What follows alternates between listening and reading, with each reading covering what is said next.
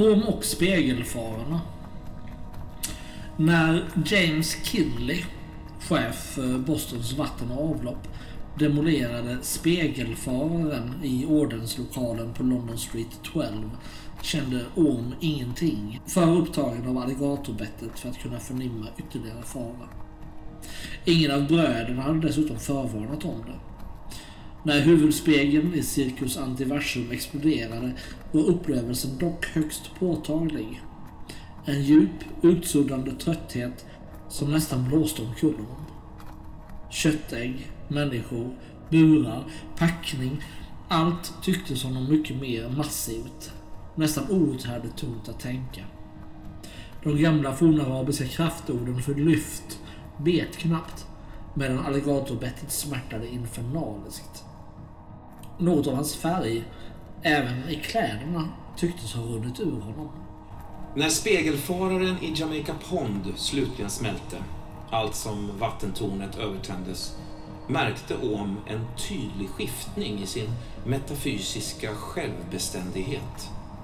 Med akuta ansträngningar kan han nu bara knappt släpa packningen någon centimeter ovanför markytan, sista biten fram, om ens det.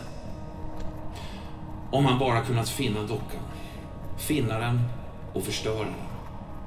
Först då skulle Ohm kunna rädda sin tvilling i spegelvärlden, den kännande aspekten av sig själv. Ohm skulle bli en hel individ igen. Kraften han just nu besitter lemlästas för varje spegelfarare som förstörs. Att demolera alla speglarna vore ett sätt att utrota Orm, som då istället skulle förvandlas till en bleknad halvtransparent version av sig själv, likt en vålnad oförmögen att påverka vår värld. Är detta brödernas hemliga plan för att göra sig av med Orm? Med alla speglar förstörda upphör också anställningen. Men eftersom dockan knyter om till denna verklighet skulle han hamna i skuggvärlden, ett metafysiskt paraversum mellan speglarna. Där skulle Orm bli en av de tröstlösa själavandrare som man sett passera genom ljus och skugga i stunder när ingen levande tros titta. En ödsligt överbefolkad mellanvärld av miljoner. Nej, miljarder vilsna själar. Människor som misslyckats med sin sista portalresa, den mellan livet och döden. Strandsatta i dödsögonblicket av för Rom okända anledningar, varken här eller där. Spöken. Hela städer fulla av eviga känslostumma låtsasliv. Myriader av charader. Anställningar vars meningslösa sysslor bara ger precis nog med pengar för hyran. Pengar som inte ens existerar, utan förs fram åter mellan immateriella konton. Veckor vars dagar härmar varandra som visar mitt positiv. Dockan skulle bli hans eviga boja och han dess eviga gast. Dömd att samexistera med folket från fantomtillvaron mellan speglarna. Hur själsförgörande skuggvärlden än må vara så ryser ändå av vredma och kvalm. Två av de förvrängda känslor som han upptäckt och namngett. När han tänker på den motsvarande skuggvärld som i samma scenario väntar ens tvilling på andra sidan spegeln. Detta kaoridiska kvasiversa av brutalt felvinklade verkligheter var i Orm hölls fången under merparten av två millennium. Ptyles fraktala fasa, platsen som gjorde Orm al-Jan kvasifysisk. Den ockulta matematikens dimensioner, byggd på imaginära kardinaltal, kvantalgoritmer av chans och risk, vinklar och vrår i ständigt självgenererande kullerbyttor, ändlighetens intighet och oändlighetens utdragenhet, samlat i en enda outhärdligt kritisk punkt. En ständigt pågående hjärnattack av absolut smärta i eterkroppens djupaste metasynapser, i själva ut och invända självet, det innersta ytterskalets veritabla helvete. En riktig overklighet som bara emotionellt kan förstås av den som dricker ur galenskapens sjö. Den spegelresa som forslade Cirkus Antiversum visade sig bli en smärre katastrof. Postversum måste krylla av felaktigt överförda speglingar. Och med lika lättad över att befinna sig på rätt sida spegeln som man oroar sig för sin spegelburne, mycket sjuke tvilling på andra sidan. Vilken han ej sett skymten av på månader.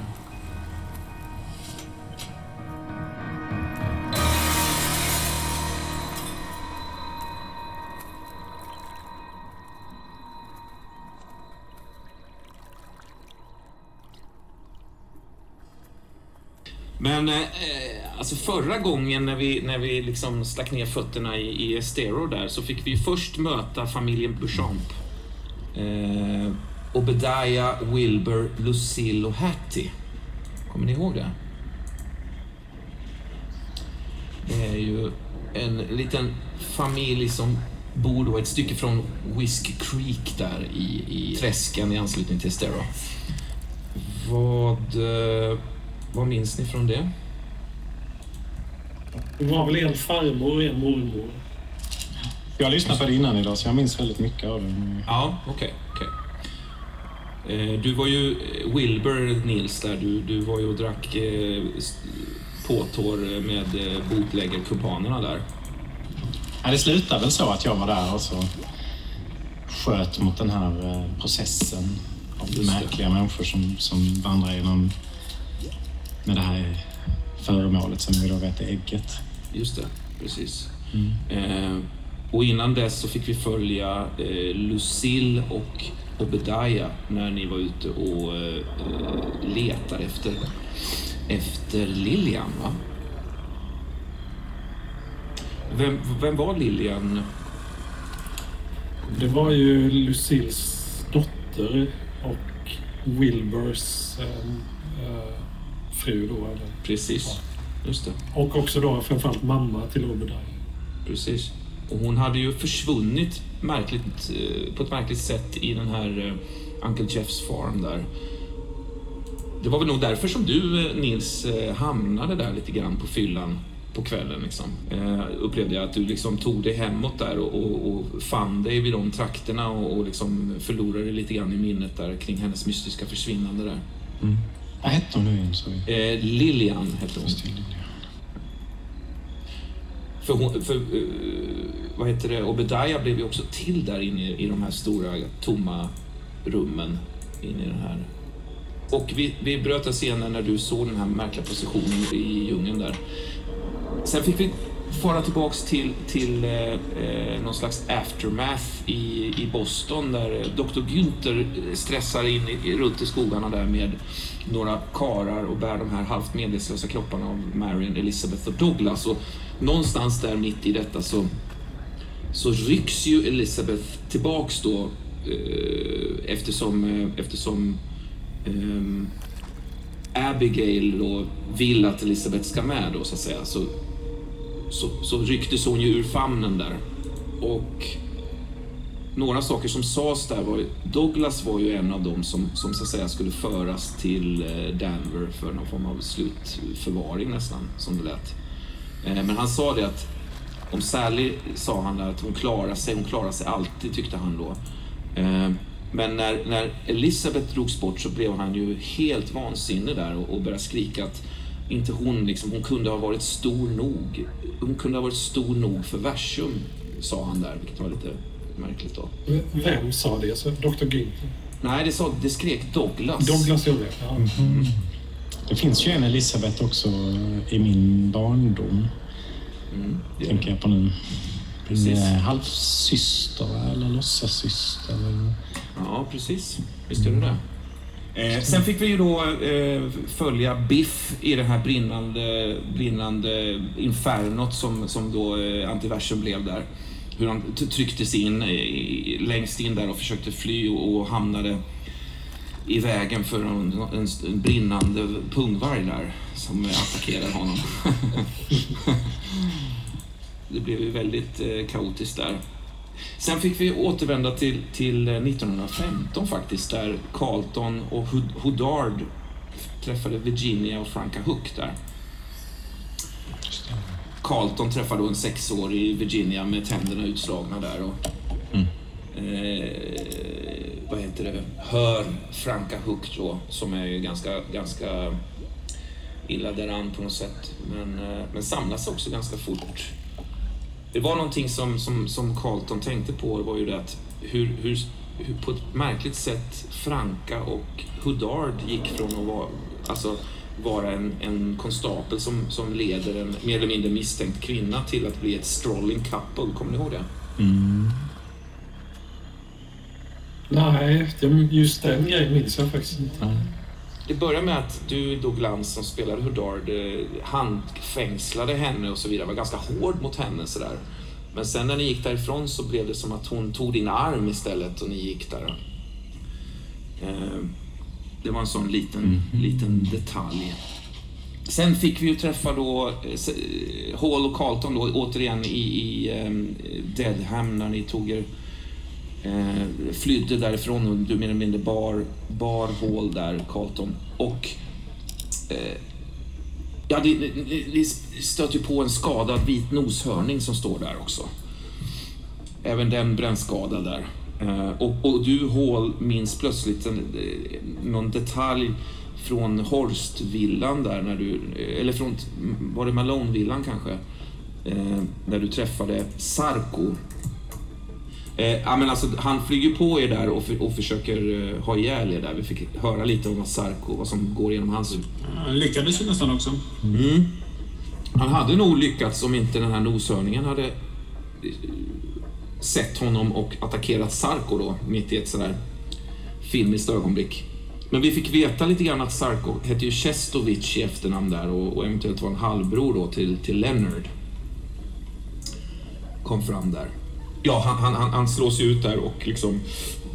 Men i anslutning till det så fick vi också höra Carltons eh, värsta minne där han liksom på något sätt inser att att det var han som sköt hål där i, i tornrummet. Mitt i, i skottutväxlingen och de här, vad ska man säga, motställda orderna som kom där så skrek ju eh, hantlangaren då Carlton, vad fan gör du? Skjut honom liksom. För han tro, tänkte ju att ni var på samma lag där. Och Carlton minns då plötsligt hur han faktiskt trycker av där och det ser hur, hur liksom hål snurrar runt i den här luckan och faller ut då. Ja, där, där blev jag lite osäker när jag lyssnade. Var det, vad fan gjorde han det för? Eller kanske vi inte vet helt enkelt. Alltså, det vet vi ju inte, men, men jag- det var någonting, det är ett sånt där ögonblick som jag funderar på när jag lyssnar på det. Att, eh, du var väldigt, väldigt liksom förvirrad i det läget, eh, Carlton, och, och svårt bakfull och det var liksom jävligt vimsigt allting. Och du, du, du, det går av massa skott där. Ehm, Jag tänker mig att det kan vara ett, ett misstag såklart. Alltså, att det kan vara en, en tabbe. Alltså en, Det låter ganska troligt. fort. Ja, det gör det. det, gör det. Men var det inte... Var, det var inte en lojalitetskonflikt då för att uh, Carlton var ju där med borgmästaren på uppdrag av honom. Mm, jo. Och att det. med, Men Det, det tycker jag du kan... Det får du bestämma nästan, Ingefjord, i så fall vad det frågan om. Jag tror mer på misstaget faktiskt. Stress och, Mm. och allt möjligt. Mm. Det låter väldigt out there att, att det faktiskt medvetet överlagt eh, beskjuta hål. Det verkar, ja, det verkar svårt. Mm. Även om man gjort sig förtjänt av det mer än en gång. Men ja, fast just den här händelsen det var i början på en väldigt lång olycksresa för Hall, får man ändå säga. Ja. ja, visst. Först i, i den här kärnen där nere och, och så vidare och sen in i, i Ja, cirkusen. både att brinna upp några gånger. Ja. Mm. Ja, visst. Ja, det har varit eldsvedd både en och Ja. två gånger och tre, nästan tre gånger. Eh, sen, vi läste, vi läste också eh, den nye Frank där och följde honom rakt in i det brinnande, to- i det brinnande tornet då, som i det läget brann, ganska, alltså var övertänt mer eller mindre. Eh, I den här stora portal, eh, spegelportalresan som, som alla då eh, genomförde så, så i den här villevallan så hamnar ju en hel del folk fel. Och först ut var ju då Frank, vi följde honom han, tillsammans med 20-25 andra kultister, hur de då så att säga baklänges tar sig in i, i, i fel, fel spegelruta och hamnar i det här övertända eh, vattentornet istället då. Men förlåt, det, det är så länge sedan vi spelade nu så Frank. Frank var ju den irländska gangsterns hantlangare som, som också hade ett Ja. osund, osund förälskelse till Virginia där kan man nästan säga på något sätt. Det var han. Just det. Det var ju bara som en kort passus där. Och sen fick vi följa Jare då som också hamnade fel i den här, i den här portalspegeln. I något eh, annat getaway-hus, var det inte det? Någon Precis. bas. En bas eh, i, i anslutning till Florida, men inte i, till Stero, men inte liksom... Det finns ju, det finns ju en spegel eh, som då ni alla siktade på som är, är i Uncle Jeffs farm då. Det, där var det ju den spegeln som alla eh, skulle åkt till.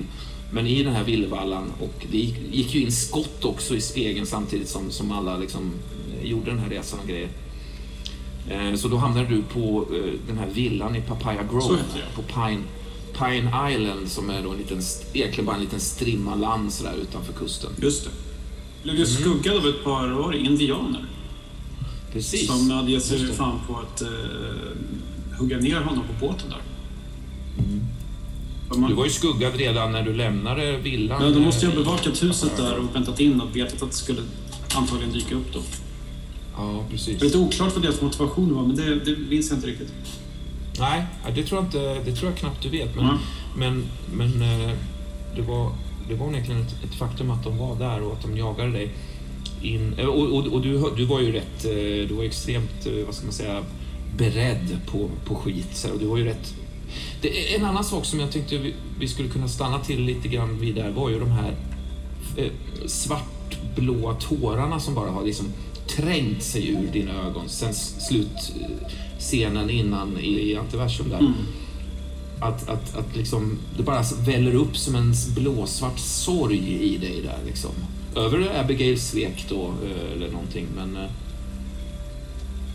Jag tänker ändå att när du, att när du så att säga eh, hamnar i den här tysta villan på Papaya Grove och tar dig därifrån och så vidare så är det ändå att du, du kämpar mot någon slags, mot någon slags märklig sorg som har intagit det där.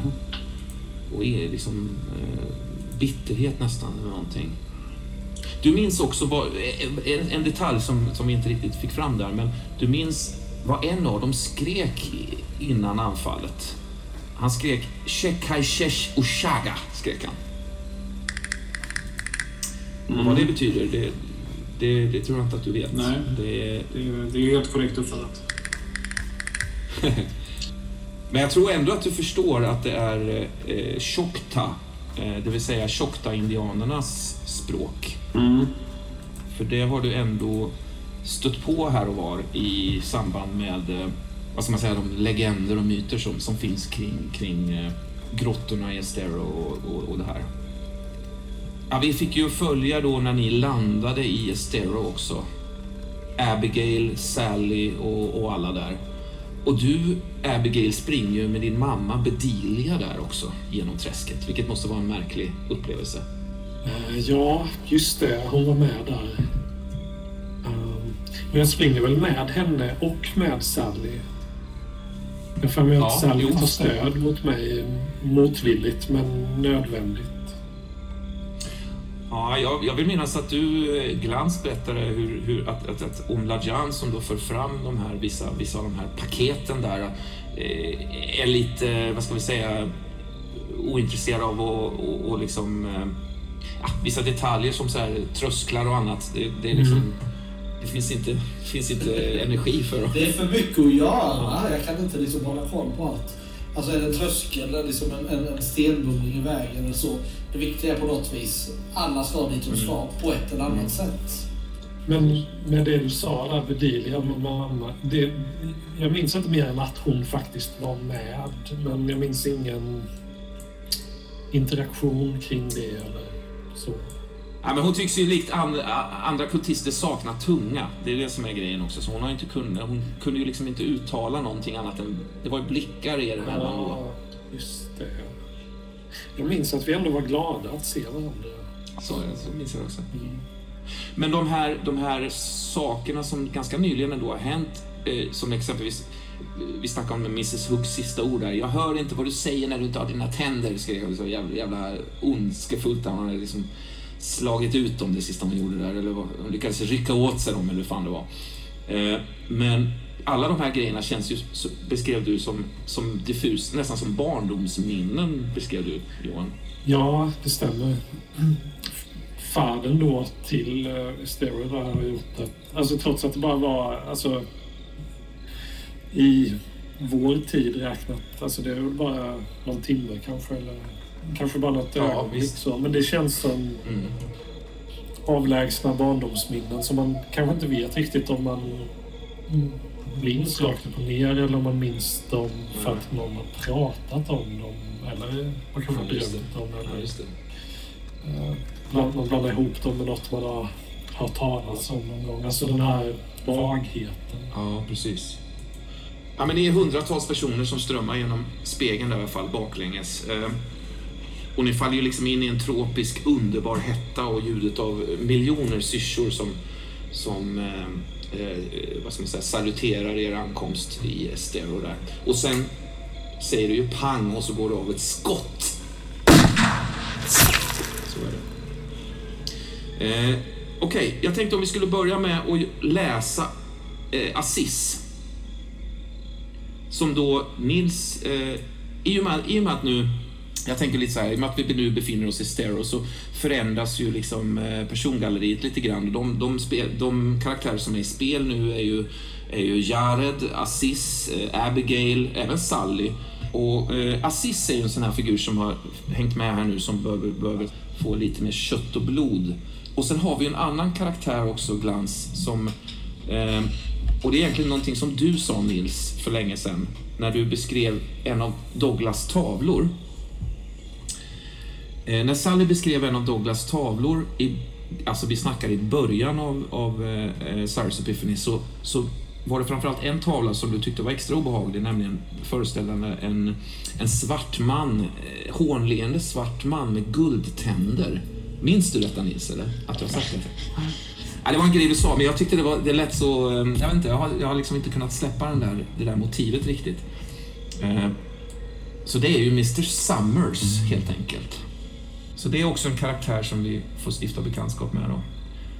Men om vi börjar med Aziz. Aziz och känslosvamparna. Aziz Abelkader är en reslig man med nästan fara och liknande drag. En naturlig gras som nästan förtrollar den som möter honom. En ovanligt livfull blick och fint skurna drag för de flesta att omedelbart bli positivt inställda. En naturbegåvning som Aziz alltid varit nöjd med att besitta. Assis har därtill en mycket behaglig röst som får en att vilja höra honom sjunga. Något han dock sällan gör och det är enbart i ceremoniella sammanhang, aldrig sociala. Kommer man närmare Aziz så uppfångar man lätt en underlig söt doft som först kan misstas för en diskret parfym men som vid längre vistelse i hans närhet blir tung och påträngande, nästan giftig i sin karaktär. Doften tycks också smitta, följa med hem och kan endast utraderas av flertalet grundliga bad. Om man studerar honom på nära håll märks också något mjukt, nästan plastiskt över andetsdragen. Det är som någon eh, droppat en tunn hinna av stearin över hela hans ansikte. En artificiell textur som vagt äcklar. Sedan Jareds hjärttransformation har saker börjat kantra. Storebrodern har uppvisat en exploderande makthunger och ett springande vansinne. Liksom också de andra som upplivats har gjort. Som om de drabbats av en ny, för Aziz okänd drivkraft mot ett gemensamt mål. Exakt vad det målet är verkar dock vara en hemlighet mellan de som delar hjärta med köttägget. Aziz älskar sin bror, men är nu samtidigt rädd för honom. Ty när han skådar in i Jareds ögon är det inte längre brodern han ser. Han förstår att de stora mängder nekrolinium som Aziz tvingades ge sin bror efter fjärilsbettet för alltid fördärvat honom. Men Aziz hade inget val. Nekrolinet fungerade som ett slags cellgift i kampen mot Herkulesspinnarens gudavlossande toxiner. Det har gjort Jared svart av hat, Kall av känslokyla, vriden av maktbegär, men åtminstone vid liv. När Assis adderade libidum, Iskibilium och amorabellum till medlet fick detta dock närmast förintande följder på brodern. Varför Assis tvingades avbryta och istället fortsätta med enbart nekrolinbehandlingen. Idag förstår han varför. En allergisk reaktion mot det alltför starkt kontrasterande amorabellumet skapade en ångestliknande feber som hotade att åter döda Jared. Roten till det onda måste få sitta kvar, ty det är Jareds silvertråd, brukar Aziz tänka. Något i det svarta, förankrat i köttet, som också förbinder honom vid livet. Livet som också är kött. Att utrota den förankringen vore att återställa Jared till sin egentliga naturliga form, det vill säga den som var avliden. Att lägga deras livsverk i den 17-åriga Abigails händer tyckte Aziz redan från början var en helt vansinnig idé. Men Jared hävdade envis att hon är utvald av Agat och därför behövs. När avrättningarna vid bassängerna, nästan helt dirigerade av Abigail och Orn, föll ut så väl hoppades dock Aziz att brodern hade haft rätt. Det var ändå förbluffande att vinkeln som flickan stakat ut i kombination med tidpunkten då George måste trycka gasen i botten onekligen var så väl konvergerande. Kanske besitter flickan viktiga egenskaper ändå. Hon hade ju träffat Agat, enligt egen utsago. Ändå är det Aziz utforskningar som lett till upptäckten av lappen i Damcallers sko. Något som nu gör att de säkrare kan navigera i interversum. Ingenting som skett utan lite hederligt handlande, utan hjälp från gudarna. Igår ersatte Aziz i hemlighet köttbulan i broderns ask. Den ask som Jared alltid bär närmast hjärtat. Bulan har förmågan att skada och till och med döda köttägget och har fungerat som en garant för att inte den främmande tingesten ska kunna få allt för stort övertag över dem alla. På sistone har dock Järved och ägget fått en mer intim, kötslig förbindelse med varandra. De för långa, tysta samtal som oroar Aziz, därav denna försiktighetsåtgärd. Aziz försök att krympa ägget med en tiodubbel dos rem med krolinium på helt rätt avstånd från köttäggets fotändar, två tredjedelar upp med ägget i stående, gav flera oönskade effekter. Aziz gissning var att ägget skulle krympa av detta. Det var åtminstone argumentet som man skulle använda om det upptäcktes vem som skapat den plötsliga förändringen i ägget. Köttägget skulle också eventuellt kunna dö. I bästa fall dog ägget. Och därmed alla påhängda satansdyrkare vars blod flöt trögt och hjärtat stod besudlat av klumpens giftiga innanmäte. Men då skulle kanske också Gerd dö. Dö för de mörka begär som flöt i hans ådror och sög i hans bröst. När Aziz såg äggets blåsvarta, frustande hatiskhet var allt han kunde tänka att varelsen inte längre kändes stabil. Att han gjort rätt som ersatt bulan och att det också var rätt att decimera ägget med det förminskande nekrolinet även om de nog fick vara beredda på att få problem med den märkliga köttvarelsen längre fram. Aziz håller ytterligare en sak hemlig för brodern. Och det är skeendet i hans nyliga vision där Aghat uppenbarade sig efter många år av tystnad. Eftersom Aziz känner till Jareds själsliga tvivel kring samma tystnad har han inte kunnat förmå sig att berätta om visionen, trots dess rivida, levande och tvivelsutan sanna natur. Så sann att Aziz vaknade, fortfarande solbränd av den både kalla och heta silveröken som gudinnan återlandat i. Kluvna känslor centrifugerar inom Aziz i samma slag ofattbar ynnest och dyrkan över att bli tilltalad och samtidigt en vridande ångest över själva budskapet. Och Agat sade Du kan hinna utan din bror, men din bror kan inte hinna utan dig. Så löd budskapet. Du kan hinna utan din bror, men din bror kan inte hinna utan dig. Betyder det? Det lät onekligen som en varning. Att återse Sally har varit en emotionell berg och dalbana för Aziz. Ett uppblossande av den broderliga kärlek som han en gång hyste för henne. En rädsla för hur Sally kan omintetgöra utträdet. En sorg över tingens vara. Att inte omständigheterna kunde vara annorlunda. Allt detta tumlar runt inom Aziz. Känslostormen har tvingat honom att åtminstone överväga möjligheten att faktiskt resa utan Jared, men med Sally. Aziz är redo för underjorden. Har studerat Mr Falkets detaljerade redogörelse Life in the Belly, Flora and Fauna of the Ancient Underworld. En tämligen gedigen om en lekmannamässig förteckning över de djur och växter som lever där. Aziz kan inte vara mer redo. Samtidigt, något är fel. Agatha har varnat honom för djupet, inte välkomnat honom. Känslosvamparna. Ur Life in the Belly av P. Fawcett. Känslosvampen Agericales sensus är en hattsvamp tillhörande underriket Dicaria. Kanske närmast släktskap med blodchampinjonen vars attribut liknar varandra mycket. Den kraftigt uppsvällda basen, halvklotformade hatten och ett kött som rodnar häftigt i snittytor. Agricales sensus växer naturligt i grottorna under Estero River. Tillgängligt men undangömt i små mörklagda smultronställen. Svampen har lyckats emigrera från undervärlden, läs interversum, till förgrottorna och kan alltså finnas både innanför och utanför inseglet. Men beståndet i undervärlden är tusenfalt rikare och äger också exemplar av svampar som kan bli mycket stora. Grottsvampen varierar i både färg och storlek, från ljust vita till svartglänsande mörk, från mycket små till nästan en halv meter i hattbredd. Agricalesensus är en köttfibersvamp, rik på olika typer av känslopigment. Ämnen som sedan inducerar känsloupplevelser i den eller det som äter av svampen. Detta har skyndat på evolutionen i undervärlden och skapat hybrider av växter och djur.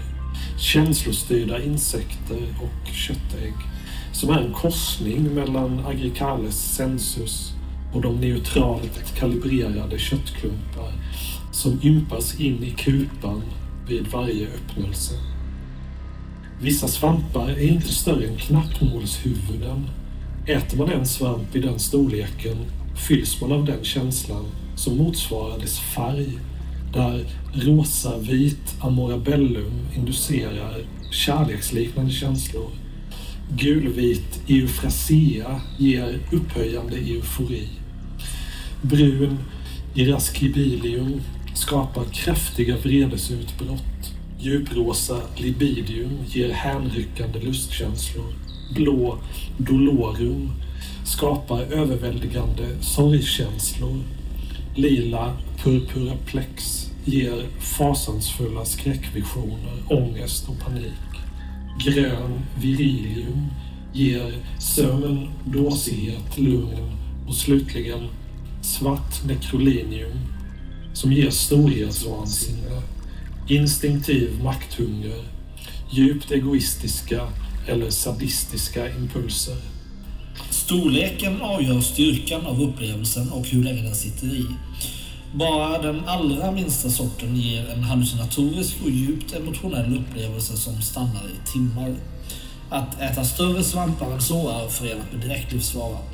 Svampens rika färgpigment gör den också lämplig att måla med och skapar då nyanser som är dubbla i sin natur.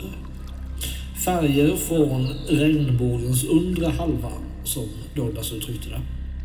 Motsägelsefulla och skiftande färger, ett slags tvekolorer som samtidigt är en enda. I ren form blir färgerna rörligt levande och nästan omöjliga att titta på en längre stund.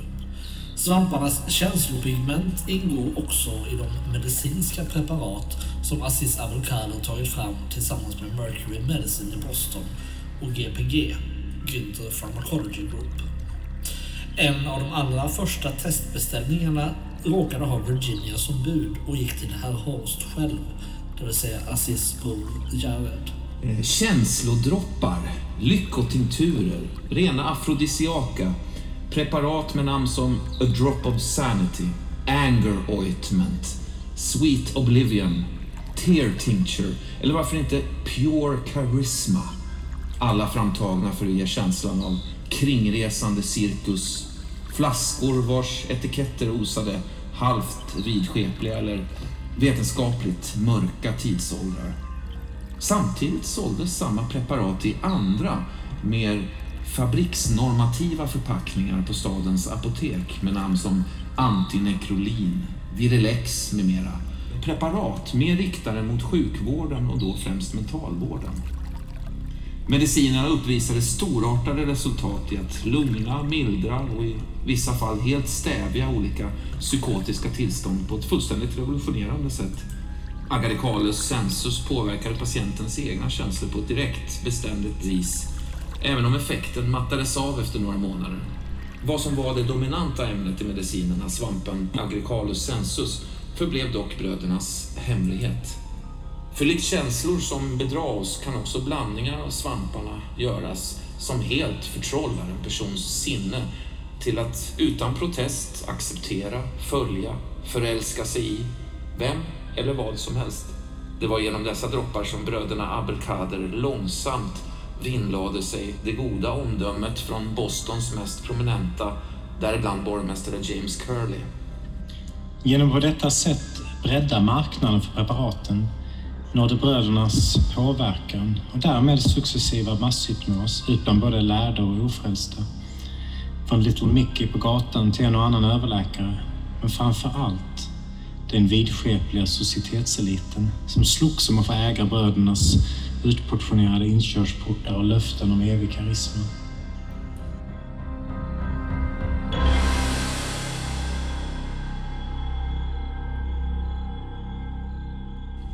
Det är lite om assist där. Eh, om vi nu tar en liten stund att ska man säga, definiera lite drivkrafter och sånt där. Det känns som det finns en del drivkrafter som, eh, som inte liksom eh, gäller längre och sånt har jag tänkt på. Nils, om du grubblar lite på det, du har ju det formuläret för Aziz Abdelkader. Mm. Likadant eh, du Abigail också, tänker jag. Och no, någon slags regel har jag tänkt att den drivkraft som upplöses eller så att säga tappar funktion, då, då får man lägga två stycken eh, känslopluppar i, som man tycker passar in i, i det eh, beroende på vad det är för, för drivkraft och, och, så vidare. Vad det är som har så att säga slutat att vara i spel då. Men då så lägger man till, då ändrar man det så att säga i sin karaktär då.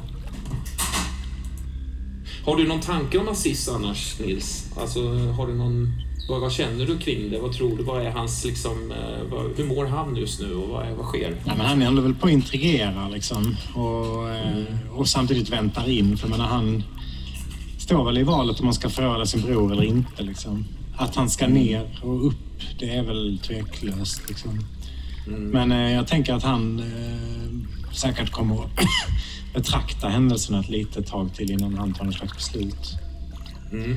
Mm. Att han är beredd att använda den här klumpen för att liksom döda ägget och döda sin bror allihopa.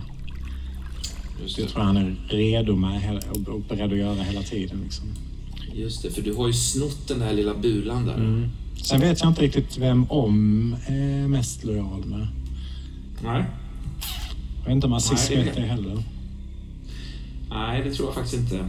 Eh, Om är nog mer än i så fall möjligtvis av Jared och Aziz så har nog Om interagerat mer med Jared mm. får jag känslan av. Men, det, men däremot så är Om sin egen... Eh, då kanske Aziz också är ute efter... Jag tror han vet att den här dockan finns i träsket och att han vill hitta den. För att då eh, liksom täcker han upp flanken också. Mm. Ja, jag, jag undrar om du... Om du vet det, Aziz. För att Sally tog ju med den här dockan, flydde ut mm. och sen, sen tvingades hon så att säga täcka för munnen och gömma, trycka ner dockan där i, i det här ihåliga trädet. Men frågan är om Aziz har kopplat, alltså att dockan inte har funnits på de ställen ni har letat i Boston, det har ju varit tydligt så att säga. Mm. Mm. Men frågan är om du vet... Om jag vet att den, jag kan inte veta att den är i träsket. Nej, det, det, det, det tror jag inte. Det är som vet. på hur mycket... Ja, ja, ja, ja. på lite grann hur mycket år man pratar om Aziz. Mm. Aziz kanske inte vet exakt Eller Orm kanske inte vet exakt var dockan befinner sig, men Nej. han får ju en kroppslig upplevelse Det får han, ja. av vart den är. Just det. Eller vad som En- händer med den. Den här drunkningsupplevelsen också liksom. Och det Ja, här. gnagandet. Mm. Och om, medan vi har dig på tråden där. Eh, alltså, du har Jag är så ju... glad att ni ringde. du har ju upplevt liksom en otrolig lättnad i den här drunkningskänslan, plötsligt från ingenstans. Ja. Eh, Men sen har du också upplevt hur du liksom du får ett ganska hårt slag i, i dockhuvudet, du daskas till och läggs på någon ganska så här, eh, unken plats. Eh, vi vet att det är då i den här vedbon eh, ute hos familjen Beauchamp, så att säga. Va? Du har flyttats. Liksom.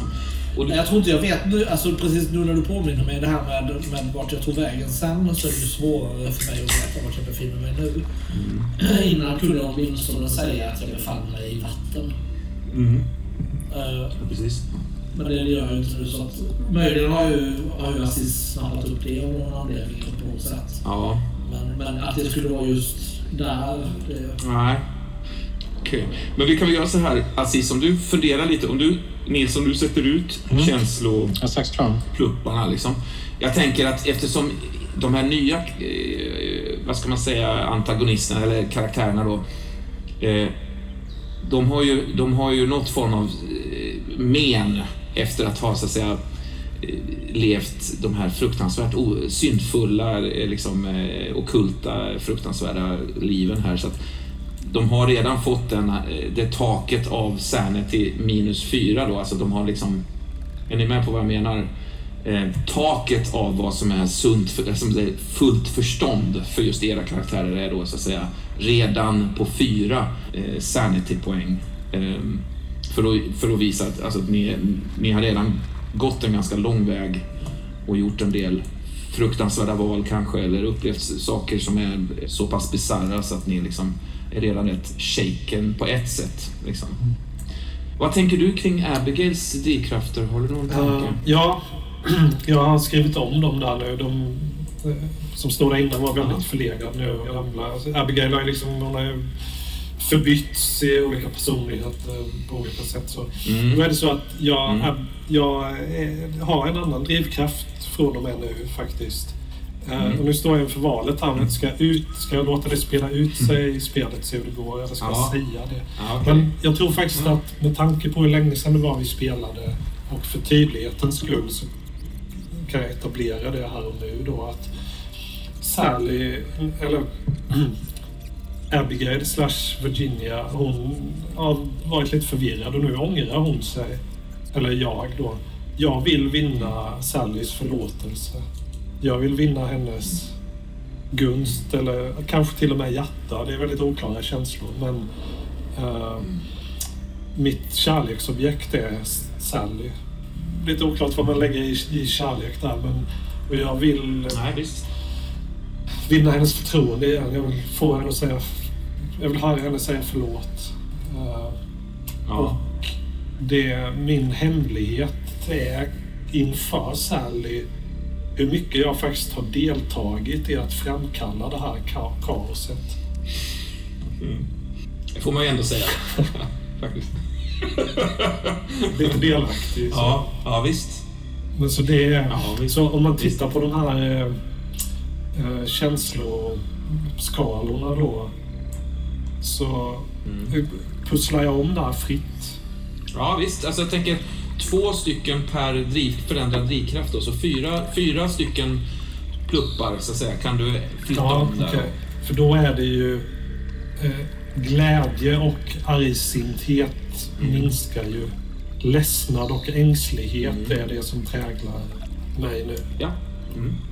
Så då har du i nuläget då två i kärleksfullhet, fem i argsinthet, tre i ledsnad, en i ängslighet och tre i lugn. Vi kommer komma lite till dig Jared också såklart, men eh, först så skulle jag faktiskt vilja göra en liten, eh, liten eh, sån här avstickare. Är det någon som är sugen på att läsa upp en tidningsartikel som, som dök upp i tidningarna för en tid sedan? Det är ett urklipp från Boston Herald. Mm. Fredagen den 15 januari 1926. Eh, och man ser inte allt, men rubriken är Teacher and 14 kids missing. Uh, 14 kids and their teacher are reported missing during a class trip to Lee County, Florida. No sign of them since their disappearance. Police are searching the area of Estero River but have yet not found anything of interest. Precis. Den dök ju upp där för en tid sedan. Det var någon av er som råkade se den där. Jo. Men jag tänkte det vore spännande att kanske göra en liten djupdykning, lite grann som vi gjort med familjen Beauchamp, eh, kring, kring den, den scenen där. Och i så fall, om, om vi är sugna på det, så finns det då eh, rollerna då i den scenen är Miss Lennings som är eh, lärarinna på eh, Chukathugo Elementary School i Cape Coral. Och sen är det då några stycken av de här barnen eh, som då så att säga vi skulle kunna välja någon, någon var och spela ut som en, som en scen. Eh, vill du börja läsa Glans eller? Ja, visst. Miss Lennings and the Kids. Eleanor Lennings är klassföreståndarinna på Chokathugo, var det så man sa? Jag tror det. Chukathugo. Ja. Chokathugo Elementary School, Cape Coral. Pushamataha Alemotubi, Sweeney Folsom och Little Beams är tre elever i Miss Lennings klass som alla delar ett släktskap, Choctaw. Trots sitt utanförskap, de är alla mer eller mindre utstötta av de andra barnen, tycks de inte ha några kulturella band sinsemellan heller. Något som förbryllar Miss Lennings. Så olika. Little Beams som klassens clown. Arga Pushamataha med sin tidiga pubertet. Och tystlåtna, sammanbitna Sweeney Folsom som aldrig leker med någon på rasterna och allmänt tycks vara försjunken i grubblerier. När hon har försökt närma sig de tre barnen om saker som rör deras ursprung har de varit direkt avvisande, vilket har gjort att hon numera anstränger sig för att inte ägna dem mer uppmärksamhet än något av de andra barnen, kanske rent av mindre. Eftersom Miss Lennings när ett häftigt intresse för antropologi på fritiden, särskilt rörande amerikanska urinvånare och då i synnerhet Choctaw-folket, är detta en utmaning för Miss Lennings som därtill särskilt vurmar för de mer utsatta, de mobbade och de i kulturellt utanförskap. Intresset för Choctaw-folkets kultur blossade upp i samband med att Eleonora träffade och förälskade sig i den långe, hemlighetsfulla Atepa. Ättling till Choctaw i rakt nedstigande led. Atepa berättade inlevelsefullt om detta vackra och mytomspunna folk, dess sagor, legender och Eleonoras kärlek till Atepa kom att utsträcka sig till hela hans folk. Hon älskade särskilt Choctaw-indianernas vackra skapelseberättelser och de urgamla ritualer som fortfarande följde med nutida Choctaw. När eh, Chokathuga Elementary planerade en fältstudie i samband med botaniklektionerna som Miss Lennings leder såg hon till att styra resmålet mot trakterna runt Estero särskilt Tiger Rocks. Dessa trakter är en botanisk anomali i de omgivande träskmarkerna och kan uppvisa ett fantastiskt både djur och växtliv med Red Pineapple, Turks Capflower och andra flera färgsprakande blommor i väldiga blomstersängar.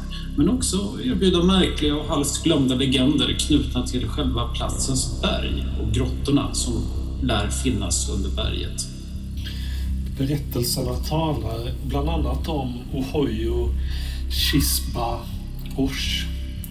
Den mystiska kvinna som gav det ursprungliga tjocktåfolket majs och slut, slutligen ledde delar av dem ner i undervärlden. Hennes namn betyder ordagrant kvinna som sträcker sig långt bakåt och de som följde jättekvinnan fick namnet Chatas. Dagens Choctaws är ättlingar i rakt nedstigande led till dessa Chatas. Ett folk som historieböckerna till stor del gått bet på eftersom Chatas, likt Inka, Axumiterna och andra plötsligt en dag var som uppslukad av jorden med väldigt lite nedtecknat för eftervärlden. Choctaw-folkets millenniekalender är en av de artefakter som vi fortfarande kan studera. Men den har Eleonora bara sett på bild. Enligt myterna kan Choctaw också tala med sina avlidna förfäder genom vissa ceremoniella ritualer och än idag kan de ibland höras sjunga och utstöta ljud genom bamburören som växer kring Estero River. En rest från forna vidskepelser. Tiger Rocks har också en annan betydelse för Miss Lennings. När Eleonora föreslog Estero som resmål för utflykten tycktes Atepa ångra att han berättat om platsen. De grälade till och med om saken. Kort därefter, till Eleonoras stora förtvivlan, bröt Atepa plötsligt förlovningen och flyttade till Fort Myers. Till en början blev Eleonora förkrossad. Men nu en månad senare har sorgen över deras separation lagt sig och en nyfikenhet kring traktens dolda sanningar istället tagit vid. För vilken hemlighet kan vara så storslagen att man bryter en förlovning för att slippa dela den? Eleonora har lovat sig själv att se platsen en gång i sitt liv innan hon dör. Att det skulle komma en öppning så här snart kunde hon aldrig tro. Eh, jag tänker att någon av er spelar Eleonora Lennings eh, och sen eh, kanske någon spelar faktiskt den tystlåtne Sweeney Folsom som är en av de här tjockta barnen. Och sen har vi två stycken karaktärer till från klassen, Sam Norton och Philemona Ulysses, som på något sätt är utmärkande elever i hennes klass, liksom. På något sätt. Eh, Hela fröken där, det är lugnt. mm, Okej, mycket bra. Eleonora. Eh, Eleonora Lennings, ja precis. Eh, jag skickar till dig Nils eh, en kort, kort eh, beskrivning av Sweeney Folsom. Som då är For Your Eyes Only i nuläget här, så kan vi väl se om du... I see. Och då är jag är den här Sam Norton då. Ja, precis, visst. Eh, Eleonora Lennings, hur ser du ut? Ja, en praktiskt klädd, ganska lång och mager eh, kvinna i, i sin bästa tidiga medelålder, va?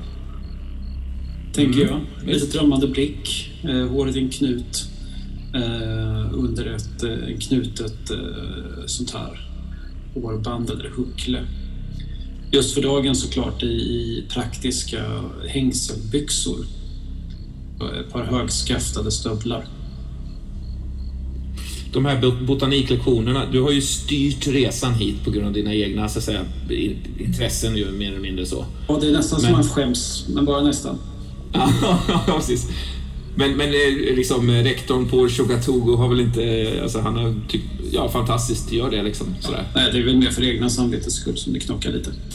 Är det tanken att ni ska plocka exemplar av olika blommor och sådär och, och liksom torka Ja, dem? det är då en, en, en liten lista uppgifter där, att man ska samla lite saker. Och det är frön och, och stenar ska samlas i, i askar och sen så finns det med, så man ska ta med en, en växt också som man ska torka och pressa när man går tillbaka till skolan sen.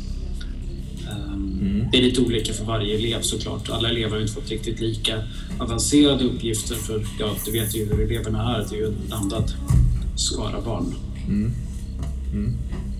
Men sen har vi ju några andra kids då i den här klassen som, som får bli lite eh, huvudroller i just den här korta... Jag tänker att vi behöver inte spela ut den. Så här, det kan vara bara spännande att, att leda det fram någonstans och sen släppa det alltså så här, som en slags färgscen. Va? Så det behöver inte vara mer intensivt än så. Men, eh, Sam Norton och Philemona Ulysses. Eh, vill, vill, vill, eh, vill du börja Glans berätta lite om eh, Philemona där? Ja, Filibona är ju en eh, förnumstig eh, flicka med eh, två stycken eh, två stycken eh, pigtails eh, Ja. och en uppnäsa. Eh, och är, vill vara Miss Lennings liksom, eh, favoritelev men är ju uppenbarligen inte det. Men gör fortfarande allt hon kan för att vara det. För att påpeka när andra i klassen gör fel, när andra i klassen eh, bråkar eller skojar. Alltså skvallrar väldigt mycket. Eh, och, eh, och tycker sig ha all rätt att göra. Det kommer från en, kanske i sammanhanget något finare klass än resten av, av ungarna. Eh, så eh, hon är en riktig suck-up för Miss Lenning. Ett så klassiskt äpple på, på katedern. Ja, precis. Elev, och lite, Ja. lite näsan i vädret av både fysiologiska och mentala skäl. Eh, och, och, och, och, Ja, precis så. Jag tänker, jag tänker mig på något slags, eh, som flickan i, i, i eh, Roald Dahls Kalle chokladfabriken. Hon som, som tuggar tuggummi hela tiden. Lite sådär eh, jobbig. Är det Erika Salt? Ja, Erika precis. Salt? Något sånt ja. Ja, visst. Jag får också någon Lilla huset på prärien-vibb. av Ja, det är också jag rätt är obehagliga bra. eh, småflickor. Ja, Johan? Ja, det som jag tror stör mest i Filemon och Ulysses vardag då i skolan, det är att det finns en som har bättre betyg än henne. Och det är besserwissern Norton. Som får bäst betyg i klassen. Ja. Trots att han är fullständigt nonchalant mot Mrs Lennings. Han är en besserwisser ut i fingerspetsarna. Ja, liksom eh, går runt med en trött, nonchalant blick som om det är liksom världen, omvärlden ska ju anstränga sig för att underhålla honom. Det är liksom omvärldens ansvar att fånga hans uppmärksamhet. Han har ju ett textminne som är gudabenådat. Det räcker att han bara öppnar en bok så kan han det som Det har gjort honom till en svinig liten unge då? eller? Alltså. Ja, konstigt nog är, konstigt nog är, är han ju populär. Alltså det finns de som dras till honom som vill liksom besmittas lite grann av min kunskap. Så. Spännande. Hur ser ni ut? eh, Hur ser du ut eh, Johan? Eh, Alltså Sam Jag, är ganska alldagligt klädd. Jag har den där trötta, oengagerade blicken då som är nästan, ser nästan drogad ut. Alltså för jag är så... Det, jag, jag kan ju det mesta redan. Jag har sett det mesta redan. Sådär. Eh, Hur är din relation med eh, Sweeney Folsom, en av de här tre tjockta ätt- ättlingarna i klassen? Liksom? Jag har väl gjort en och annan observation kring honom. Uh, noterat saker i gester, kläder, tonfall. Alltså en slags, det är någon slags accent som, där jag tycker mig utläsa en annan, han tillhör en annan grupp människor helt enkelt och har ett annat arv. Så ett lite... Jag är lite... Du kanske också uppfattat att jag har rätt mycket eh, liksom, märkliga minspel för mig och Ja, lite konstiga fingertrillningar och... Ja, men det har jag. Jag har ett lite sånt, ja men också då ett antropologiskt intresse lite grann i det. Lite på avstånd så, så kastar jag en blick till och från. Och jag har ställt några frågor till dig någon gång. Formulerade så att de var för svåra att förstå egentligen. Har, vad har du tänkt kring det att jag, jag har ju oftast liksom, mina föräldrar är ju otroligt fattiga, liksom har väldigt enkla kläder. Men idag så har jag ju förutom det en liksom rätt så udda lilafärgad fjäder fäst som, som ett örhänge. Eh, där jag verkar ha tryck, alltså jag verkar ha tagit någon slags fiskekrok eller något och tryckt genom örat. Så att det liksom är lite så blodigt och varigt. Så det hänger en lång, lång liksom lila fjäder i örat. Som att det är någon slags högtidsdag. eller så. Ja, jag har, den fjädern har jag ju spanat in och jag har ju bläddrat i huvudet efter vilka fågelarter känner jag till som har just den här lila nyansen. Och det stör mig att den känner jag inte till. Och jag går och funderar nu på, är det nästa årskurs man kommer läsa mer? Det kanske är då man liksom läser lite mer om fåglar. Så det, jag har nog gått sneglat på den Ja, frågan. för jag tror att den, den är riktigt märklig på det sättet att jag menar, i en fjäder så går ju fjädrarna ut så här. Men de går korsvis liksom upp och ner Mm. på ett märkligt sätt. Alltså du måste ju ha suttit och flätat ihop dem har jag tänkt någon gång i någon slags konstig eh, någon hantverksritual. Mm. Men jag... Mm, Men den har dinglat i mitt öra hela bussen hit. Liksom. mm, okej. Ja, just det. Ni har åkt buss dit, ja såklart. Ja. Visst. Eh, hur ser du ut, Sweeney? Och beskriv Nej, men förutom det här som jag sa så är jag ju liksom en eh, tystlåten, eh, fattig. Alltså allting stinker fattigt. Eh, smutsig, jag har trasiga kläder, har dåligt ordförråd. Eh, vet inte hur uppföra mig. Kass hållning, dåliga tänder. Så finns det ändå någonting med att, att eh, de andra tjockta eh, barnen har ju alltid koll på mig. Det är som att de alltid liksom Mm. lägger ett öga åt mitt håll på ett sätt som, Precis. som kanske du har lagt, lagt märke till, Norton. Eh, även, men även, även du också, Eleonora eh, Lennings kanske. Faktiskt, att det finns en, en, en snegling va, mot, Jo, jo. mot Sweeney Falls som bland de andra var. när jag gör mina Alltså, såna här små gester med fingrarna och, så händer det ibland saker. Ja, men, det, det, men det är faktiskt sant, eh, eh, Miss Lennings. Alltså, du har sett ibland hur, hur, hur det kan räcka med att Sweeney Falls som gör en alltså, minimal rörelse med sina händer för att de andra två, två barnen ska reagera omedelbart. Liksom. Men de har ju något hemligt språk. Så måste det ju vara.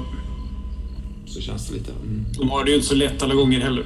Det Nej. förstår man att de håller ihop. Ja, det är klart. Visst. Ja, jag kan inte fatta att vi, att, att vi har indianer i vår klass. Varför går inte de med de färgade eller liksom... Ja. Alltså, jag har ju lite svårt att veta vem som är Sweeney Folsom och vem som är... Vad de nu heter. Men du som är så driftig Filemona, har du liksom skrivit ihop ett, någonting och skickat alltså, så här, till Chokafuga eh, rektor? Och att, så här, varför är det så här? Nej, jag har bett, jag bett mamma att göra det såklart. Såklart, ja. Uh, har sagt till mamma, mamma det går indianer i vår klass. ja. Uh, den har ju ett konstigt namn skolan också så det, jag vet inte. Uh, ja. Bussen har, ju, bussen har ju anlänt då till någon plats, alltså närmaste väg. Det är en jädra bit att gå alltså. Eh, frågan är om ni kanske rent av har tagit någon form av båt, alltså snarare för att komma dit närmare. För just bilvägen är väldigt, väldigt, det är en bra bit från, från eh, Tiger Rocks och, och de områdena där. Eh, Jag kan tänka mig att ni har, liksom, ni har åkt bussen till eh, typ Cape Coral och därifrån har ni fått alltså, åka någon form av kanske en bil en bra bit och sen så har ni liksom släppts av där. Eller någonting eller... Vi försökte väl ordna den här, ordna en skolbuss som skulle vara hyrd just för den här dagen. Vi la lite extra på det där. Vi kunde låna av en av skolorna där i, i Ja, okej. Corrales så skulle vi kunna ha den över dagen. Så väntade chauffören in där vid den lilla grusvägen. Ja, okej, okej. Det tror jag, annars hade det nog inte gått. Men det är nog ändå en, en timmes promenad till Ja, Tiger ja, Rocks, men det- så att säga. Eller- Barnen är ju stora nu, det här klarar man. Mm. Ni har parkerat där och är på, på väg. Hur många barn är det? Det är 14, 14 Vad stod det i tidningen där? Var det 14? Ja, det stod i 14 stod det i tidningen, ja precis. Men var det nog 14 barn igen? Ja visst. Och det är, även om det är januari så är det ju det är varmt alltså. Det är, det är kvä, kvavt sådär. Eh, och den här lilla grusvägen den, den, den blir ju allt mer eh, usel liksom, ju längre ni promenerar på den mer eller mindre. Jag tror att till slut så kommer ni nog till ett läge där mer eller mindre barnen ser till dig Miss Lennings, eh, vart ska vi gå nu sådär och du kanske knappt... Jag tittar lite kartan där. Att, ja, vänta ska vi se. nu. Det är inte ofta som man kommer och går här, så att, eh, titta på allt noga nu. Det här kommer ni inte se, mm, kanske inte alls igen i livet. Ta chansen. Miss Lennings, kommer något av det här på provet sen? Ja, Vilket då? ja nu får du vara uppmärksam och titta omkring. Det kan jag inte avslöja. Fast du måste ju säga om vi ska på provet. Kommer träd? Titta på, titta på växterna och träden och så ser du någonting som du inte känner igen sedan tidigare så notera det så ska vi diskutera vad det är sen. Men eh, Miss, Miss Lemmings, jag måste säga att jag, jag hade föredragit om vi hade tagit oss till ett område med mer eh, finmaskiga rotsystem i vegetationen. Eh, Det här är ju mestadels grovmaskiga som jag ser. Vi ska Du hit. ska inte ifrågasätta Miss Lennings. Hon vet väl vad hon gör. Hon är lärarinna. Fröken, ditåt. Ditåt ska vi. Jag börjar traska åt det hållet. Så, så, va? Ja, det har du ju faktiskt. Det har du helt rätt i tror jag. Ja, kom, nu, nu går vi barn. Nu går vi. Nu, eh, så, nu går vi här. Men... Fastna lite med kartan där. men Ja, vi, Filemona, vi, vi, ville du se, vill du se grovmaskiga rotsystem? jag vill få högst betyg på, på provet. Det är det jag vill. Ja, näst högst kan du nog. Miss Lennings. Följer du den där indianpojken? Vi följer den här stigen här. Ja, jag tycker, att, jag tycker att du ska gå först Miss Lennings. Det är du som är lärarinna. avståndet till mig ökar liksom, för jag går snabbare Ja, och får snabbare. skynda på lite här nu. Ni går så långsamt där bak. Hur gör Pusha Matala och, och eh, Little Beams? Eh, hänger de på dig där? eh? Ja, de har hängt på, men de är, inte, liksom- de är liksom i samma höjd. Så de går jämsides Miss Lennings nu, vilket ju är väldigt ovanligt. De håller sig nära, nära liksom. Men de är också på väg Ja, förbi. nu, nu, nu går vi på här. Det är bra att vi kommer fram i tid. Och så fort vi är framme vid lunch. Jag rycker Miss Lennings liksom i rockskörtet så här och liksom... Miss Lennings... Ska Jo, inte du visa vägen? ut vägen här nu. Så ta det bara lugnt.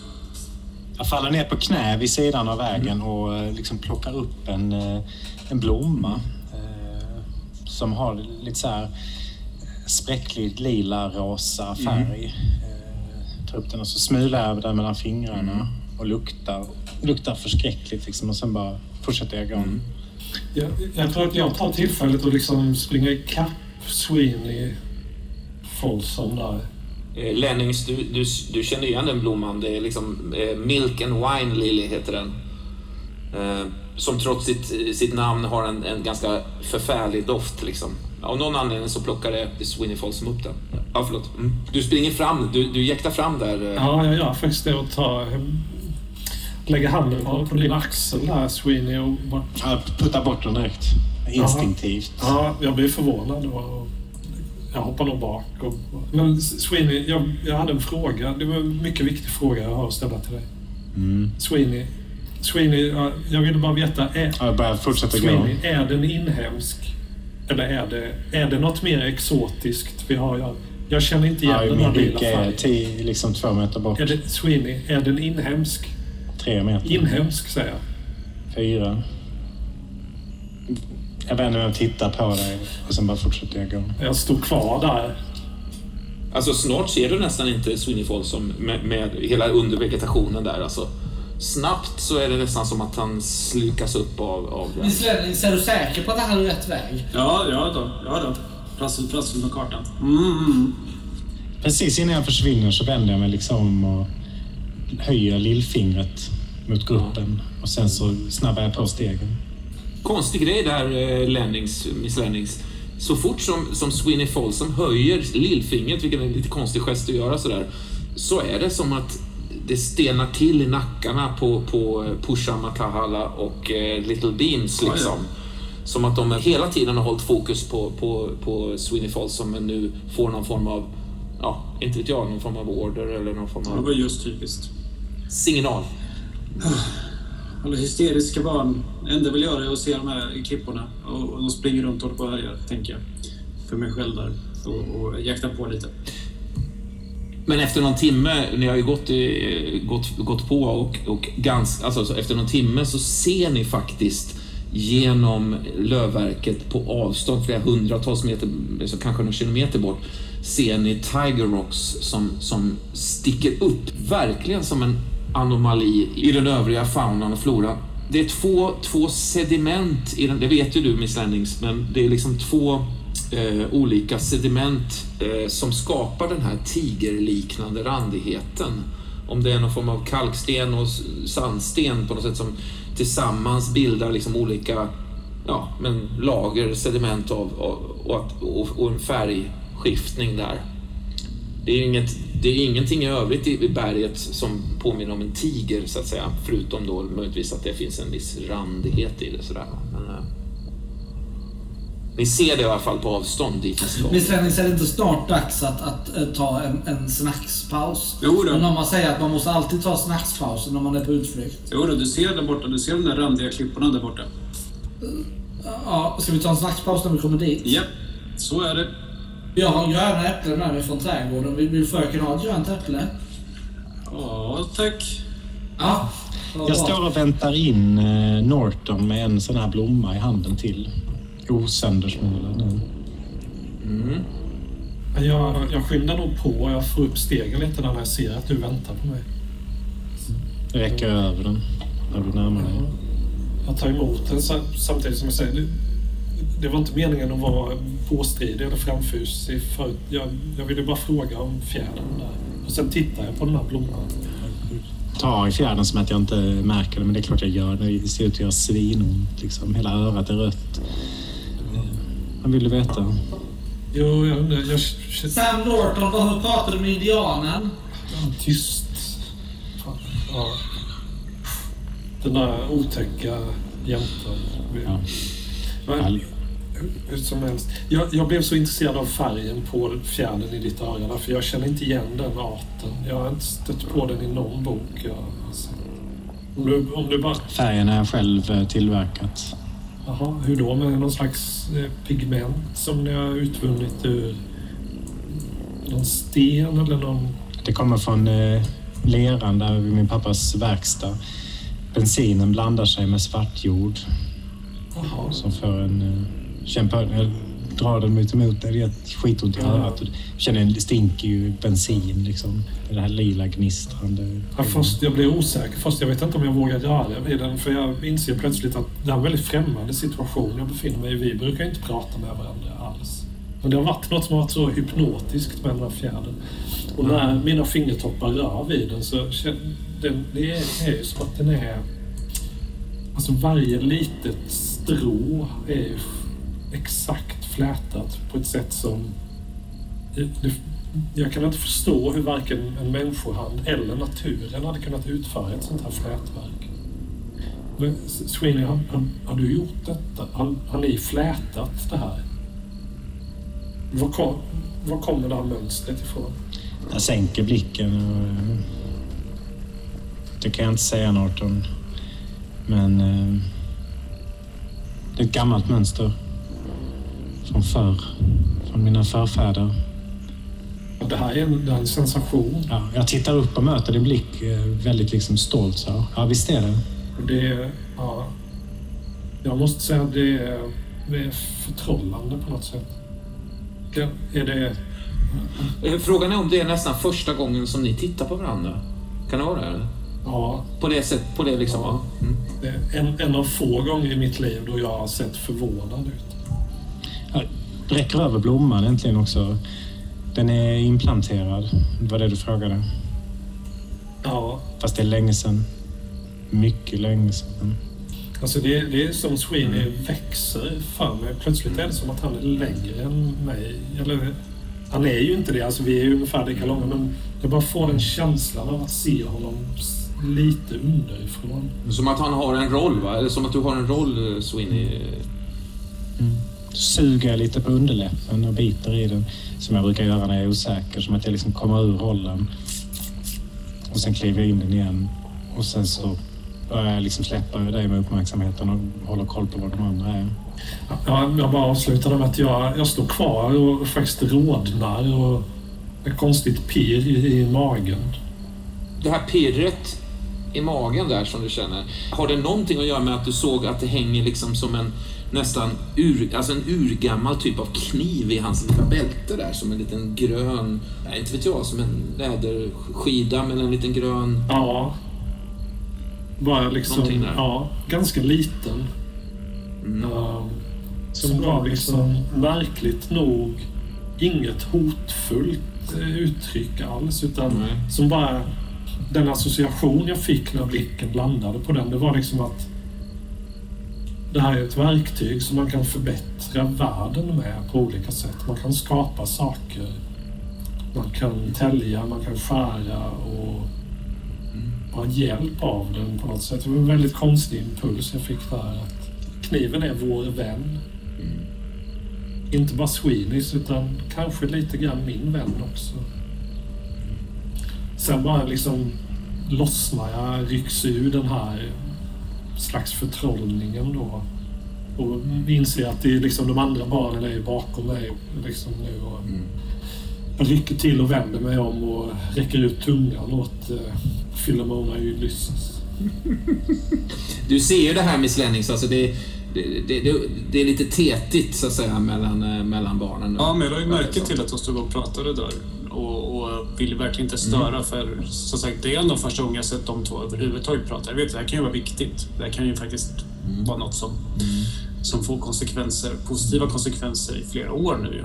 Så jag har liksom medvetet maskat lite och ätit äpplet och frågat lite följdfrågor om äppelträdet på, för att hålla Felinora borta där från att störa. För jag märker ju att det är någonting där som skaver såklart. Norton... vi ska snart... Eh, vi ska snart lämna er. Ni, ni ska snart lämna oss. Mm. Ja. Jag tar upp min kniv plötsligt. Eh, Det är en liten benkniv. Alltså, den är inte särskilt vass. Den är gjord av, av liksom ben, själva eh, äggen. ja. Jag, jag vänder mig om och tittar på honom. Det är någonting som Sweeney Fall som säger precis när du är på väg tillbaks och har liksom lämnat er lilla pratstund där, tänker jag. Precis när du är på väg tillbaks där så säger, det, så säger de det. Så skär jag en bit av fjädern längst ner. eh, Som verkar vara, antingen är kniven väldigt slö eller så är fjädern väldigt, väldigt tålig. Liksom. Men det, det tar en stund. Och det drar, den här fiskekroken i örat drar liksom i det här hålet så det börjar rinna blod igen. Sen får jag av en bit som jag trycker ganska hårdhänt i din hand och trycker ihop dina fingrar ut. Ja. Det är konstigt. Alltså en fjäder är ju lätt. Alltså de väger ju ingenting. De kan ju blåsa runt. Men den här har ju en tyngd. Den känns ju i handen. För ett ögonblick så får jag för mig att det är kniven du har lagt i min hand. För det är ungefär den tyngden. Men det är det ju inte. Utan det är ju den här svagt lysande lila flätade fjädern. Med, med liksom någon form av... Med, med en känsla av alltså att den väger någonting. Så att säga. Alltså, Ja, ja. ja, visst. Och jag står nog bara kvar där med båda händerna liksom kupade och tittar på den.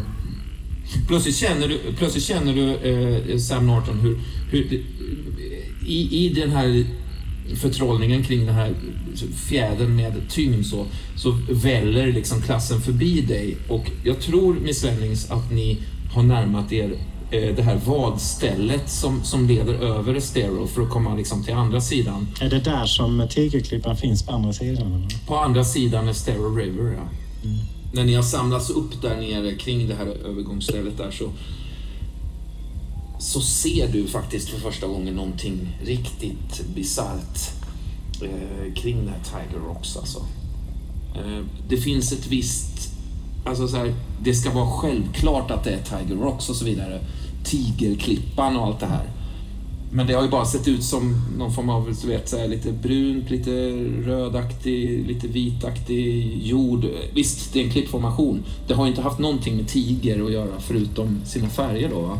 Men precis när ni, när ni är på väg över den här, eh, det här badstället så, så ser du ju att ni är i rätt vinkel till det.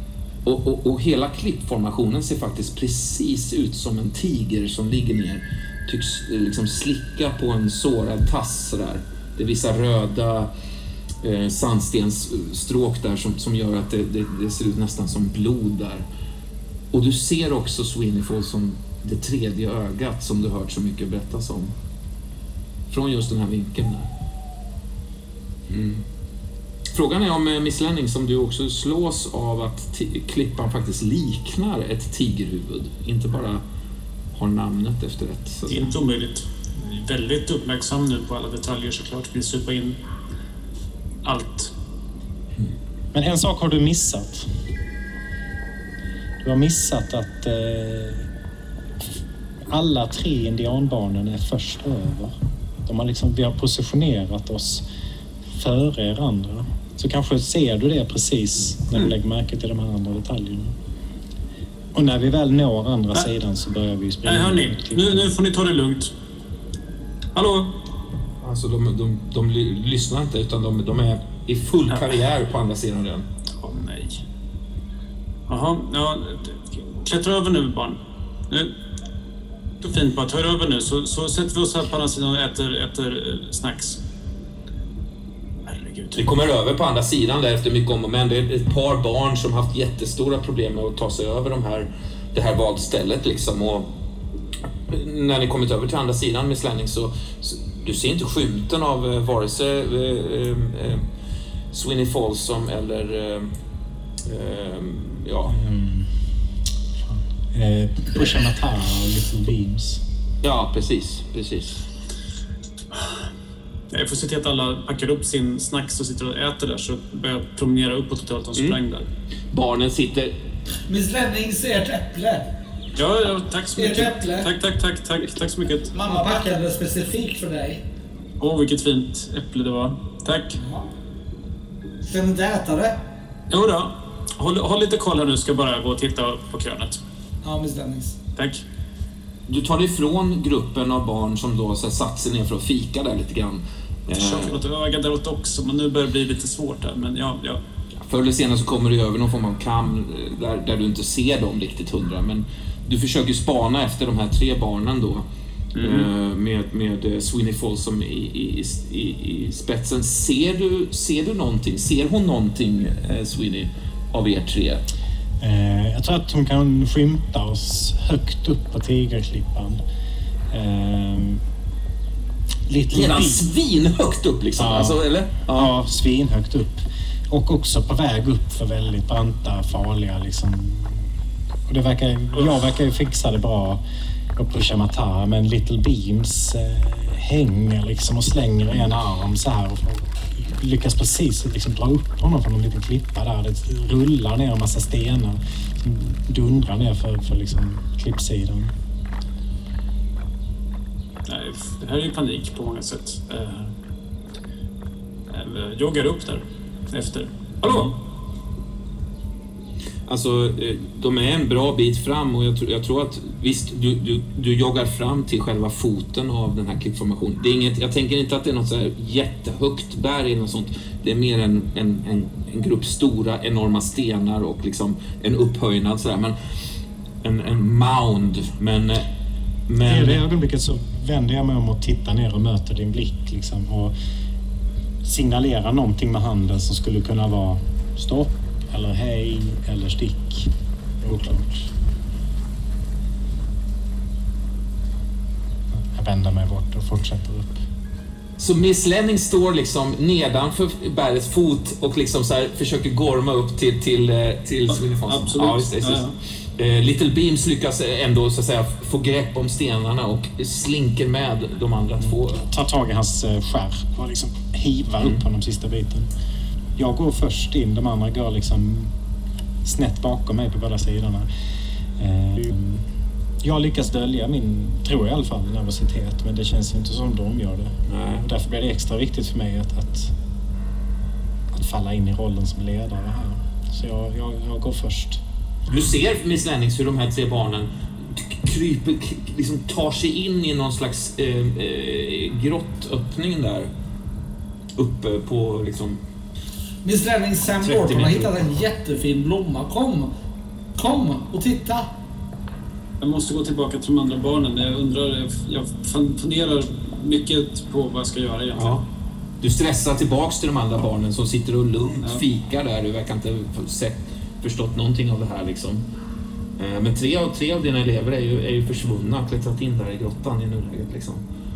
Eh, Ska du visa den här fina blomman då, eh, Filomena? Det, är Sam. Han har hittat en jättefin blomma. Jag, tro, jag tror den är implanterad. Eh, Sam! Sam Norton! Ja, jag kommer lite lunkande då mot dig Filomona. Eh, Visa Miss Lennings blomman du hittade. Uh, Filomona, vet, du en sak? Vi, Vadå? vi- Visa, visa, visa blomman nu. Du, du och jag befinner oss i en ålder då man växer i, och utvecklas i väldigt olika takt. Och jag känner idag att om jag redan var lite äldre än dig så har jag tagit många år framåt. Vet du Filomona att det finns saker du inte förstår. Det finns saker som man inte kan läsa sig till i böcker. Detta visste inte jag innan. Men nu har jag sett, idag har jag nått den insikten. Och jag ser fram emot den dag då du eh, kommer mig till mötes i den insikten. Välkommen dit, Filomona, i framtiden. Och plötsligt står jag där och håller något i handen, ser du, Miss Lemminger. Jaha, vad har vi här då Sam? Vad har du gjort för någonting nu? Jag- tror att från ditt håll ser det nog ut, det kan nästan se ut som en levande Är det varelse. en eh, larv? Det är, det är färg. Jag bara står där stilla och tittar på den. Jag bryr mig inte om så mycket om du ser den faktiskt. Jag ser nästan hypnotiserad ut. Titta lite närmare där vad det är för någonting. Det ser ut som någon sorts mätarlarv eller någonting. ser att jag liksom stryker lite på den med fingret så. Att jag vårdar. Du ser att jag vårdar ju den här som om det är, det är ett litet, litet levande djur. Ja, har du hittat samma någonting? Du ser att jag, jag står ju och viskar någonting. Jag liksom mumlar för mig själv. Och det här är helt out of character för Sam Norton. Det här är liksom... Berätta nu vad du hittar för någonting Sam. Vad är det för någonting? Ja, du hör nog inte riktigt vad jag står och mumlar där. Ja, men det är bra. Samani, nu, nu, får ni, eh, nu får ni vänta ett ögonblick och så snackar ni klart så ska jag bara titta vart vi ska ta vägen sen. Så ni väntar här, okej?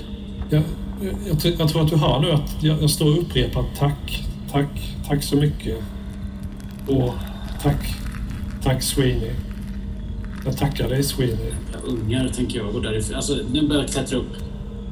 Jag tittar på gruppen och och snacksar och... Ja, förmodligen... Jag kastar ett äppelslutt på, på, på en uh, yngre med... eh, Det är bra. Håll koll, på, håll koll nu förmodligen på... Koll på gruppen här nu Ja. så kommer jag snart tillbaka. Så ska jag ta reda på var du ska ta vägen någonstans. Måste bara titta lite. Så.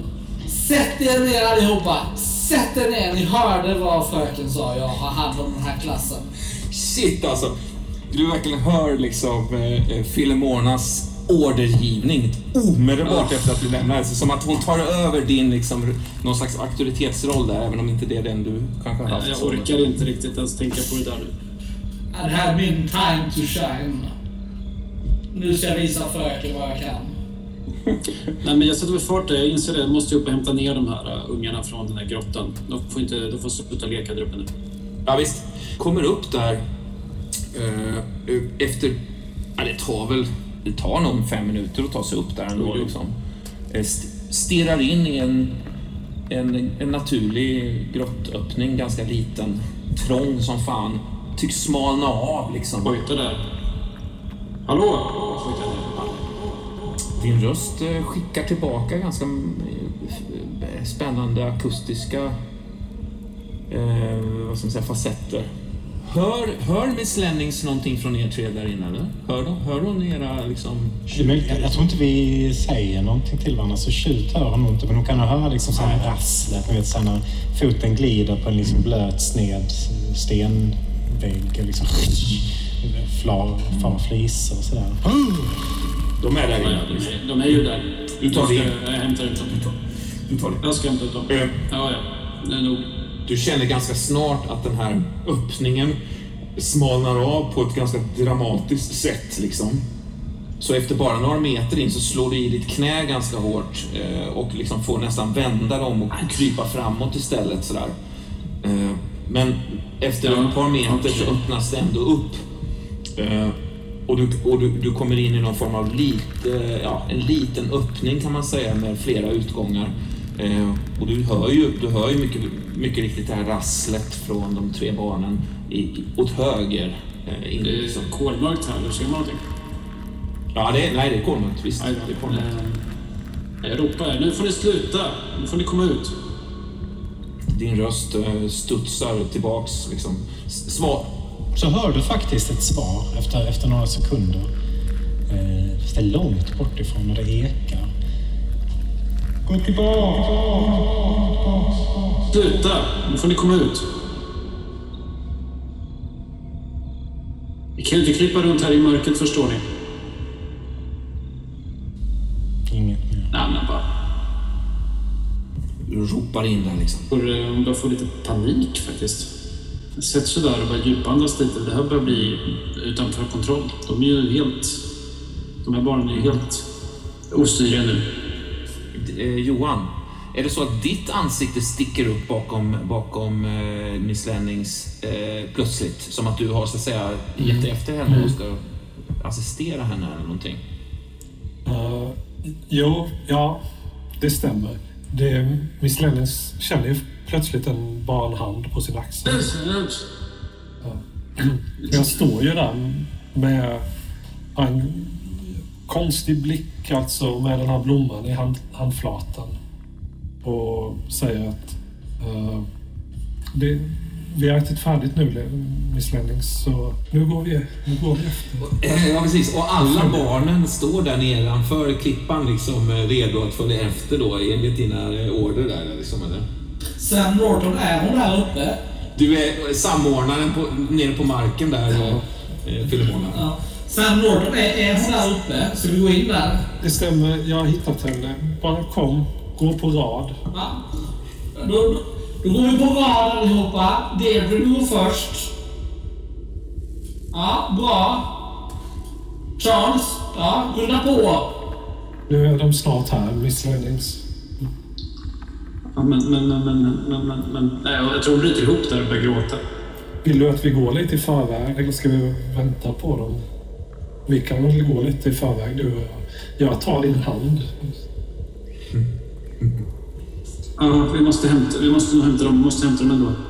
Ja, ja kom nu. Ja, men ni får vänta här då. Lova att inte följa efter för långt. Deirdre, följ efter nu. Upp. Följ efter fröken. Jag håller dig i handen där Miss Lennings och drar dig framåt mjukt. Ja, För... nu får du hjälpa mig att hitta dem för de har krupit långt in. Ja, vi går efter. Ja, Jag drar dig framåt där. Ja, men det- För liksom... det är bra att du hjälper. Nu får vi få ordning på det här. Hela klassen följer efter. I ett lem, lemming... ett lämmel... Länningståg. Efter Miss Lemmingståg. Ja, visst. visst. Det är ingen svår klättring upp till själva eh, ingången där. Som också är en ingång, alltså det kryllar av små ingångar i det här berget. Det finns små, små, små grottor som tar slut med en gång, och små prång och så vidare. Det här är bara ett av dem, men av någon anledning så kryper ni in där allihopa. Liksom. Och det är av den anledningen att, att eh, de tre andra barnen har försvunnit in där så att säga. Men bortsett från det så är det ju bara ett, en ren slump.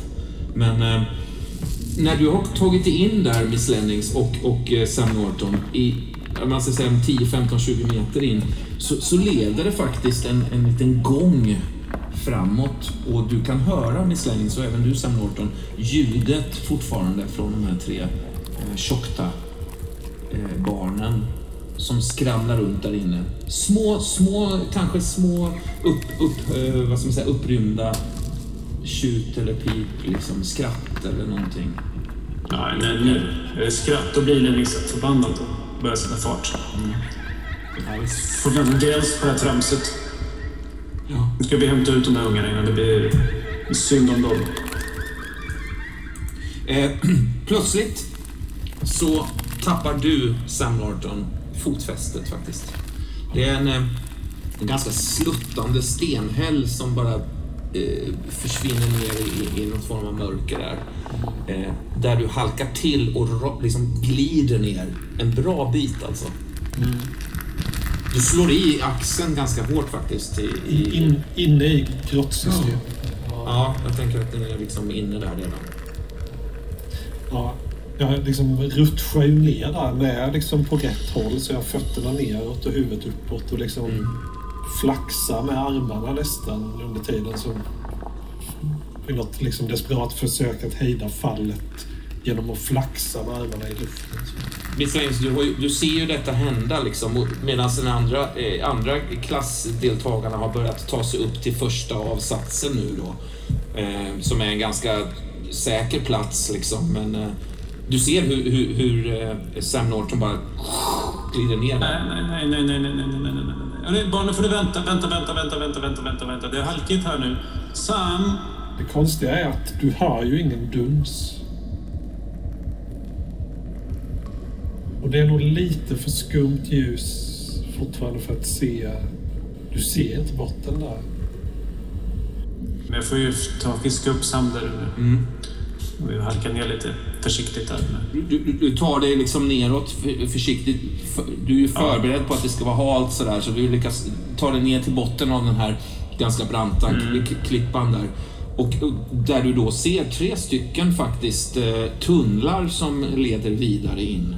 Och kan faktiskt också uppfatta ett annat ljud eh, som inte kan vara de här tre barnens eh, nästan jublande läten som du hörde i början där, utan, eller ja, något enstaka i alla fall. Eh, utan det är som ett, ett eh, distant, tjutande, märkligt snattrande ljud som liksom dränkt i eh, stor, stora utrymmen på något sätt, eh, akustik. Men du hör något märkl, märkliga ljud, nästan surrande ljud faktiskt. Eh, blandat med eh, eh, eh, Sweeney, Sweeney Folsoms och de andra barnens liksom, eh, rasslande ljud från där de tar sig fram. Då. Du får känslan av att det är åt höger i alla fall. Sam Norton. När du, när du så att säga kan resa dig upp i full längd igen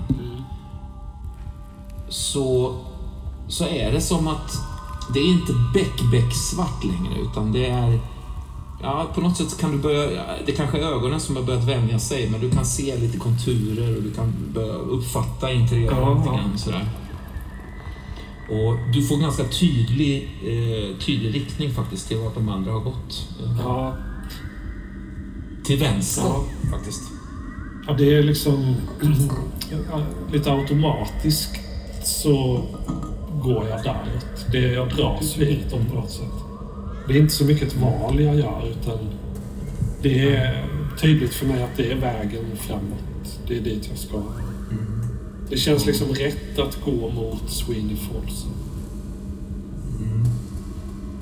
Du, du, du, du, du struntar i, i lärarinnan bakom dig, hennes förmaningar och rop där. Eller eh, liksom då och då så försöker hon ju vänta lite på, vänta in mig och sådär. Ja. Struntar Ja, i det, dem? det gör jag. Jag fnissar till lite för mig själv och stryker lite på de här blombladen. Men, ja, skrattar till lite där i mörkret och skakar på huvudet. Men medan jag fortsätter gå framåt. Efter liksom par hundra meter av de här, den här typen av ganska djärva klättringar ändå som, som ger dig känslan av att vara fantastisk på att klättra i grottor sådär. Så eh, tror jag nog ändå att du liksom eh, kanske tappar greppet någonstans, halkar ner i någon form av eh, naturlig, liksom eh, mjuk eh, rutschkaneliknande stenformation sådär och hamnar plötsligt i ett nytt rum, eh, försöker lokalisera någonting, vandra vidare sådär. Till slut så kommer du in i en stor grotta faktiskt. Ja. Eh, som nästan känns, eh, om det är eh, från, från någon form av håligheter utifrån som gör att, att du kan se här inne, men du ser ändå hur det ser ut i den här grottan. Eh, det är som en liten, eh, en liten pöl kan man säga i mitten av grottan. Den är inte mer än 15 meter kanske stor, 10 meter stor eller någonting. Eh, och i mitten av den här pölen så, så är det som att det, någon har byggt någonting. Eller det står någonting där. Du ser inte riktigt Nej. Du hör ju Miss Lennings eh, längre bak och du förstår att du, du har nog halkat ifrån henne lite grann. Så vill du ha, ha kontakt så behöver du nog så att säga återknyta där. Jag liksom... Jag synar ju den här, det här objektet i mitten då. Och liksom jag växlar mellan att kisa med ögonen och spärra upp ögonen för att försöka se i det här dunklet. Och det är större än en vanlig människokropp. Är det. Mm. Ja. Mer rundade former tycker jag mig uppfatta. Mm. Men du fattar också nånt, någonting som påminner lite om din gamla, vad ska man säga, klassantagonist där, eh, Fil- Filemona Ulysses, nämligen hennes flätor. Eh, Det, det hänger som två stora, liksom väldigt grova flätor på den här tingesten som, som, som är där. Ja, men jag, jag tar ett steg bakåt och liksom, så vänder jag huvudet halvt bakåt och ropar efter Miss Lennings. Miss Lennings, du har ju nästan börjat tappa hoppet här. Du har faktiskt till och med nästan glömt bort hur du ska ta dig tillbaks. För att det ha- har varit några höger-vänster och, och, och samtidigt att försöka hålla kontakten med dem och, och försöka liksom se vart de andra har tagit vägen. Men du hör, som tur är, rösten av Sam Norton plötsligt. Eh, här, försöker- här Miss Lennings. Jag försöker pila in på det och, och, och, hitta fram till Sam i alla fall. Han han kanske hittar dem nu. Han, han måste ha hittat dem. Om man ropar så, tänker jag. Ja, så måste det vara. Filemona.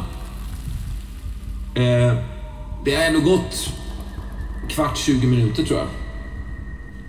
Eh, och, och du har ju haft ett öra in mot, mot eh, grottformationerna. Eh, och liksom ett öga mot klassen då, di- dina undersåtar där. Men eh, nu har du inte hört eh, Miss Lennings på liksom tio minuter säkert. Så pass länge. Ja, det tror jag nog. Okej. Då gör vi så här. Uh, Deirdre, dela klassen i halv. Eh, ta de, de, de, de som är småväxta och stanna kvar med dem här nere. Nej, vet du vad? Jag gör det själv. Ehm, eh, så eh, du, du, du och du och du och du går ner igen och fortsätter att snacka. Och Deirdre stannar med dem. Och sitter ner och väntar. Aj! Du- Du hör du- liksom eh, någon, någon gör illa sig där, eller slår i knät där på något vasst liksom. Aj! Sluta aj. gnäll. Deirdre tar hand om det. Du, du, du, du, du, du och du. Följ med mig. Vi ska följa efter Miss Lennings. Och så ger jag mig... Jag, jag, jag förväntar mig att med min pondus så följer de efter. Och sen så beger jag mig in i, i grottformationen. Deirdre, eh, om inte vi är tillbaka om 30 minuter så följ efter oss. Jag tror att du rasar ner faktiskt Miss Lennings och gör dig illa lite grann. Eh, om du, om du liksom eh, stukar din fot riktigt jävla illa eller någonting. Eh, och, men också finner den här grottan som är, ja, inte, inte jättestor men alltså säkert en 5, 6, 7 meter till tak sådär. En, en, liksom en öppning så. Och du ser också den här lilla, eh, lilla vattenansamlingen i mitten och den här tingesten som, som, som står där mitt i den här vattenansamlingen med två, två flätor ser det ut som. Eh, är ju väldigt dunkelt. Nej, nej. Jag, är, jag är ledsen, Miss Lennings. Det är, de är inte här. Det är, det är något annat här. Kan inte du berätta för mig vad det här är för något? Jag vill så gärna förstå vad detta är för något. Jag masserar i foten där, ont. Så med ilsketårar, smärttårar som rinner ner. Sam, var har du hittat dem nu? Säg att du hittar dem nu. Kisa kisar bort och ser vad han pekar på. Det är vad, vad pekar Sam på? Det ser ut som någonting konstruerat som en, eh, någon form av, eh, man kan tänka sig en fågelskrämma. fågelskräm, en slags fågelskrämma ja. En, en byggd tingest ser det ut som. I- Ihopsnickrad, det är brädor, det är spik, men det är också liksom de här två flätorna som hänger ner och sen är det någon form av nästan näbbliknande eh, svarvad planka liksom. Här har de byggt någonting konstigt Sam. Ska... Vänta så ska vi se. Jag haltar fram däråt. Eh, Jag blir ju lite besviken på Miss Lennings svar där. Att det är liksom inte tillräckligt för mig. Och jag, jag börjar nog faktiskt gå ut i vattnet. Vänta Sam, men vänta. Aj, aj, vänta. Aj, jag har gjort mig illa vänta lite. Aj.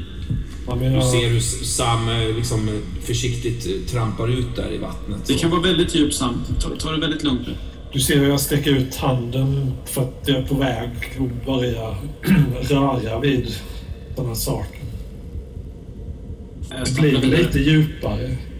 Mm. Du har nästan halkat ner. Det verkar som att det inte är helt jämnt där under utan du, vid något tillfälle så trillar du ner liksom någon halv meter till där. Jag sa ju åt dig Sam. Jag sa ju åt dig Sam. Nu, stopp, stå still, stå still. Miss Lennings, du hör ett skrik faktiskt från eh, de andra barnen på andra, tillbaks. Liksom. Du hör något form av barnskrik som färdas. Liksom. Nej, Jag tror jag så var tvärvänder jag och och började springa uppåt igen. Då. Du försöker liksom klättra tillbaks. Det sista du ser är ju att jag väldigt snabbt, från att ha haft vatten upp till midjan, har jag väldigt snabbt fått vatten upp till övre axlarna. Då. Och det sista du ser är min hand som bara sticker upp ur vattnet. Och är på väg att Jag tror, jag tror Miss Lemmings tappade ungefär det här faktiskt. Och står och kanske kryper ihop i någon sorts fosterställning och bara blundar och håller för öronen. Eh, Du vaknar... Ja. Tillbaks och ni har ropat lite och försökt liksom få kontakt men ingen som är där. Du har hört några lite konstiga ljud och du hör ett slags snattrande ljud också i bakgrunden där. Ja, vi har ju försökt, alltså halva klassen har ju lämnat med Deirdre och andra halvan har ju tagit med mig för att leta upp Miss Lennings. Ni har ju, ni har ju liksom tagit er fram och lyckats komma in i någon konstig korridor som, som leder neråt eh, eh, och sen öppnar sig upp. Eh, och står framför... Ni, ni har hållit på ett ganska bra tag, eller? Ja, jag har svårt att veta hur länge, men, men eh, minst en kvart. Jag tänker att Miss Lennings, att du vaknar till utan att veta hur lång tid du har varit liksom, så att säga, borta eller så. Men att du ser ändå Sam Norton faktiskt ligga, har lyckats släpa sig upp liksom i, i den här, från den här pölen då. Eh, oklart hur lång tid som har gått, du hör inga ljud eller något sånt där. Men, men, men det, det är någonting som, som... Jo, du kanske hör ett ljud faktiskt. Du kanske hör någon form av eh, avlägsna, väldigt avlägsna tjutande rop liksom från, från en tunnel som leder in till höger bort. Eh, utifrån den här salen med eh, den här lilla pölen då liksom. Oj, jag tror att jag snabbt samlar mig och rusar fram där så fort man kan med den där stukade foten till Sam som ligger där och bara sliter åt med honom, tror jag. Och rusar bort mot tunneln. Du ser ju hur jag liksom står med händerna, armarna uppsträckta. Och liksom, det är som om jag både försöker känna på den här saken med mina händer och som om jag försöker krama den. Som Ja, det är bra. Stå där och håll i dig. Det är, det är som om det är en jättestor förälder för mig som jag söker kontakt med. Ja. Rör dig inte Sam. Och så springer iväg. Miss Lennings, när du, när du så att säga tar dig in i den här sidokorridoren, då är det återigen en, en slags branthet i den som överraskar dig så att du, liksom, du tappar fotfästet och åker in i nästan en rutschkaneliknande tunnel alltså. Spottas ut, liksom, slår dig som fan alltså. Slår i höften och, och axeln och huvudet liksom. Och ser en nästan hjälmformad eller ansiktsformad. Det ser ut nästan som en slags, eh, eh en slags enkel skissering av ett apansikte eller någonting. Fast enormt alltså. Eh, som en stenformation i väggen bara. Vars mun är liksom öppen. På vid gavel bara. Kommer det ljud? Ja, det kommer, det, kommer, det kommer en hel del ljud faktiskt. Det är någonting, du ser inte in i, mungapet på den här varelsen. Men det är ingen varelse utan det är en sten, stenuthuggen eh, liksom, formation. Men nog fan hör du ljud från dess mun, ja. Visst, visst. Ett snattrande nästan eh, upp, som uppe på, eh, alltså utanför klippan, nere vid, vid Stale River ungefär. Du hör liksom nästan ljudet från, från insekter och annat.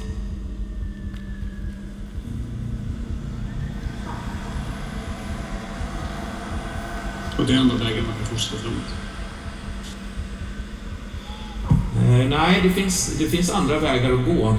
Undrar om inte du hör eh, eh, Filemona Ulysses eh, röst faktiskt och att du kanske rent av har, har på något sätt lett eh, klassen eh, dit. Kan det vara så? Eller? Ja, helt plötsligt så, så eh, slås du rent fysiskt av att Filemona dunkar in i ryggen på dig. Varpå det dunkar in en annan unge i Filemonas rygg och en till och en till. Så att plötsligt så, så ligger Filemona och fem ungar eh, utspridda runt dig. Eh, eh, och Filemona tittar upp mot dig och, och, och, och eh, Fröken Lennings... Eh, ni, ni, ni måste vara trött och så räcker hon upp ett, ett, ett grönt Granny Smith-äpple och liksom nästan, nästan för det till, till dina läppar utan att, att, att, att tänka sig för. Eh, trycker det mot eh, munnen på dig. Aj, aj, aj. Så här, ryggar tillbaka och tar tag i äppelhanden där. Aj, aj, aj, jag har, har slagit. Får tillåt mig lite. Och förlåt. Tillåt att slagit mig lite menar jag. Aj, jag är lite för... Förlåt. Förlåt. Eh, eh, eh, Det var inte, det var inte ditt fel. Nej. Eh, vi, vi är här nu, Deirdre och, och de, eh, de eh, haltar och lyttar är kvar. Ehm, Jaha. ja, där ute. Men, Har ni sett- men har det ni här sett- ska... Men har ni sett eh, indianbarnen? Nej, nej. Nej, de har vi inte tittat efter. Skulle vi se. Vart är, vart är Sam Norton? Det är ovanför den här kanan. I det stora Ovan- rummet. Lennings, eh, alltså i munnen på den här ap- apformationen som ni ser framför er som måste vara mycket gammal alltså. Eh, tusentals år gammal. Du, du, du liksom eh, slås av, eh, vad ska man säga, ja, det, går en rysning igenom dig på något sätt. Det här är ju, det här är ju Tjokta. Eh, legendernas eh, nästan som eh, ursprung, ursprunget till de där berättelserna nästan of- otroligt liksom. Eh, I den här munnen så, så du, du, du kan se någonting rött, ungefär som att man tittar in i ett svalg faktiskt. Eh, med någon form av, eh, eh, kan man säga, en, ett snitt. Ett svart snitt i detta. När plötsligt hela liksom käkpartiet börjar darra till. Och du, det är först då du ser att vid sidan av det här ansiktet så är det liksom någon form av vattenreservoar eller någonting som har tömts ut och någon slags sten som börjar liksom höja sig i någon form av urgammal hydraulisk eh, liksom konstruktion. Eh, apkäften håller på att börja långsamt sluta sig. Du, du, du hör snattret där inne och du förstår att, att, ja, att eh, de tre barnen måste vara där inne på något sätt. Kan man, hänga, kan, kan man hänga sig på den där käften och stoppa den där? Ah! Nej, men du ser, eh, du ser ju en fjäder ligga där. Är det inte så? Mm, nej. Ja, det är såklart den där Sonny Ja, du, du, du kastar dig på käken för att liksom försöka tynga ner den där. Då. Ja. Ja. ja det, det, det, det, det, är svårt alltså. Det är jättesvårt. Det är typ nu det är nu det är dags att ge sig in där om du vill in där tror jag. Eller, eller inte liksom. kommer att eh, slå en liten tärning för mig själv här.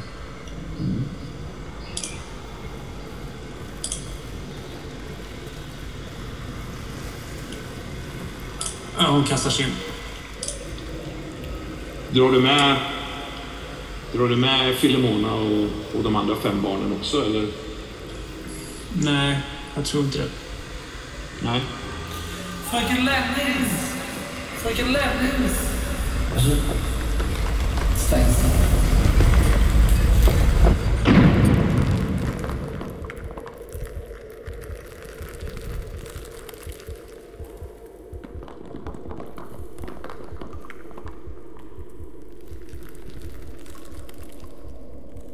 Sweeney Folsom.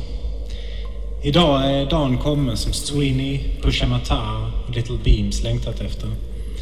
De trotsar sina fäder och trotsar de äldre, just som anfäderna gjort. Och därmed ingår de snart i leden hos de som redan gått. De vill inte längre vara tjockta, de vill bli chattas. I djupet ska de fatta varandras händer, springa som en själ, enligt de 512 själarnas bok, om ett Chekariche och anfäderna, som redan länge levat där. Barnen har redan kommunicerat sinsemellan, små inlärda gester och kamouflerade blickspel som givits dem sedan barnsben från mödrarna, i sin tur inlärda av sina mödrar. Sweeney är företagets ledare och avgör när tidpunkten är inne. Ingången finns på krönet av det sjungande berget, i Tigerbergets tredje öga. Han har sett många väver med det motivet under sitt liv, men aldrig varit där i verkligheten. Idag slipper de livet av förödmjukande, utanförskap, fattigdom och strävan. Idag påbörjar de sitt nästa. I natt när solen gått ner och de redan sina förfäders armar.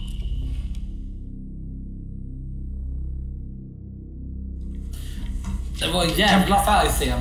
Ja, det var gött. Kan vi inte beskriva den där statyn igen? Jag fattar inte riktigt den. Alltså, Det här flätor. Ja, som stora tjocka flätor eh, och, och liksom en näbbliknande konstruktion. Men den är väldigt, den känns väldigt tillyxad och så att säga konstruerad. Så så. Det, var, det var inget Av trä eller sten eller liksom... Eller det vet jag inte. träplankor, eh, eventuellt lite som eh, någon form av eh, någon form av cementliknande liksom, konstruktion. Ganska fast ändå. Men, men, Jag får väl säga, är är det som lite Sphinx-liknande eller? Ah, jag, jag tänker lite så här pterodaktyl i, i, i sitt... i sitt utseende. Typ. Ja, precis. Ja.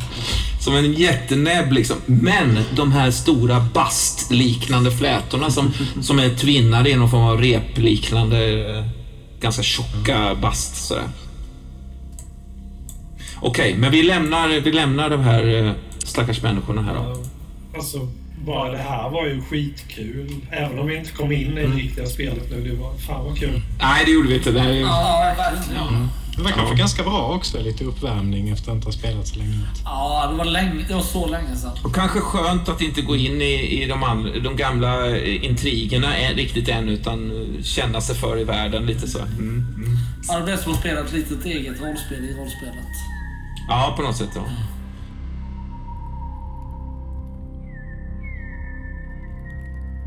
Abelkader inför nedstigningen. Choctaw-legenden talar om jättevarelsen Arukisht, den hundrahövdade. En väldig mänsklighet som uppstod då Choctaw-stammarna sammansmälte till en enda person. Enligt myten var Chatas 512 personer när de nedsteg. Talet 512 är också ett heligt tal för Choctaw. Talet för den lilla gudomligheten eller den näst högsta.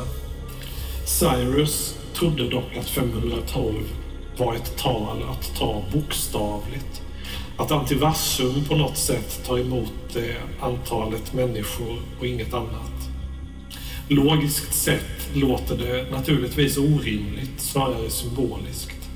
Ett sätt att berätta en skapelseberättelse. Beskriva det som inte kan beskrivas. Man borde ju lika gärna kunna se talet hundra i den hundrahövdade, bokstavligt i så fall, brukar bröderna diskutera. Särskilt som de iscensatta bränderna på Danver, Boston Medical och North Haven inte adderade så många nya medlemmar som väntat. I nuläget består samfundet i Estero av 64 själar som räknat tillsammans med Circus Antiversum 246 endast uppnår en summa av 310 personer. 202 ytterligare individer behöver knytas till sekten för att uppnå den heliga siffran 512. Om man nu ska tro på den bokstavligt. Choctaws millenniekalender tycktes vara rättvisande. Sånär som på en felmarginal på max 20 år, enligt de uträkningar som bröderna har gjort. Från de anteckningar som de stal från Cyrus, som också visade sig bli en fantastisk gåva, nåddes det av ett långt noggrannare tidpunkt ner till ett år, en månad och en dag. Sommarsolståndet den 21 juni 1926. Ett sätt att förhöja kroppens potential, muskelmassa, känsla av odödlighet vore att ge samtliga nedstigande varsin dos innehållande en välkomponerad blandning av agaricales sensus, känslosvamparna. Allt för att uppnå en rusning av skärpa, upptäckarlust och fysisk lätthet. En kortsiktig maximering av det nedresande sällskapets prestanda än något annat som bröderna har diskuterat.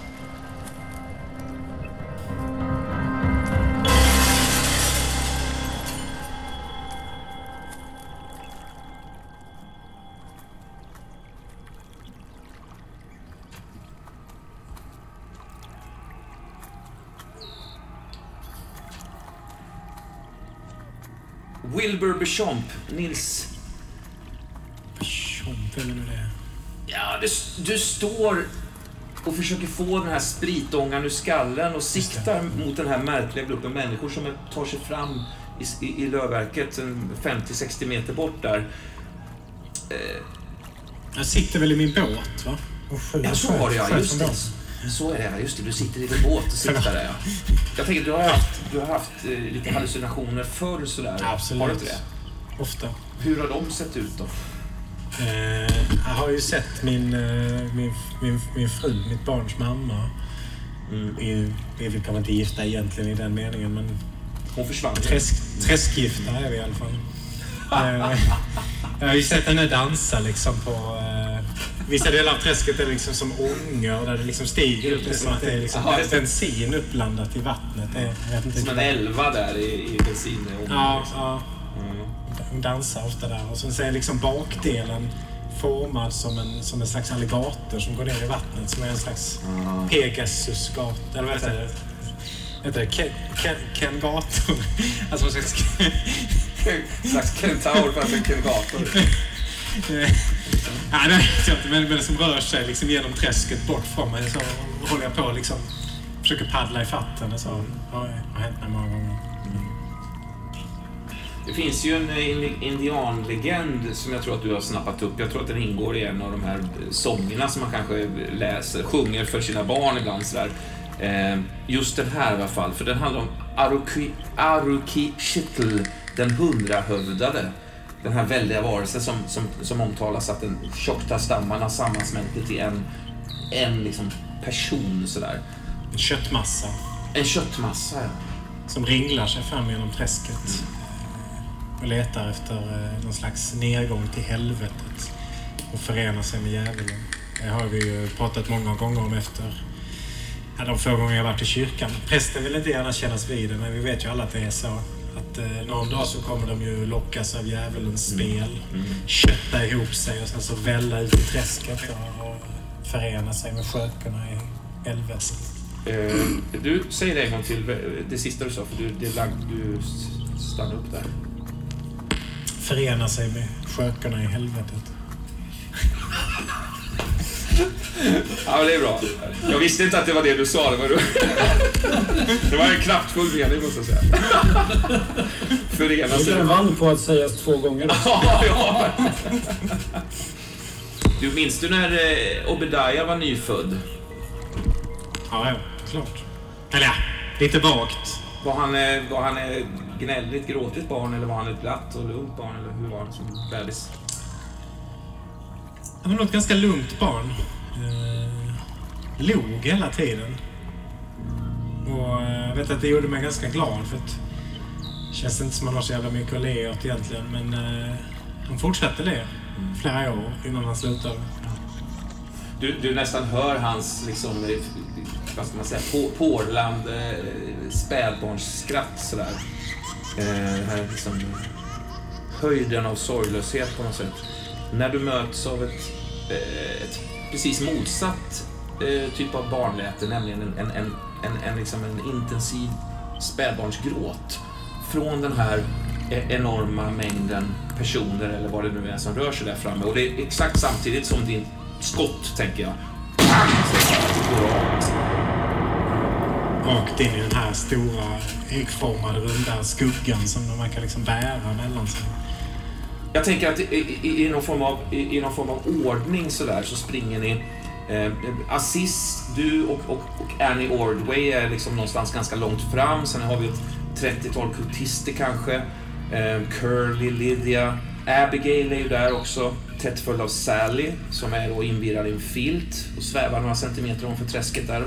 Det är hundratals andra eh, kultister. En av dem är Justicia och, och Aziz du har ju i hemlighet, er, jag, jag vill bara upprepa några punkter så att, så att vi håller dem lite färska. Du har ju i hemlighet ersatt den här köttbulan i Jareds ficka med någonting. Någon slags, inte vet jag, någon, någon, slags körtel eller någonting som påminner om det. Hur, vad är. Har du någon idé om vad det kan vara? Eller hur har du gjort det? Liksom? Ja, men det är ju en sån här eh, en, eh, en slemsnigel som jag har fått att svälja sin egen svans. Så den har liksom kurlat ihop sig så här. Ja. Knutits hårt som fan. Ja, visst. Som en liten svart bula så liksom. Ja. Och sen på något sätt har du då, jag menar Jared har, hade ju, har ju haft den här i sin mer eller mindre kavajficka hela tiden. Liksom. Mm. Hur, hur lyckades du med det? Jag tror faktiskt att det var eh, någon gång när han var eh, lite småfull. Så gjorde jag en sån här grej som bara folk med riktigt bra självförtroende gör. Att jag bara, bara tog den ur hans ficka, plockade den och la tillbaks den. Liksom. Ja, Eh, när han typ satt och var lite borta. Liksom. Vem, vem som helst annars hade blivit upptäckta, men inte Aziz. Utan Nej, jag undrar om inte det var så att när du gjorde det, att han, han, han var så pass eh, liksom, eh, dåsig eller, eller, eller berusad att han inte insåg riktigt att du gjorde det. Men däremot så kände han nog av det. Alltså han reagerade, han tog sig för bröstet och, och, och liksom sjönk tillbaka sådär när du, när du då så att säga tog bulan eh, Mm. och stoppade den på dig då. Jag klappade ju om honom då liksom. Så, Ja. så, så, så. Bror. Spelade upp hela registret liksom. Eh, sen har du Samtidigt som jag äcklades av honom. Det han har blivit. Det blir svårt att smälta. ja, Svarta slemmets inverkan. det här som eh, du även har sett rinna liksom lite grann ur hans mungipor ibland. Du ser det hos antiversiterna också, att, att, att de alla har där, den här svarta gallan på något sätt. Liksom. Eh, den här drömmen, du har ju fått en, en vis- drömvision av Agat där också, där hon nästan varnar om, om nedträdet, så att säga. Eh, där hon säger, Jag tar nog med det som en varning mot min bror egentligen. Alltså att jag, jag kan kliva ner utan honom, men han kan inte kliva utan Nej. mig. Så att jag tänker att det har liksom bara intensifierat min känsla av att eh, det är nu eller aldrig. Antingen så, eh, antingen så går jag själv, vilket jag lockas med av. Eller så håller jag mitt löfte till min bror och till, eh, till det där köttägget också. Jag har inte bestämt mig. Nej. Men jag har ju, jag har ju potential att eh, förgöra dem båda två. Det känns ändå bra. Assis och köttpesten. Bra titel. Assis och köttpesten. När bröderna ankom lägret i New Jerusalem blev de först mycket väl mottagna. Adopterades av Cyrus och Anne Ordway. Livet tycktes lova något mer än evig pina. När sen relationen mellan herden och bröderna blev allt kärvare. Mycket på grund av deras första tilltag att bege sig ner i grottorna för att hitta märket. Pålades bröderna ett samtalsförbud som varade i flera månader. Genom beskrivningar av eh, folkets seder och bruk fann bröderna ett sätt att kommunicera med varandra utan ord. Vilket ledde till ett intensivt hämndlystet planerande som pågick i månader. Även efter det att samtalsförbudet upphävts. Hade inte herden störtats av eh, sheriffen i Fort Myers, en man av många principer, något hans tjockta-ättade namn Nashuba också betydde, hade troligen bröderna Abelkader själva avsatt herden från sin tron. Andra gången de begav sig ner, långt efter att Cyrus hamnat i deras regenererande vård, förlorade Aziz sin bror. Och även om återupplivningen av Jared lyckades är Aziz faktiskt ganska osäker på om man ännu har fått tillbaka honom. Det är veckor sedan Aziz först såg tecknen på den pest som ägget tycktes vara infekterat av. De första symptomen dök upp ett par veckor efter att han kommit i närkontakt med ägget under ett av då också ordlösa samtal som de haft med varandra. Kliande armar, torr hosta, osedvanligt stort håravfall följt av galopperande tandlossning, kraftigt ömmande lymfkörtlar, mördande feber. I vars dunkla spår svåra mardrömmar rider den sjuke som i dessa upplever ett komplicerat kretslopp av kombinationer hur han eller hon begår hemska, vämjeliga brott mot sin person och sin moral. Aziz lyckades med ett snabbt sammansatt preparat hejda förloppet på sig själv. Med enda återstående ärr ett flertal kala fläckar på sitt annars fullt behårade huvud. Han lät skrapa ägget och utsätta en lokal farmare utanför Dedham för en ofantlig dos av det dödliga viruset och kunde då i lugn och ro mer utförligt iaktta sjukdomens fullständiga förlopp. Från de kliande armarna till den hastigt uppsvällande blåsvarta kroppen och slutligen döden genom riklig blodstörtning.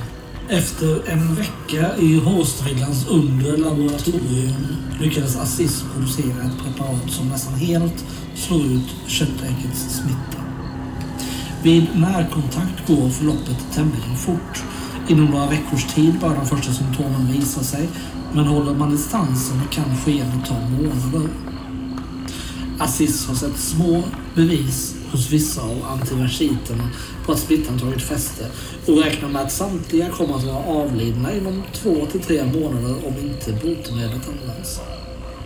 I nuläget har Aziz fyra doser av detta medel, men skulle rent teoretiskt kunna göra fler om han haft sin utrustning och ett fullt fungerande laboratorium. Eller om han faktiskt ville. Ja, men precis. Och jag tänker Aziz att doften, vi har beskrivit att när man kommer nära Aziz så finns det en doft där som på något sätt nästan följer med en sådär. Kanske det är ett resultat av de här medicinska försöken som du har tvingats göra på dig själv för att, för att liksom prov, prova de olika botemedlen. Men du har, du har fyra doser, tänker jag. Och jag har dem i min ena innerficka i en sån här... Eh, ni vet, det är liksom fyra stycken glasrör och så är det en sån här hopfällbar eh, tygficka kan man säga som jag har i ena innerfickan. Och i den andra så har jag då eh, den här köttbulan som Jared tror sig ha. Eh, en annan sak Aziz som, som slår dig när du springer där i, i, i det här varma regnet som har börjat strila. Det är ju, det är ju en gryning på gång. Eh, ni lämnar ju Boston och Cirkus Antiversum någon gång på småtimmarna. Och nu, här i Stero så är ju eh, helt annat klimat och eh, med, med gryningen på gång.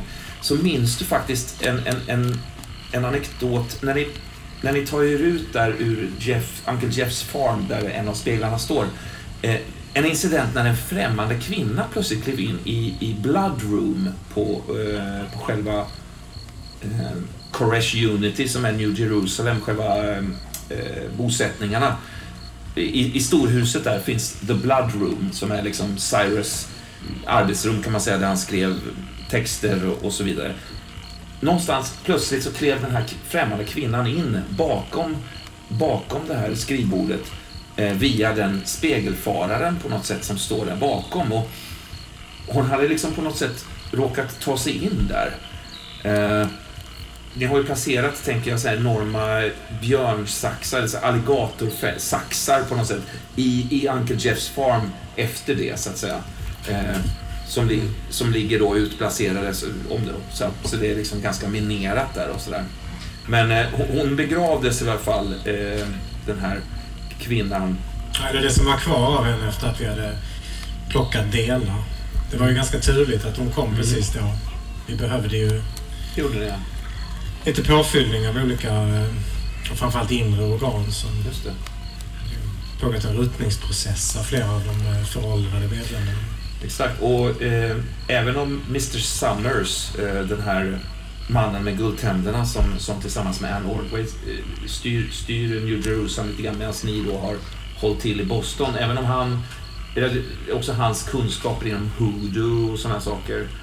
Eh, att ni, ni kanske delar kunskaper med varandra kring det liksom. Kommer ju från samma källa från början. Mm. Jag är rätt så övertygad om. Ja, visst. Abigail, Ja.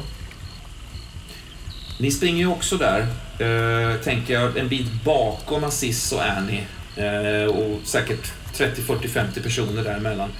Eh, Sally har ju precis, alltså hon armbågar ju dig ganska hårt i ansiktet, vilket jag tänker bultar en del.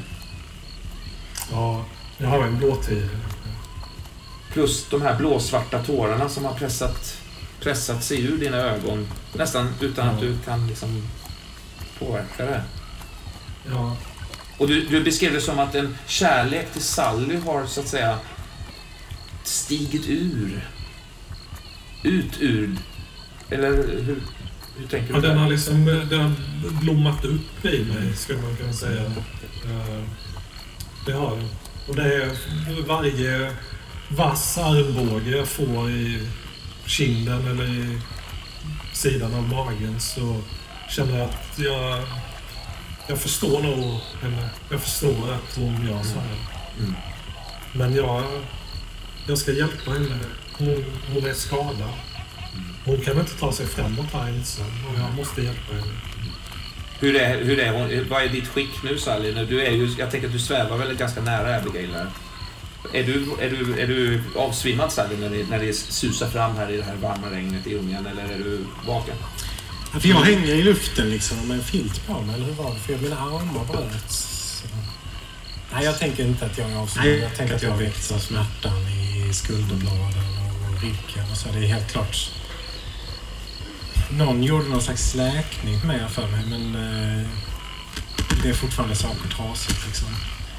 Eh, Jag hänger i någon sån här, jag tror jag har fått en rätt så kraftig feber också så jag hänger i någon sån här febertillstånd och ser liksom den här eh, tropiska träskdjungeln liksom bara sväva förbi. Vä väldigt olustig, Du hör också ett spädbarn som gråter ganska häftigt längre fram. Ehm, försöker vrida huvudet så. Det strålar en smärta nästan ända ner till stjärten. Så, men jag, jag gör det ändå. Utstår smärtan för att försöka se vem det är. Jag håller ju armen om dina axlar. Sally. Och säger att "Sa- Sally, du, du förstår att jag tar hand om dig nu. Jag ger, jag ger inte upp med detta. Du behöver inte vara rädd Sally, utan jag, vi ska ordna detta nu tänker jag. Du har drivit ditt projekt länge nu. Mm, Men vem är det som skriker där framme? Jag, jag försöker se längre fram om jag, kan, om jag ser. Det är ett spädbarn är det. Men eh, eh, frågan är om du känner till namnet på, på det spädbarnet. Det tror jag inte. Eh, du har nog sett det med eh, eh, fru, fru Anne Ordway som är som Jared har berättat är, är hon som tillsammans med Mr Summers driver Jerusalem. Virginia, jag, jag behöver ingen hjälp för jag tycks förflytta mig av mig själv. Jo, du, du behöver faktiskt hjälp, Sally. Du, du tror att du är stark, men du, du får vara svag, Sally. Nu, nu är jag här för att hjälpa dig. Jag ingen hjälp. Ja, men du, du får hjälp. Jag, jag påtvingar dig den hjälpen nu. Och ärligt talat är du för svag för att, neka min hjälp. Är det Elisabeth som gråter? Hör du Elisabeth? Jag, jag tror det är Elisabeth som gråter. Men Sally, du, Sally, du yrar. Elisabeth är inget spädbarn. Hon gråter. Du måste, du måste plocka upp henne. Marion, Marion, du måste plocka upp henne. Marion, hon gråter. Vad ska jag göra? Du hör ett, ett, ett ljud Sally bakom dig. Eh, ett frust, ett, som ett pysande, ungefär som en val som skjuter ut eh, vatten ur sin, sitt blåshål sådär. Eh, häftiga ryckande ljud bakom dig. Är det du Virginia? Nej, jag vet, Som vet vrid- inte vad det var för någonting. Eh, vri, vrider dig smärtsamt bara så att du kan se vad som pågår bakåt sådär och ser det här stora blåsvarta köttägget som färdas fram på den här typ mattan som, som, som det ligger på. Eh, hur det skakar och väx, vä, alltså så här, vätskeavgivande, liksom blank och rycker och ja, eh, droppar av den här jävla mattan. Droppar någon slags köttsaft bara ner så här. Den liksom är precis bakom er där. Pyser gör den. Jag, vet inte hur jag ska hantera det. Så jag bara ligger och tittar på det. Var, var har du fört oss någonstans Virginia? Jag, jag stryker med handen över, över håret på Sally. Mm. Du behöver inte vara rädd, Sally. Jag, jag lovar. Jag, jag ska skydda dig. Du, var inte rädd, Sally. Jag, jag ska hjälpa dig detta. Du och jag tillsammans, vi ska hitta Elisabeth. Jag är inte rädd Virginia. Jag har varit här förut. Det här är mitt hem. Jag, jag har kommit hem nu. Det var här pappa uppfostrade oss. Jag har sprungit i de här träsken många gånger. Men det där monstrositeten som bröderna har tagit med sig. Vi måste kläcka, eller spräcka det där ägget. Tror du, tycker du det? Är det det vi borde? Ja. De har... Eh, Vill, vill, du, vill du att jag gör det, Sally? ja, gör det. De har fött upp den och impat fram den. En svulst. En cancersjuka som de nyttjar. Precis som Orm, deras lilla jävel. Vi borde, ska göra oss av med dem allihopa. Sen ska jag och Elisabeth kliva in i... och upp. Sally, be- ber du mig göra detta nu? Är det något du vill att jag... Vad sa du Elisabeth? Sally, det, det, det är jag. Hon gråter fortfarande Marion. Sally, det är... Marion, hon kanske vill ha Sally, väldigt... det är Vi- Virginia. Virginia som pratar. Marion, jag har alltid känt att även om jag och Douglas har varit mer lika så har du alltid funnits där. Jag har aldrig kunnat uttrycka det på det sättet förut. Jag vet inte vad du tar med mig nu, men jag, jag älskar dig också Marion. Även om jag och Douglas... Jag har alltid förstått att du har avundats den gemens, skap som, vi har. Vi har, har. Jag, jag, ser, Vi borde vara mer ärliga mot varandra som systrar. jag ser mig omkring där lite. Var är Jared? Nej, ja, honom ser du inte till faktiskt. Han borde vara bakom er i så fall ju, för att ni stack ju före honom. Men han... Det är ingen som, så att säga, du ser hela ledet bak, hur, hur, hur långt bak det sträcker sig och det, Jared finns inte Det- bland dem. Det är natt och vi är en stor folksamling som svävar långsamt framåt. Eller? Ja, jag tänker att eh, ekipage, köttägg, Sally och några andra saker svävar medan de flesta springer fram i, i, i under vegetationen och träsket. Jag, jag, faktiskt, jag ger mig av bakåt där och letar efter Jared. Du vänder tillbaks. Jag, jag ger eh, Sally en sista klapp på axeln. där. Jag, jag, är, Mary, jag är snart tillbaka. klämmer till på din hand innan du släpper den. Sally, jag kommer. Var, var försiktig Mary. Jag kommer tillbaka, Sally. Hämta vällingen. Jag hör hennes yrande fortsätta bakom dig. Eh, ja, du vänder ju tillbaks. eh, De far förbi dig genom eh, lövverket. Eh, vant, snabbt. Även om de flesta har ju inte varit här någonsin förut. Men, men det är liksom en väldigt samordnad energi i gruppen. Du, du, du, du eh, springer bort tillbaks mot Uncle Jeffs farm helt enkelt. Då. Ja, jag Mm. zigzacka mellan människor. Som, Ja, att som inte bryr sig om mig något vidare egentligen. Nej. Visst. Jag råkar springa in i någon och Visst. ramla till. Och, faller undan. Det, det, det spelar ingen roll. Så att säga. Det, det råkar vara Justitia faktiskt. Eh, Einsteins syster. ja, vi bara stannar upp och Ja. liksom, för ett ögonblick bara står och tittar varandra Ja. rakt i ögonen. Ja, visst. Du, du ser, hennes pupiller är lika stora som irisarna i princip. Hon, hon, hon tittar upp på det. Även om det var en rejäl krock, tänker jag, så tittar hon upp. Blodet rinner mellan tänderna sådär, men hon ler ändå. Hon ser, hon ser extatisk ut. Det är som om pre- precis när hon är på väg att säga något till mig så mm. skyndar jag vidare. Sally, för ett ögonblick där så när Virginia, för det var nog faktiskt Virginia som höll i dig.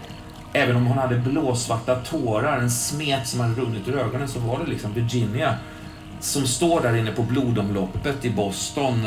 Eh, och du får en, en, en, en återförnimmelse av den här förälskelsen bultar till liksom i dig. Jag vet inte heller om... Jag, jag tror faktiskt också det faktum att jag plötsligt upplevde som att, att Cyrus, min pappa, springer bredvid mig. Som en, alltså det låter lite som en häst. Han rör sig som en häst som springer liksom. Men det är helt klart han. Ehm, och på något sätt så tar jag det som någon form av signal eller symbol om att Virginia också ska följa med upp och ut. Eh, för Han tittar tillbaka efter henne medan han springer bredvid mig. Böljande liksom. Du, du sträcker ut handen där i, i, i liksom luften bredvid din bår för att få tag i hans hand så som du hade Klappar hans man. Ja, precis. Minns du det att ni gick hand i hand ner i grottorna och, och, och hälsade på fågeln och, och han, han berättade om, eh, om olika saker där.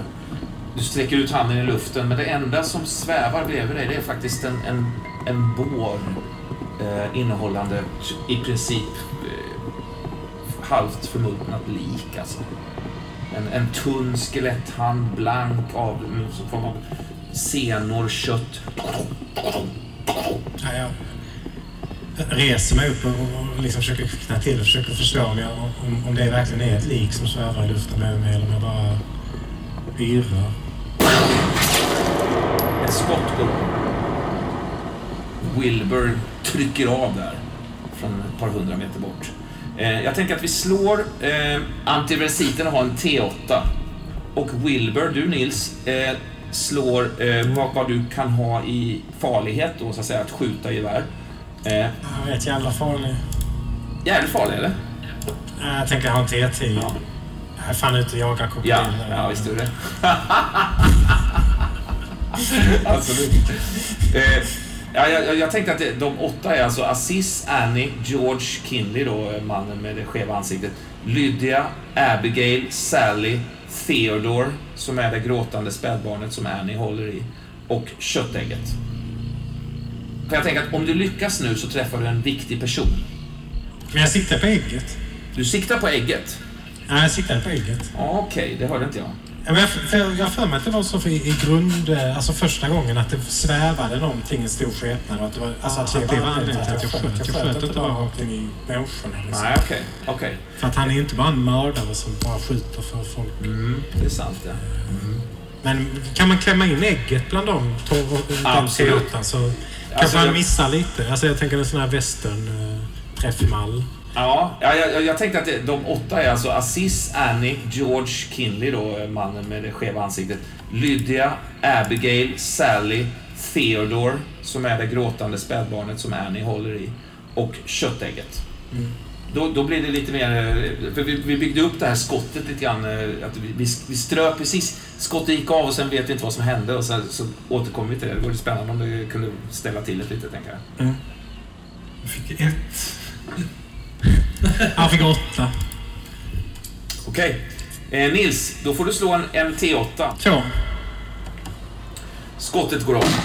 Eh, du, träffar, du träffar Annie. Yes.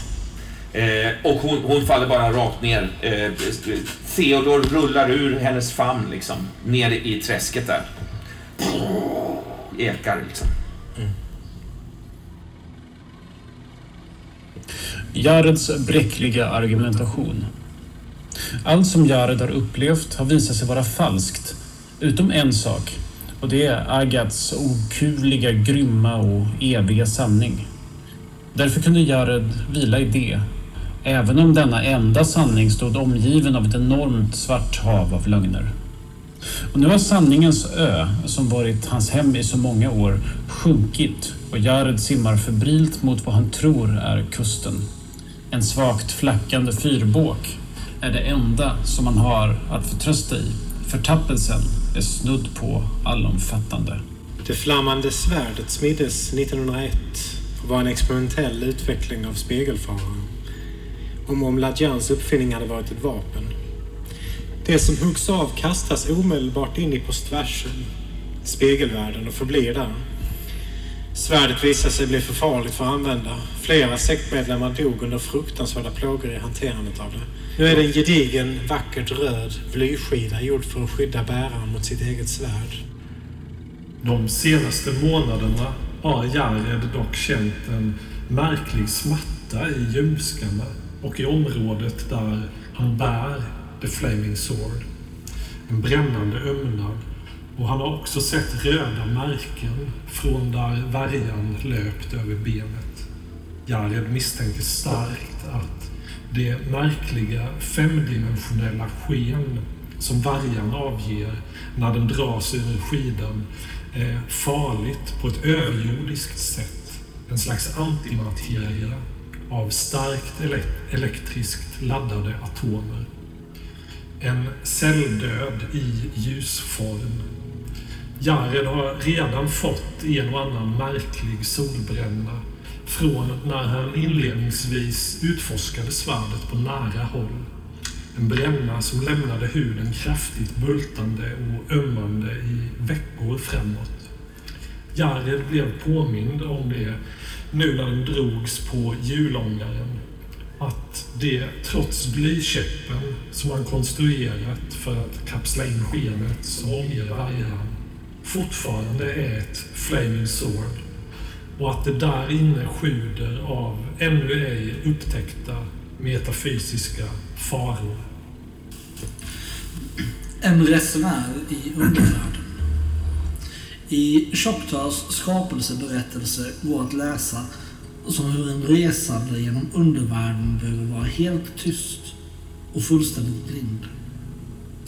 Deras tunga ska vara tystnad och deras ögon förblindade, heter det.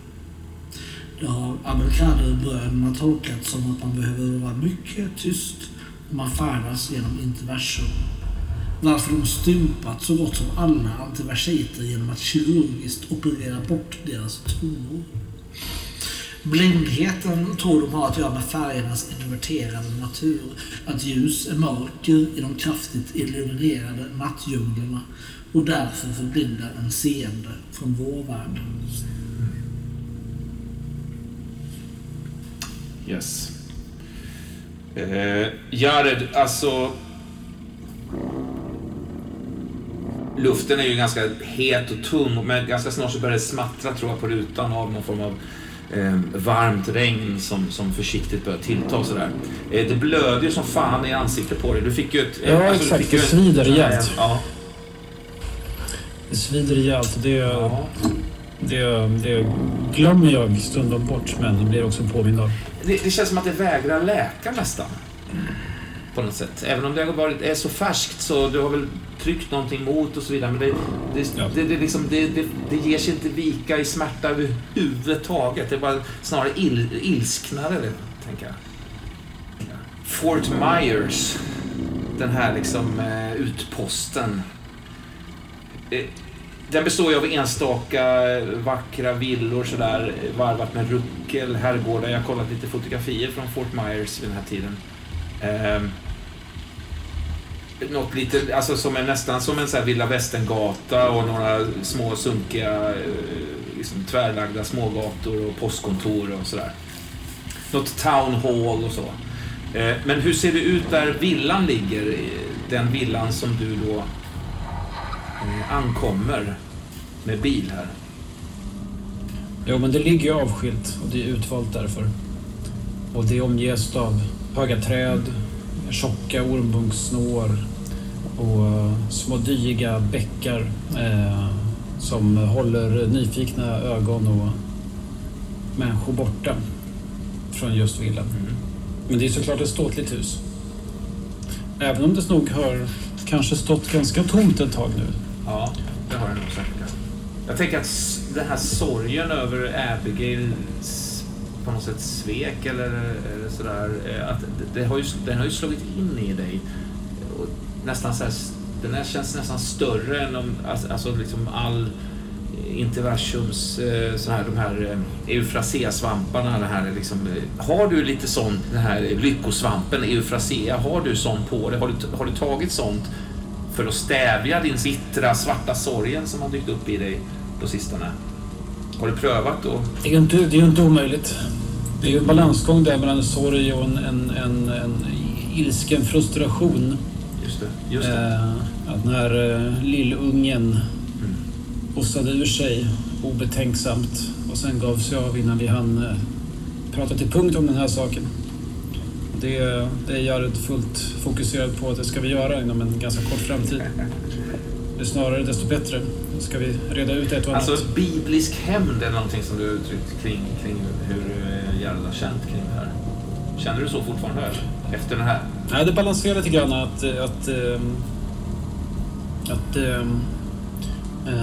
det är ju inte första gången som, som Jared har mött eh, enkla människor som har mött han och hans brors visioner och vet ju hur förvirrade och hur, eh, hur, eh, hur det kan skruva huvudet på, på vuxna, intelligenta människor. Och ett ungt sökande, känsligt själsligt förvirrat barn såklart. Kanske finns det ett hopp ändå om att, eh, att, eh, att eh, Abigails utspel mest var någon form av trots eller hybris. Ja, så du, har ändå, du håller ändå den dörren upp. Alltså det, du är inte på väg dit med svärdet. liksom- Liten, liten dörr finns det. En liten, liten dörr. Ja. För det är ju ändå så någonstans naggande i bakhuvudet att, eh, att eh, Agatha ändå har, eh, har visat sig för, Ja. för den här snärtan. Men det är också någonting som ekar mellan, mellan tankarna är ju att den där äh, boxar... Vad var han? Murare? Vad vet jag? Den där Mm. hopplösa karaktären som, som Abigail på något vis verkar dra omkring på. Jag för mig att han stötte ut någonting om att det var för några fler, Just det. Fler än Abigail som hade fått besök av. Exakt. Vad det betyder, det vet jag inte än. Så att, eh, Nej. som sagt, vi har inte pratat färdigt om det här än. Och Agat har inte direkt varit nådig eh, mot dig på länge. Alltså, hon, har, alltså, hon har inte visat sig så ofta. Nej. Nästan varit tyst så. Jag står ju antagligen i det där regnet med huvudet upp mot, eh, mot regnmolnen Ja. och låter det rinna över ansiktet. Kallt regn för att svalka och stilla smärtan något. Du står i det här... Eh, eh, eh, I det här ormbunkshavet då, eller? Ja. Tittar mot huset och tittar på fönstren. Ja, det är Det är mörkt. tänt, det är mörkt. Det är bra. Ja. Det är bra. Du vet att eh, spegelfararen står ju så att säga i husets källare. I ett av rummen där nere. Så du måste... Någonting har ju, eh, någonting har ju hänt. Jag kommer vara tvungen att ta en titt på den. Ja, och det, det, jag undrar om inte du känner en, en, en smärta nu igen eh, längs det här eh, där, där, där svärdet hänger faktiskt. Att det är den här märkliga ömnaden. Mycket som gör ont. Visst. Nej, jag, jag trampar in. Där regnet hjälper ju inte någonting. Det fortsätter ju att blöda och det, det smärtar. Så jag trampar in i huset. Ja. Eh, på fram, från framsidan då så att säga. Eller? Jag är på väg dit, så stannar jag till. Ja. Vad är det som får dig faktiskt säger det. vad är det som får dig att stanna till där? Tanken på fler eh, knivbeväpnade eller värre eh, Ja, yx, yxkastande urinvånare. Där har vi skuggorna. Mm. Betraktar du som håll sakta runt mot bakdörren. Sjunker ner liksom i, i, eh, i ormbunkarna och tar det fram på det sättet. Kanske fram till... Kommer på mig själv. Är det, är det som en veranda eller hur, hur ser det ut, eh, själva huset? Ja, det är en stor eh, front porch som löper längs med hela huset. Ehm, och även på baksidan så finns det en, en, en trälagd uteplats. Och det är den som jag tänker snurra mig bak till. En köksingång där. Eh, eh, har du din duglighet lite till hans, eh, Jareds, Ingefjord? Ja, ska vi se. Ehm. Det är ju en tärning 10 det. Mm. Slår han åtta. Ska vi se. Fyra slår jag. Ett. Eh, alltså, jag tänker på verandan där. Det är helt orört. Det, det, det står någon sån här rocking chair eh, som har stått halvvägs utomhus nu i, ja, flera år, så att säga. Och det, det, det påverkar ju den. Och, och längs med trägolvet så är det som en, en, en, en pa- patina av damm och smuts och så vidare. Men det är ett litet märke, tänker jag, där i smutsen. Är det inte det? Möjligtvis. Vad är det för någonting? Ja, det ser ut som en, ett, ett fotsteg eller någon form av eh, sula eller eh, Ja, visst är det kanske mockasin rent av faktiskt. Blir du rädd? Eller hur känner, vad känner Jared i det ögonblicket då? Blir förbannad framför allt. Mm. Nu får det vara nog på det här. Slutlekt. Men det finns också någonting, det är någonting i det här eh, smärtande, blödande som påminner mig om att, att jag är själv här. Och det var ju ett tag sedan. Och att Omi inte är här. Och det brukar han vara. Ja. Eh, och den känslan av total kontroll och osårbarhet har ju fått sig en, en rejäl törn. Ehm, men jag måste påminna mig om det ett par gånger. Som att inte stå fullt uppsträckt. Utan huka. Och det här påminner mig om det en gång till. Att i vanliga fall så hade jag ju bara gått rakt in och ja, visst. plockat ut Ja. Inkräktaren som kanske är nu. Ja. Så nu är det inte riktigt lika självklart faktiskt. Nej. Du är, du är de, liksom decimerad i, i din, i din kraft på något sätt då. Absolut. Ehm, Du vet ju att nyckeln eh, ligger någonstans eller om du har den, du har den på dig kanske. Jag vet inte, eller gömmer den någonstans. Har den, gömmer Nej, en av dem har jag ju såklart Mm. i eh, en av mina fickor. Mm. Jag funderar lite på hur jag ska angripa det här. Jag tror att jag, där, där det är kortast avstånd fram till huset från de här uh, snåren så eh, gör jag en liten ansats och spurtar in mot uh, sidan av huset istället. Bredvid ett fönster för att kunna lyssna och titta in kanske. Du, du smyger fram mot ett av fönstren på sidogaveln då. Ja, precis. Eh, tittar in, ser ett, ett mörklagt kök kanske. Eh, eh, håller blicken jävligt stadigt sådär och för minsta mik- mikrorörelse. Men nej, det ser, det ser stendött ut faktiskt. Fortsätter till nästa då. Närmar mig den här uh, bakdörren. Men via fönster till fönster. Lika uppmärksamt. Du ser, eh, du passerar det här lilla växthuset faktiskt som står eh, en bit bort.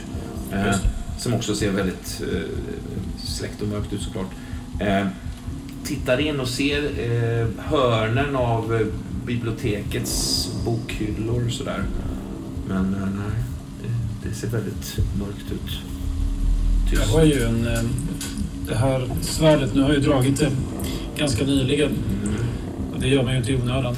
Nej, Ehm, Jag har ju även den här eh, revolvern ja, som jag tryckte av i ansiktet på en av de här just det. Angriparna. Just det. Du hivar väl över dem sen eh, bara rakt efter det eller? Ja, ja. Ja. Visst. Ehm, Jag ser att den är laddad ordentligt. Ja, visst. Håller den, håller den nere vid höften och smyger fram till dörren. Till eh, ytterdörren. Ja, den bakre ytterdörren. Den bakre ytterdörren, just det. Ja. Eh, du tar dig fram dit. Eh, ja, eh, låser upp tyst då liksom. Öppnar en aning. Tittar in. Eh, det är en... Hur ser det ut? Där en lång korridor kanske? Eller hur ser det Är det något... Eh, Ja, det är väl en sån genomgående korridor. Och sen så ligger det hus, husets rum på sidorna. Härifrån kommer man ju lätt in i köket såklart. Uh, fortsätter man rakt framåt så kommer man in i den stora hallen och där går det trappor upp till ovanvåningen. just det, just det. Du ser den här mörka trappan eh, snirkla sig uppåt, bara skymta kring efterköksregionens hörn där. Ah, knäpptyst alltså. Knäpptyst. Jag Eh, smyger in. tar dig in där. Ehm, Var finns liksom gången ner till, till källaren och spegelfararen som leder till... Det ligger ju i en, det är en dörr där som ser ut som en garderobsdörr nästan Ja. i entréhallen där och Ja. under trappan. Så man går in under trappan som går upp. Just det. Ehm, Du, du, du, du tvekar ju när du, är, när du måste ta det här språnget över så att säga, entrégolvet till, till den här nedgången, tänker jag. Eh, och då, då ser man väl säkert in, på något sätt får jag för mig att man ser in till höger i någon form av eh, liksom salong eller någonting sånt. ja men visst. Slå en, eh, slå en duglighet. Så gärna så.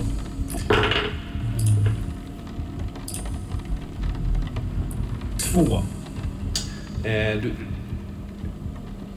när du då så att säga till slut bestämmer dig för att ta språnget över det här glappet. Du kanske har kastat ett öga in till höger några gånger sen, men när du tar det här språnget över så är det som att det är någonting som blänker till eventuellt där inifrån innan du så att säga är över på andra sidan i skuggorna närmare trappan upp. Jag tror att jag drabbas av en, en nästan vag, två sekunders panikkänsla. Och siktar mot det hållet. Här med nästan en skakande hand sådär.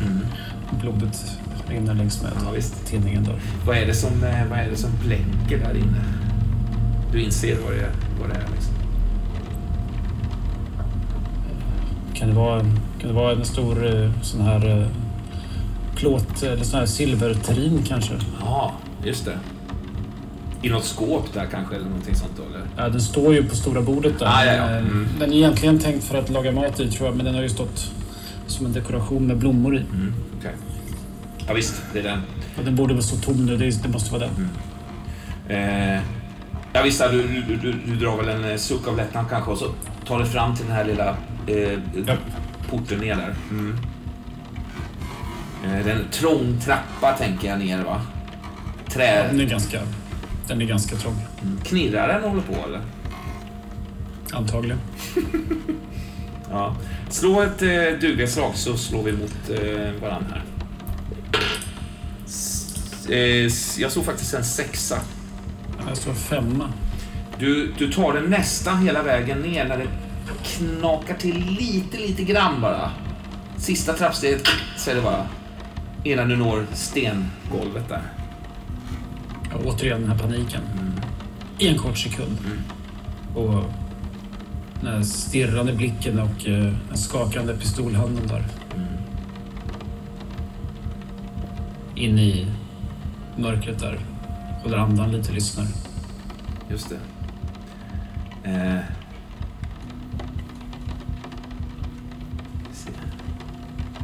Eh. Ja, du lyssnar i säkert två, tre, fyra minuter verkligen. Står där helt blickstilla så. Man blir som ett barn när man är mörkrädd. Precis. Jag tänker Det, att man, inte, man, man syns och hörs inte när man står still. Men också att mörkret börjar nästan sticka i ögonen på dig där nere på något sätt. Eh, Du tar dig fram till, eh, eh, jag tänker att det är en dörr, en öppning åtminstone in till det här spegelrummet då. Hur ser det rummet ut, spegelrummet? Kalt. Ja. Det är en, ett förråds, större förrådsrum där det säkert har stått tunnor och sånt här. Eh, man, man tar ju in saker via en sån här eh, fall, eh, en sån lucka. Klassisk lucka i, i marknivå. Mm. Och så rullar man in saker där. Eh, men här är det tömt sedan länge. Det används ju inte på det sättet. Utan den här eh, spegelportalen står ju själv där. Det, det är egentligen bara den som står där inne. Ja, resten det är bara den som står där. Lite som i tornrummet, att det är Ja, visst. ett stort tomt rum och sen så är det den som står där. Just som du svänger in där för att ta dig in där så, så, så, så lägger du mär- faktiskt märke till en rörelse i rummet som ligger mitt över, nämligen nere i garaget där det står två bilar. Eh, det är faktiskt någonting som rör, rör sig där inne i, i eh, mitt, mitt emot. Jag tänker att om du, alltså spegelrummet är en sak, mitt över har du någonting annat. Ja. Du ser en rörelse i ögonvrån, utan tvekan. Jag rycker ju till och siktar återigen skakande på handen åt det hållet. Så. Slå eh, duglighet. Fem. Ett. Eh, du, du måste liksom ta dig fram, för du, ser inte alls nu som det, som det, som det ser ut, utan du, du står i en konstig vinkel, så du måste ta dig fram till, till porten. Ja. Jag, får, jag får ju hukandes ner nästan så jag skyddar ansiktet med ena handen, vilket är mycket icke-karaktäristiskt agerande för, för Jared. Men Som tar det fram där. Det droppar från, blod från, från dina två sår faktiskt, som sm, smackar lite onödigt högt så i träplankorna, även om du, om du eh, ta, eh, försöker verkligen ta dig fram försiktigt där. Du tittar ut, ser faktiskt Ja, mycket riktigt. En man. Sitta på huk. Ehm, han ser inte dig, han sitter med sidan mot dig. Han, han skakar liksom lite grann så här. eh, Jag inte, rör sig lite, rycker lite. Nästan som att han sitter och skrattar så här. det är som att det är någon sorts rovdjursliknande drabbar Jareds ansikte när han ser den här Ja. hukande och skakande gestalten. Ja. Slutar själv skaka på handen. Tittar snabbt omkring i i det här garagerummet om man ser något mer. Så det inte kommer någon. Du, du tittar in, mycket riktigt. Alltså du, du gör bara en liten ansats. Du ser att det sitter en till faktiskt mitt emot. En till person. Eh, det konstiga är att, och du hinner också se det här, det konstiga är att de ser inte på varandra utan de tittar liksom i ögonvrån på varandra så här. Medan den ena sitter och skakar som i skratt medan den andra sitter helt uttryckslös och bara gör en liten flaxande rörelse med fingret. Du, jag tror att du kopplar det till det, det tysta språk, den här tysta tungan som som du och Assis eh, sysslade med i, i, i New Jerusalem när ni var små. Alltså att ni lärde er de här indianska, det här sättet att kommunicera utan, utan ord eller blick eller egentligen kroppsspråk. Så det är sådana här tjockta indianer, är det det du säger? Ja, två stycken. Vill några snabbt ta eh, två tjocka indianer här? Nej, det är ingen som vill falla. Jo, absolut. absolut. Ja, jag, jag kan vara tjock där. Eh, jo, eh, Johan och Nils där då. Vad är det, vem är det som sitter och fnissar av er då? Och vad har den andra sagt som är så jävla roligt? Ja, Det är ju... Jag sitter och skrattar. För att han... eh, Med det här teckenspråket. Han har ju imiterat en annan grupp. Deras dialekt. På det här teckenspråket. De ryckiga lillfingrarna liksom som eh, känns lite veka. Ja, alltså fruktansvärt träffsäkert är det. Alltså, ja. Det, det är så på pricken en parodi på de vi har hört eller sett och pratat på det här sättet. Så äh, min kamrat där, han är, han är en sån fantastisk imitatör. Och jag är stoneface också när jag gör det. Alltså, jag, jag, jag försöker själv göra samma rörelse med handen men jag, bara liksom, jag hinner bara börja innan jag inser att jag, jag kan inte imitera på den nivån som han kan. Och jag, liksom, jag avbryter mig också för jag liksom av skrattet igen som jag liksom uppfylls. Och jag börjar imitera din dåliga imitation. Ja. Sen liksom Ja, vrider det just det, Det här är nästan för mycket nu. Jag är på väg att tappa balansen faktiskt. Eh, Jared, vad gör du? Jag betraktar de här två hukande karaktärerna ett ögonblick till. Eh, du? Du förstår ju att de kanske i grova drag sådär, eller förstår du allting? Eller hur, hur väl talar du den tysta tungan så att säga? Jag vet inte. Jag, jag känner inte till Jareds förflutna inom eh, Shokta-dialekten. Vad säger du Aziz? Eh, eh, Jag tänker att det är rimligt, i och med att vi har lärt oss språket genom att imitera Tjockta så borde vi väl... Visst var det så att vi har plockat upp deras sätt att prata så borde vi prata samma språk. Alltså vi kan ju inte ha utvecklat ett eget. Ja, Det måste vi ha lärt oss antar jag. Jo då. jag, jag tänker att i det här långa samtalsförbudet som Cyrus satte på er så... Just det. Ja, men då hänger jag med. Ja, men såklart. Okej såklart, men kanske, kanske inte perfekt. Kanske, kanske... Kanske mer var, mer var Sis som förfinade det kan jag gissa. Att han, jag, jag var nog lite mer tålmodig. Jag tänker att det kanske är mer på nivån av på samma sätt och samma korrekthet som, som det har ristat saker i blöt cement nere i de där grottorna. Att det är kanske på samma... Ja, visst. av en slump. Vi pratar ju om, om, en, om en farmare utan grödor som åker vagn fram och tillbaks. Om och om igen. Jag kan tänka att du uppsnappar inte de här som en lustighet. Eller? Det är också för varje gång vi liksom pratar, börjar prata på nytt om den här farmaren så är det, det är nya grödor som saknas. Ja, visst. Det är liksom, det, jag har väl den rollen att jag frågar vilka grödor är det som saknas. Då har min kamrat ett nytt svar på det här. Och det är, alltså det är så roligt så jag, jag tappar andan. Vilka grödor saknas? Ja. Är det som ett skepp kommer lastat fast vilka grödor saknas så att säga? Ja, fast det, är ändå, det roliga är ju att det finns ju inga grödor. Nej, just det. Man åker ju fram och tillbaka utan grödor. Men ändå var, varje gång är det ett visst slags gröda som saknas. Som man inte åker med. Ja, precis så. Nej, just det. Nu är det fjärde gången de går igenom den här eh, eh, resan. Då, då, då skjuter jag den skrattande jäveln. Ja. Rakt av.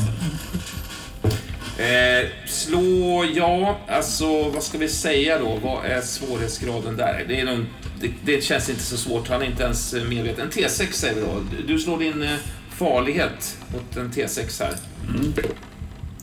Det är en tolva som är i farlighet. Ja. Eh, Jag rullar en femma i farlighet. I farlighet, ja. Trea slår jag. Eh, eh, rulla en T20 i skala då. Mm. Som en pistol har. Tio. Ja, det, smä, det smäller bara till eh, Nils när din eh, kamrat liksom eh, eh, kastas in bara in i bråten i någon bil där som står parkerad eller någonting. Eh, skvätter blod. Jag far ju upp med den här eh, moahaken. Eh, Den gamla stenyxan. eh, men, men snubblar liksom baklänges och ramlar igen ner på rumpan. Vi har ju suttit på mina ben så länge så de har somnat. Ja, visst, Eh, visst. Så jag börjar liksom kravla mig upp där.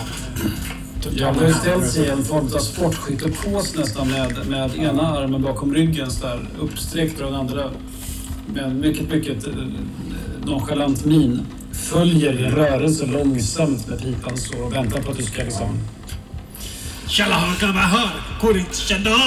Och så kastar jag moahaken från ingenstans Med en väldig kraft. Mäktig.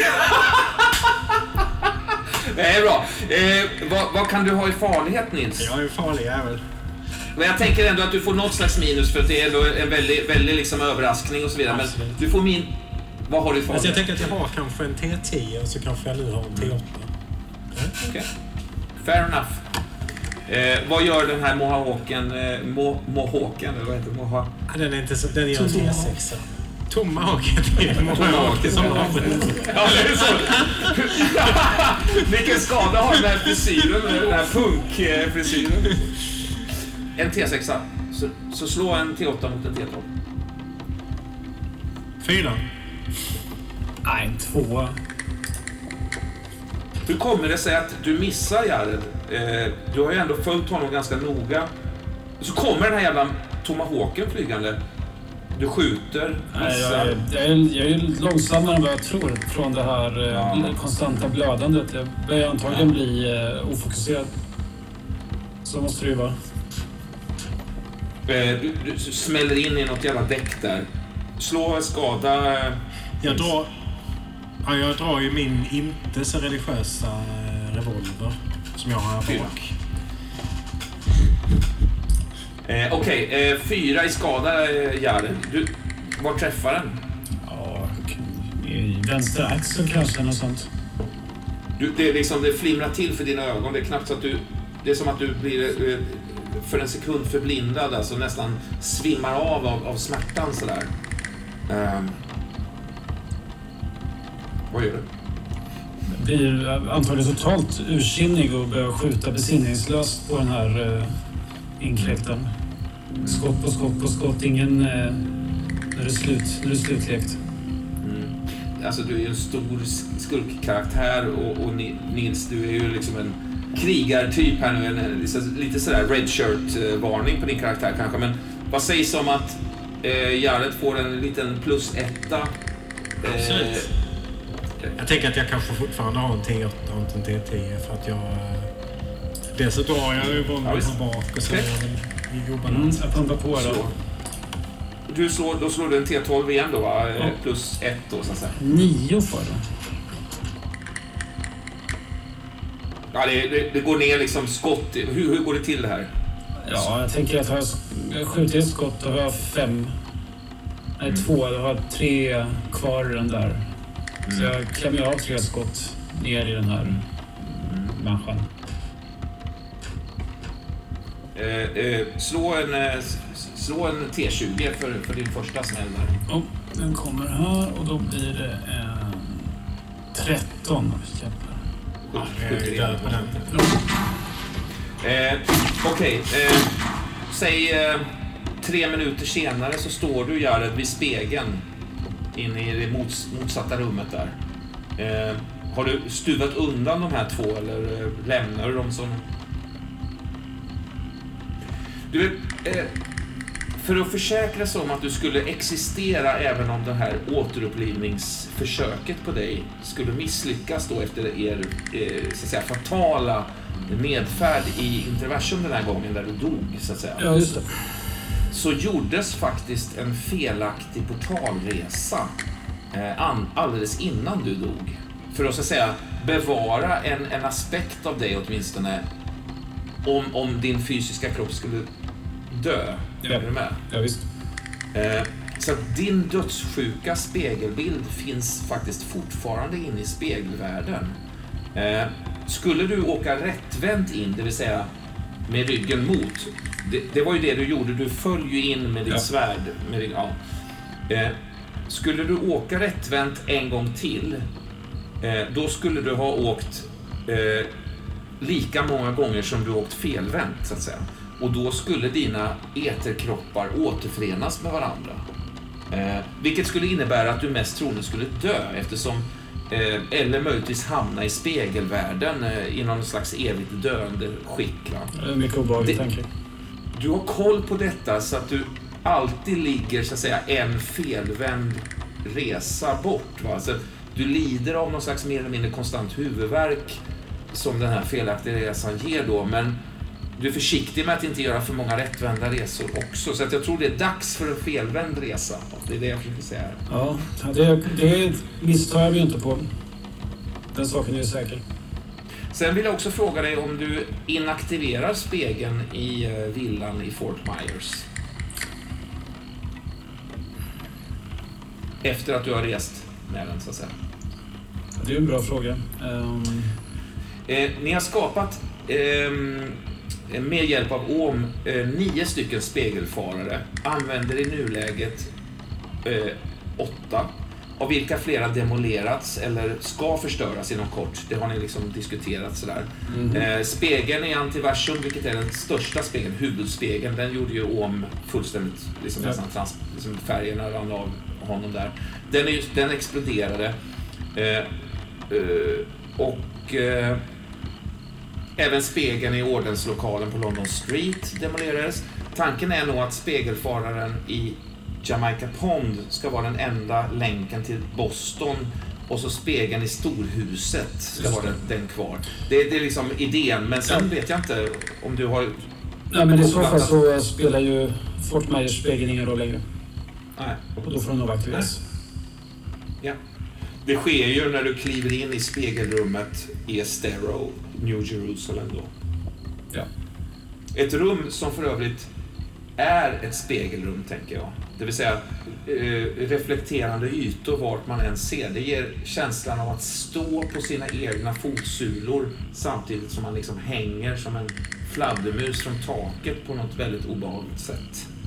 Eh, det är där du kliver in och du känner igen doften, du känner igen luften, stämningen. Du är så att säga i Estero, du är i New Jerusalem. Eh, Jag tror att känslan av, eh, av den här eh, förvirrade spegel, eh, spegelkänslan där inne gör att jag tappar balansen. Av, Du faller bara blodig liksom in på det här jävla spegelgolvet där. Ja, men nu blöder jag ju från flera håll. Och det Ja, är visst. lika ont i axeln som det gör i pannan. Ja, visst.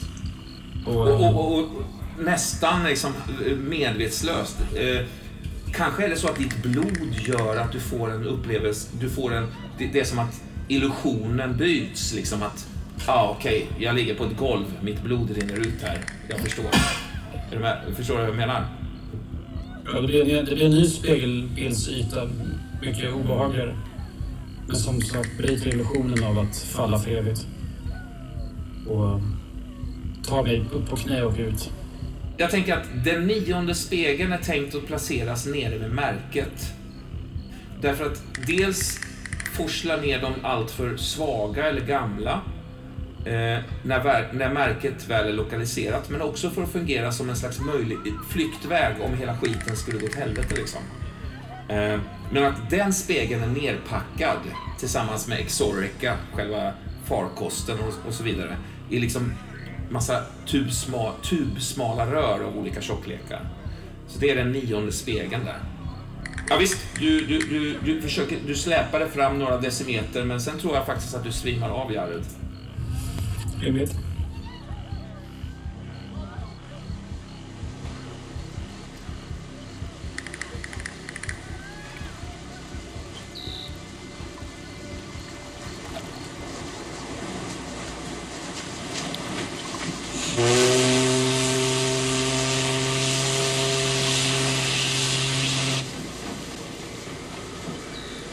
Ahanus kind. Ahanu är en kind, ett öga, ett öra och ett halvt panikartat grin. Resten blev kvar i antiversum. Verkligheten framför spegeln. Skilt från kroppen av Jareds radioaktiva svärd innan resterande Ahanu faller död ner. På andra sidan spegeln i postversum dit The Flaming Sword skickar avhuggna delar glider du nu enbart i egenskap av din ena ansiktshalva genom däcket på vad som borde vara en ångare över Estero. Skrovet bleknar och försvinner. En minut ligger du mot den mjuka vattenytan, sjunker plötsligt ner som i lätt bomull. Vattnet under ångaren är utan detaljer, svart som natten då det skedde, men utan strömmar, utan kyla. Först ingenting, inte ens smärta. Sedan långsamt som du accepterar detta nya, eviga tillstånd, åtminstone än så länge, kom också smygande en allt mer fruktansvärd och slutgiltigen fullkomligt ofattbar smärta. Den lilla bit av ditt ansikte som du nu och för alltid kommer att vara når snart botten. Ahano var ju en av de eh, tjockta, eh, urtjockta folket som anföll dig Jared på, på ångaren där. Ni är med på det att det här svärdet som, som Jared har, att det liksom skickar in avhuggna delar in i, i postversum då i, så att säga, spegel, spegelvärlden där. Jag tänker att du, Sweeney Folsom, eh, och dina två eh, kompanjoner Pusha Mataha och Little Beams, ni springer där genom grottorna eh, helt blanka av, av svett. Eh, det är en enorm ansträngning. Eh, och ni springer ju hand i hand enligt den här gamla sången, eller hur? Det, det skyddar ju er från de här mäktiga och farliga figurerna som rör sig där nere i undervärlden, som, som ni kallar dem. Ehm, hur känns det att vara liksom alla tre där, hand i hand, som en, en individ på något sätt? Det, det är ju så mycket som har lett fram till det här. Det är skrämmande. Mycket mer skrämmande än vad jag hade kunnat föreställa mig. Mm. Jag har liksom sett på det här så väldigt liksom eh, logiskt eller bestämt eller fyrkantigt eller vad man ska säga. Så jag har lite missat att- att känna efter. Och plötsligt så är jag bara här och allting ser väldigt främmande ut och luktar konstigt. Och det är saker som rör sig liksom i periferin så jag, jag håller de andra två hårt i handen. Jag tänker att ni fortfarande är i det yttre grottsystemet. Eh, vi har inte riktigt klivit in i, förbi så att säga eh, den här, det här stora apansiktet som vi beskrev förra gången. Eh, men jag tänker att ni ser också rester från, eh, från fornstora dagar, tjockta Ehm, liksom hjältar och halvt, halvt gudalika krigare som, som ligger begravda här nere. Ehm, Tjockta-indianerna har ju, alltså när, när spanjorerna ankom så kallade de ju eh, floden för Estero River. Men Tjockta-indianerna kallar det för Själafloden, Chekiosh. Eh, och, och pratar också om Själabrunnen eller Chekinaga. Eh, och då så att säga själasväljaren om den varelse som enligt myten återuppstår var eh, 4593 år. Och sen beskrivs också, det, det här har ju ni, det har ju ni liksom, det har ju, vad ska man säga, gått till er i amning mer eller mindre. Men eh, den här demoniska fågeln som vaknar till liv också innan varje broöppning som ni kallar det. Den, den fasansfulla Shekaichesh eller självätaren. Ni har samlats upp i en av de här urgamla salarna som är Ashtep Oggis grav. En ganska stor grottsal. På väggarna ser ni eh, ristningar av, av en del urtida djur och, och även, även livsformer och, och större djur från andra sidan svalget som ni, som ni kallar då så att säga den här eh, ingången i, i undervärlden då. Eh, men ni blir för, förskräckta tänker jag när ni kommer ner för det är någon som har besudlat salen. Det är någon som har Eh, yxat till någon slags konstverk där i mitten. Eh, anlagt någon konstgjord pöl liksom. Det är en slags eh, rund cementformation med en, liten kant bara. Eh, och som, som jag beskrev i mitten, nästan uppstaplat, uppspikat med långa flätor som hänger ner. Det, det, det är oerhört, eh, vad ska man säga, nästan blasfemiskt. Eh, även om det påminner om, om eh, någonting vagt bekant och jag tänker på eh, självätaren, Chekaichesh, fågeln som äter sig själv som också ingår i den här eh, Tjokta-legenderna. Eh, I övrigt är det, är det tyst. Ja, tyst. Ni hör väl, ni hör väl liksom eh, mär- de här märkliga surrande ljuden och, och ljudet från ras, rasslande stenar, men eh, i övrigt är det tyst. Men jag, jag ser mig omkring efter någon, en sten. Mm, visst. Ligger en, eh, ligger en, en ganska bra sten där. Några meter bort. Jag plockar upp den och väger den lite i handen, kastar den lite upp och ner sådär. Den är ju liksom större än min hand. Det är, det är rätt tung faktiskt. Så lägger jag över den i handen på Little Bean. Hur ser det ut, lite blind? Jag ser ju ut som en liten solstråle. Alltid glad, lite fräknig. ehm, med, med liksom glada ögon med lite, lite kråkfötter i, i, eh, i kanten på ögonen. Så. Eh, som att jag alltid småler. Eh, så, så ser jag ut. Och rätt lite, jag är minst av oss tre. Därav liten. Vad vill jag säga med den här pushen? Ja, men, eh, ja. Medan du säger det så jag, du får inget svar där utan jag har redan vänt mig om och plockat upp en ny sten. Sweden, ska, det- ska det se ut på det här viset? Jag går långsamt fram mot den. Ingenting jag har hört talas om i alla fall. Jag vet, minns ni det? Minns, minns ni den här? Nej, det skulle väl vara tomt här? Det här är ju så att säga, det här är ju Ashtep Ogis grav och den, han är också begravd, eh, jag vet inte, kanske längs väggen i någon sån här, eh, ja, hål in sådär, ligger hans eh, ben. Men det liksom fanns ingenting på platsen där den här pölen var innan? Nej. Nej, precis. Men det är ju betong. Nej, precis. Det kan ju inte vara... eh, Den här borde vi ta bort egentligen. Ja. Sweeney, ska vi? Men, men, ja. Ja, jag, jag, tar, jag tar sulan. Jag förstår precis vad du menar. Jag tar sulan rätt i, i nyllet på den här äh, runda cementformationen. Som, jag, som jag liksom ser som någon form av ansikte eller huvud eller någonting. Visst, ehm, ja men alltså det, den får ju, eh, träffar du, träffar du den eller missar du Ja, den? det är klart jag gör. Det, den träffar ju klockrent liksom, slår av, eh, slår av någon liten bit, något som sticker upp där. Eh, verkar så. Jag hoppar till av smällen. Jag är inte alls beredd. Ja, jag, jag tar också ett litet skutt, men av, av, av lycka liksom. Sweeney, du, du ser faktiskt någonting när den här stenen trillar ner och faller ner i den här lilla pölen. Så, så rör det, rörs det om i den här ganska tjocka algblomningen som sker där på ytan. Va? Och du, du ser nästan att det skymtar till någonting, vad som tycks vara på botten av den här lilla dammen, eller vad man ska kalla det. Anlagda dammen. Ser jag någon pinne eller någonting sånt jag kan ta? Absolut. Kanske en gammal rot som sticker ut ur väggen. Som Mm. jag liksom jobbar av genom att rycka lite fram och tillbaka i den. Ja, visst. Vänta, men vänta lite. Så här, så, vänta. Jag ska precis gå fram och hjälpa till när du liksom rycker ur den där. ja, jag ramlar nästan lite för att det är sån kraft liksom i sista rycket. Så går jag fram och, och eh, faller ner på knä eh, och börjar liksom röra lite försiktigt som att jag rör runt i en soppa. Eh, Eh, som sagt, det här slammet, det här gröna, ganska tjocka slammet det dras åt sidan och du ser, du ser dess alltså nästan gjutformen, eller vad ska man kalla den, bottendelen av den här cementformationen där vattnet ligger i. Eh, jag tror att du, du, du, du ryggar tillbaks lite grann eh, när en ett rejält stor eh, rosa silvrig eh, karp eller fisk eller någonting som gör en liten, en liten rotation liksom och, och glider vidare där. Det tycks vara eh, en del sådana fiskar där i. Men du ser också det som du såg innan och det är alltså någon, någon slags runt märke där. Eh, ri- Ritat eller ristat eh, på botten av den här dammen. I vars mitt då en, en, den här upphöjdaren med fågeln, fågelstatyn eh, står.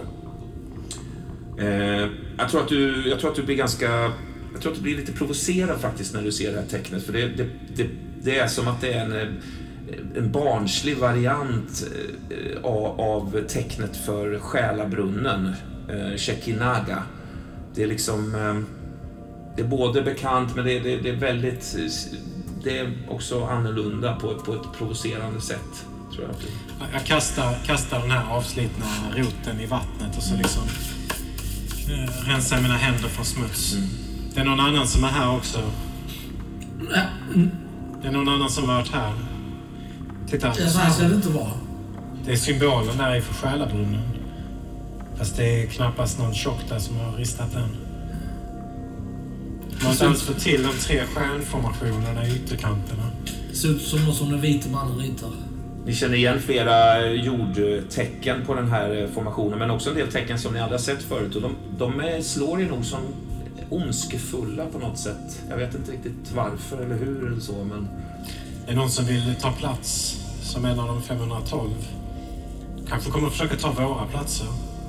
Nej, vi får nog skynda oss. Eh, pusha.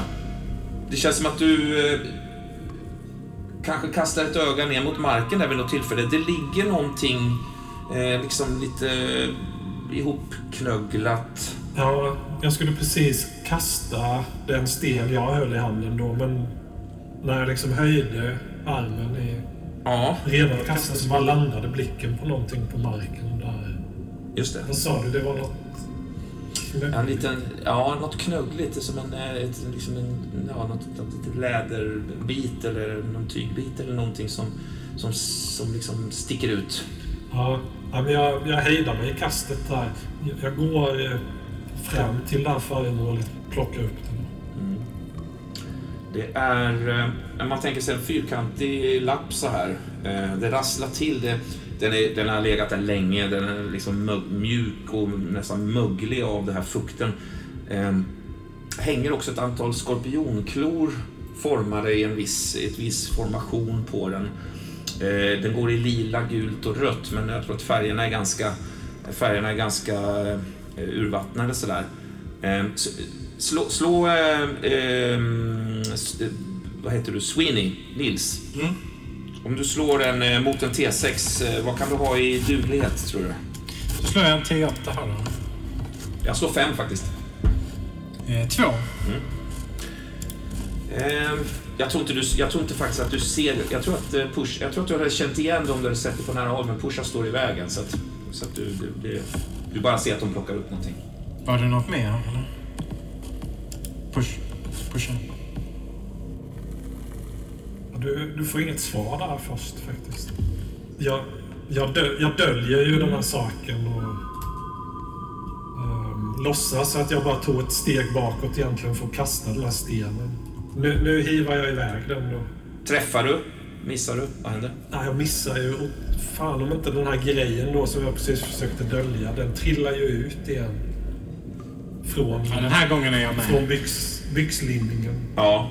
Jag försöker fiska upp den. Även, Ja, även jag ser det här liksom att någonting som... som vad är det här? Ja, det är en, eh, en vo- votva. Det är en sån där eh, varningsgåva. Är det. Jag ville ju inte skrämma er, eh, tänkte jag nu. En votva, det är ju alltså en, precis en varningsgåva. Det är liksom en... Eh, det är någonting man kan, eh, man kan både så att säga intimidera med, tänker jag, men också varna med. Det kan både vara en, en, upp, en förmaning eller en, en varning på något sätt. Alltså... Den kan nog vara både lite, så att säga, vänligt eh, säga, sinnad på det sättet att den vill kärleksfullt varna, men den kan också vara en varning som, som menar att man ligger jävligt risigt till, så att säga. Ja. Ser den lika liksom dåligt gjord ut som, som eh, det här? Nej, nej det här är tjockt. Det är någon av oss som har varit här. Jag tror de vill varna för vad som håller på att hända här. Det är någon annan som försöker ta sig in före oss. Som försöker ta vår plats. Men det kan de inte få. Vilka, vilka är de? Det vet väl inte jag? Ni hör eh, Miss Lennings eh, ropa på avstånd. Hennes röst eh, studsar mellan väggarna. Det är väldigt svårt att avgöra var hon är, så att säga. Men ni hör så att säga, ljud från de, några, några av de andra där.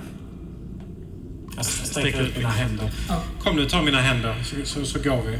Ja, jag, jag tar din hand Ja, också. det är jag också. Ni kastar er ner i den här, eh, eh, vad ska man säga, ganska eh, mjukt formade tunneln som, som leder eh, flera, flera hundra meter längre ner faktiskt. Springer och enligt de, vad ska man säga, verser och steg och, och, och, och melodier som ni har inpräntat i er. Eh, och når slutligen platsen för, eh, för svalget som ni kallar den. Eh, och ser att det här, den är faktiskt, ni är, ju, ni är ju redo att trycka in den här sifferkombinationen på, ni har ju fått lära er att apans nio tänder ska, ska tryckas in i, i en viss ordning. Men det har- behöver ni inte för den är faktiskt redan öppen. Är, är de... Är, är, de redan här? Har de hunnit före oss? Nog vara försiktiga. Vara försiktiga. Börjar leda er in genom apans mun. Titta åt alla håll. Ni ser hur det liksom hur det, hur det rör sig lojt längst där inne där ett snitt har gjorts i den här stora säcken. Eh, och, och tar, tar det så att säga in där.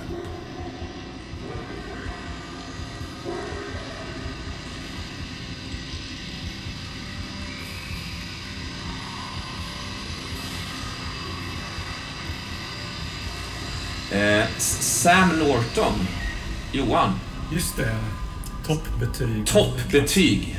Också ganska fascinerad av, av en liten, eh, så att säga, en liten eh, attiralj som, som eh, Sweeney Folsom hade, en liten fjäder där. Ja, just det. Jag är helt såld på den.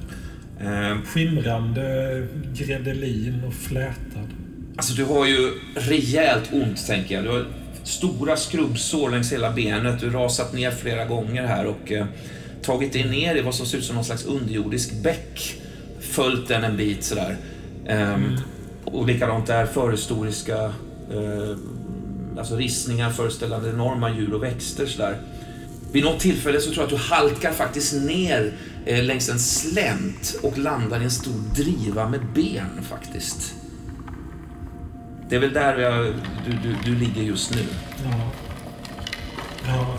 Det första jag tänker när det händer är jag tycker det är konstigt att det är gamla eh, rötter och kvistar, torkade grenar som finns så här djupt ner. Sen går det upp för mig att det är, eh, det är ben då. Och jag förväntar mig att jag ska kunna... Alltså jag, jag är väldigt, väldigt rädd nu. Men jag förväntar mig att jag ska kunna säga vad det är för slags ben. Du är ju, du är ju väldigt, du är som sagt, det är ett toppbetyg där. Du, du kan ju en jävla massa djur och du även, alltså all anatomi och sånt där. Du, du har väl lite koll. Ja, Men, eh, det, nej, du får nog leta ganska länge innan du hittar eventuellt någon sån här eh, träskhare eller anhinga. Det är sån här, eh, en slags, en slags vattenfågel. Men också, också mycket människor och ben alltså. Men, men de känns väldigt små. Ja, och liksom detaljerade på ett sätt som jag inte tänker att människoben är. Alltså det är som om någon har skulpterat dem och liksom överbearbetat sin uppgift. Det är små fina välvningar och nästan... Alltså, och jag vet inte om det är bara för att jag är så rädd, men vissa av dem ser fint svarvade ut. Är det lite som det här fjädern, att det är svårt att avgöra om det är en mänsklig hand som har gjort det eller om det är naturens? Det är precis den känslan, det märkliga, den märkliga tvetydigheten där. Är det liksom ett något hantverksmässigt jag har att göra med? Eller är det, kan det bara bli så här av, av naturen? Jag tror att du ångrar ändå att du inte följde efter Miss Lennings när ni träffades i den där märkliga salen med den här eh, statyn och fågelstatyn med flätorna och det. Mm. Eh, Du, du simmade ju ut där Ja, eh, i den här äckliga... Det var ju, måste ha varit obehagligt med de här stora fiskarna som nyp, nyper dig lite försiktigt bara Ja. i, i skinnet. visst. Det, det var det liksom... Underdelen på min skjorta fladdrade upp lite där i vattnet och jag, de liksom kom ju med sina små snabba bett liksom i Mm. då. Och det är liksom... Små snabba bete. Jag har fortfarande Ja, så- sveda där liksom kring naveln Ja. så. Mm. Mm. Med små röda ärr. Jag lägger handen på jag- magen faktiskt och känner mig där. Jag förstår inte vad jag, vad jag skulle ut i vattnet och göra överhuvudtaget. När du så att säga öppnar skjortan där och, och vänder och vrider lite på det så det känns som att under den här närmsta benhögen så finns det någonting som eh, påminner lite om någon form av bosättning nästan. Eh, och också någonting, ett slags rotsystem som sticker ut. Det är en väldigt, det är väldigt liksom röra sådär. Det verkar vara mycket, mycket gammalt. Ja, jag, jag drar ju undan några av de här benen med armen då. Och det som liksom blottar sig då kan man tänka på det som ett gryt. Eller Absolut. liksom något slags mäster. Alltså du menar som ett, ett, djur, ett djur bor där då, så att säga? Ja, Eller har bott? Alltså det är en öppning i, i berget. Där. Ja, och det som får det att se ut som en bosättning, det är att någon har liksom, det är någon som har ristat i liksom kanterna kring den här öppningen. Så att det på något konstigt sätt får eh, karaktären av en dörrkarm. Mm, Så. just det. Mm. Att det liksom, öppningen är markerad på, på, på något sätt. Du, du, du kryper in, eller? Ja, det, det gör jag. Jag. Jag vänder mig om eh, under tiden som jag kryper in där och liksom stannar upp och försöker lyssna. Jag, jag hör inte Miss Lennings röst eka någonstans långt borta. Jag tror inte du gör det för att alla de här benen och det här, det rasslar konstant. Vet du, du har satt igång någonting där. Det, det rör sig. Det, det är så pass många ben. Så det, jag tror nog det är ett ständigt liksom, benrasslande snarare. Eh, du hör faktiskt. Le, Eh, lite hal- halvhjärtat ropar jag ju bakåt där. Miss Lennings... Men din, din röst studsar ju omedelbart mot en liksom väldigt stum akustik. Den här gången som du har tagit in en liten bit på, den öppnas upp i någon mycket, liten, mycket litet utrymme. Men du ser faktiskt någonting längs, som ligger där inne på marken, någonting som ser ut som nästan som en, en slaf eller någonting. En madrass eller alltså sängkläder på något sätt. ja... Du kanske gör det mig lite mindre rädd faktiskt. Alltså Mm. åsynen av civilisation på det sättet.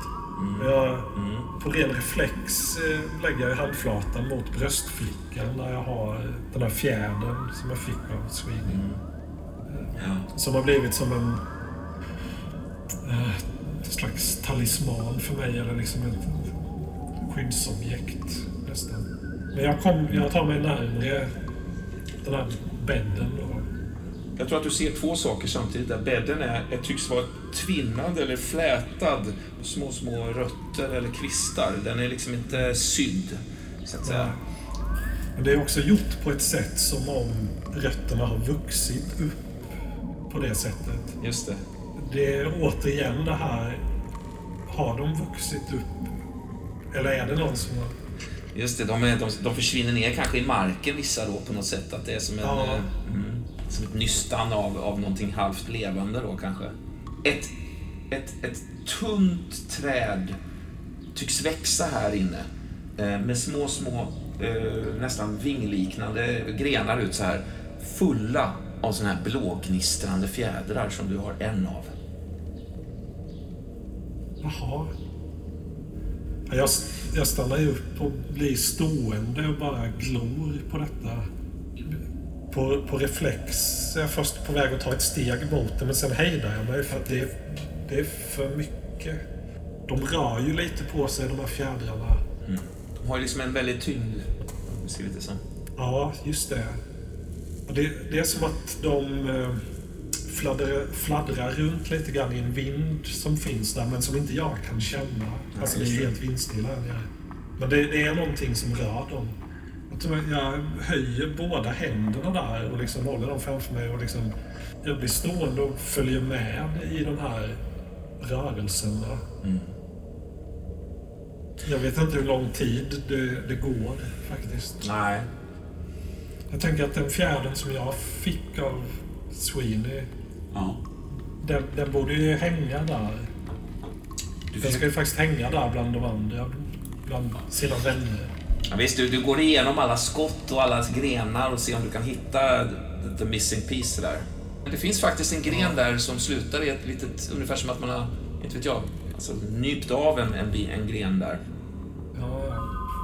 Jag får en märklig känsla från i julas när vi dekorerade Just det. julgranen hemma. Hela familjen skulle hänga upp julgranskulor. Jag letade hela tiden efter liksom den rätta platsen för julgranskulan. Det skulle finnas en passande yta på granen utan en julgranskula. Där det, liksom, det här är lite samma känsla faktiskt. Och till slut då hittade jag den här i änden. Du hänger tillbaks fjädern då, eller? Ja, Ja, men vi lämnar dig där, tänker jag. Sam. Filimona Ulysses. Ja. Härlig, härlig energi. Ja, hon är, hon är full av energi. Har alltid varit. Jag tänker att det kaos, Filemona. Alltså, eh, det, här, det här märkliga jättehuvudet, eh, apliknande huvudet, har ju slagit igen efter Miss Lennings eh, som gav sig in där, så att säga. Du är med fem av dina klasskamrater. Ehm, några av dem gråter. Eh, du hör Sam Norton ropa liksom långt, långt borta. Eh, det finns någon väg till höger, vänster, upp liksom. Ni har kommit ner där. Det är oklart. Någon har slagit sig som fan liksom och blöder och... Jag känner ju omedelbart mitt ansvar eh, att, att bli ledaren. Eh, för, nu finns ju ingen annan ledare. Eh, Miss Lennings är, borta. Det här är mitt ansvar. Så jag, jag, eh, jag delegerar till några av barnen som inte gråter att ta hand om de barnen som gråter. Och själv ska jag fundera på liksom hur eh, vi måste nog bara ta oss tillbaka. Det är väl någonting som, du, du- det är ingenting du hör eller känner eller någonting sånt, men det är någonting som gör att du, att du, du spanar in i en, i en av de här mörka, mörka gångarna som leder åt ett håll. Eh, bara för att liksom vända dem och spana åt andra hållet. Det, det, det, det är som en simmig, simmig tung luft som, som drar igenom här. Eh, det är också väldigt, väldigt varmt alltså. Svettigt och klibbigt. Ja, det är desorienterande. Ja, hög luftfuktighet här inne. Eh, jag försöker liksom tänka på vilket håll gick Sam? Gick han vänster, gick han höger, eller gick han in? Nej, han gick inte in. Han gick vänster eller höger. Åh, Sam har du inte sett på tag? Nej. Det är för jag tänker att det är rätt bra. Ja, det är skönt. Så det är, jag, jag, jag menar, nu har jag ju... eh, eh, Nu har jag ju chans att visa vad jag går för. Inte att han är. Jag tänkte inte gå till honom, han har gått i alla fall. Plocka gärna några, några random ungar om ni vill. Veronica, eh, eh, se till att barnen slutar gråta.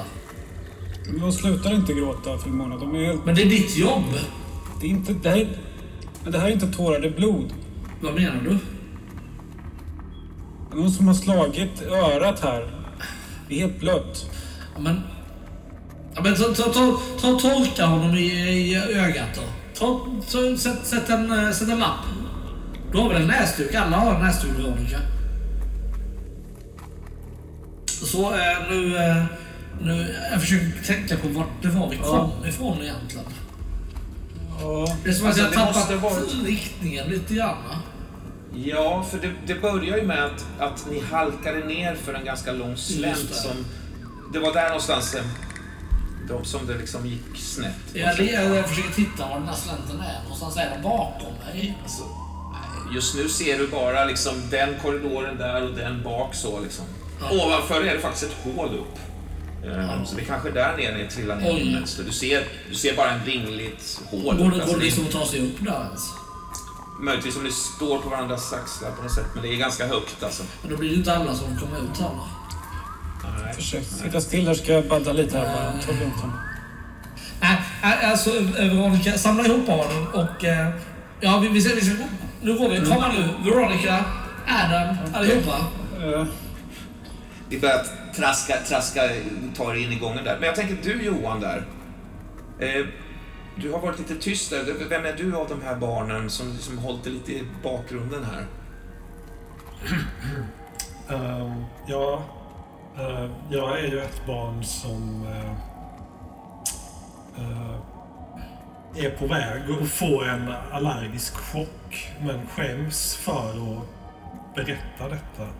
Det är rätt hårda, det är ett hårt klimat i den här klassen. Och i åratal har jag ansträngt mig för att liksom dölja den här genanta åkomman då.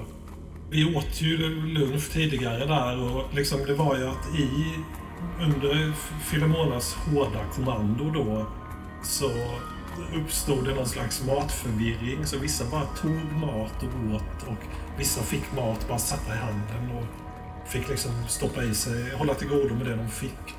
Och jag fick ju i mig något hemmabakat bröd med, jag vet inte vad som fanns i det hem, hembakta brödet egentligen. Det var liksom, det var nötter, frukter, olika spannmål. Det var paranötter var det, tror jag. För det var mitt, det var mitt bröd. Ja, mamma och jag det. Du ser eh, Filemona eh, och de andra, eh, de andra fyra barnen är på väg bort, men du, di- din andning är så kärv och så, så tung och så, du, liksom, det, det är väldigt nästan kläggar helt igen snörpt sådär. Ja. Du, alltså, du sitter nog där lite på knä och... Det kliar ju på utsidan av halsen. Ja. Och jag känner också att det blossar upp i ansiktet på mig. Och, alltså jag känner att jag är illröd i ansiktet. Och det halsen... eh, Den, den blir ju trängre. Det blir trängre i strupen. Inte snabbt, men det, det utvecklas ju. Filemona, eh, ni har tagit er igenom den här korridoren som, har- som, som delar sig i två nu, höger eller vänster. Vem är du Ingefjord i det här eh, Jag är sällskapet? den här eh, Veronica som lite ser upp till Filemona och jag står alltid ett steg till höger bakom. Är det inte så att du spelar något instrument eller någon, eh, på något sätt? Ja, blockflöjt såklart. Blockflöjt, ja. Har du någon favoritmelodi? Ja, men det är väl ett par. Ja. Eh, jag undrar om inte du liksom fångar upp en någon form av musik faktiskt. Eh, åt höger. Men jag vet inte om Filemona är på väg dit eller om ni andra så att säga har skingrats en aning här. Nej men, nej, men alltså jag, jag, jag, jag tror inte att jag hör det här men, men det slår mig på något vis att vi behöver någon form av ordning i leden. Och, och, och Veronica spelar ju blockflöjt. Så kunde inte hon spela någon slags liksom, marsch och få oss Absolut. liksom, igång? Eh, så, så eh, eh, Veronica, har du med dig blockflöjten? Ja, här är den. Jag tror vi behöver lite... Jag tror vi behöver lite styr, styrsel. Kan du inte spela Tie a Yellow Ribbon? Så vi kommer i ställning här så vi kan ta oss hem. Men då hör faktiskt också du det Filemona. En, en svag, en svag, svaga toner faktiskt som kommer åt höger bort ringlande. Ni är ju en bit bort. Jag tror att det är, det är säkert 40 meter till, tillbaks till, till just, Justina. Var det så? Ja, ja Justin. Justin, ja. Så ni ser henne bara precis liksom, eh, ni har gått en bit så att säga, och glömt bort henne lite grann. Ja, eh, Veronica, ja, jag, jag, jag knuffar henne framför mig tillbaka liksom mot, mot eh, Veronica Mm. och höger. Men det går ju hal- halva, efter halva vägen. Jag ramlar ju Ja, ja okej. Okej. Jag går fram till Justin och liksom tar henne liksom i... Nu, nu får du skärpa dig. Vi har inte, jag, jag, jag hivar upp Justin på axeln. Jag kände att jag har ändå, jag tänker på Miss Lennings. Vad hade hon gjort? Hon hade inte lämnat barnen ändå. Vi slår, vi slår varsin T6 om du orkar det. Ja, det gör jag. Jag orkar. En etta. Ja, du, du börjar där i alla fall, men, men det, det är rätt svårt alltså. Jag har ju aldrig gjort någon, liksom, någon sport eller gjort någon... Liksom, jag har ingen kraft överhuvudtaget. Nej, jag tappar Justin liksom av axeln på något vis. Efter bara ett par kilometer. Eh, Ingefjord. Vad heter det? Veronica. Veronica. Eh, jag tänker mig att du går, går liksom i någon form av så här, nästan lite marschliknande steg med flöjten eh, blåsandes där på, på väg mot det här eh, hållet där, där, där du hörde den andra musiken svagt. Ja. Du har nog gått en bit faktiskt. Du har gått en 50, 60, 70 meter. Oklart. Kanske till och med gjort några vän, vändningar sådär. Inte så lätt att veta faktiskt. Nej, det, och det är ju fruktansvärt mörkt alltså, naturligtvis.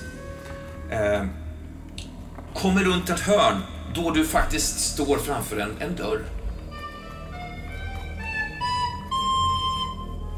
Vad vad bra. Tänker jag. Och, och lyssnar vid dörren. Mm. Kommer det musik där? Ja, det kommer faktiskt musik där. Det är som svag jazzmusik som, som når dig via, på något sätt genom den här. Den ser ganska rejäl ut, den här dörren. Eh, finns det ett handtag? Mm. Jag känner på där. Du känner på det. Det är låst. Nej. Eh, tänker efter. Nej, jag, jag knackar på dörren. Du knackar på dörren. Lite försiktigt sådär. Nej, musiken fortsätter oavbrutet där inne. Det är väldigt svagt, men eh, det är inget som avbryts så att säga. Jag knackar lite hårdare. När du har bankat några gånger sådär så, så eh, tystnar faktiskt musiken. Då är det ju någon där. Åh, vad skönt. Oj, vad bra. Oj, vad bra. Mm. Då blir det lite ordning och reda. Du står och väntar på att någon ska komma och öppna helt enkelt.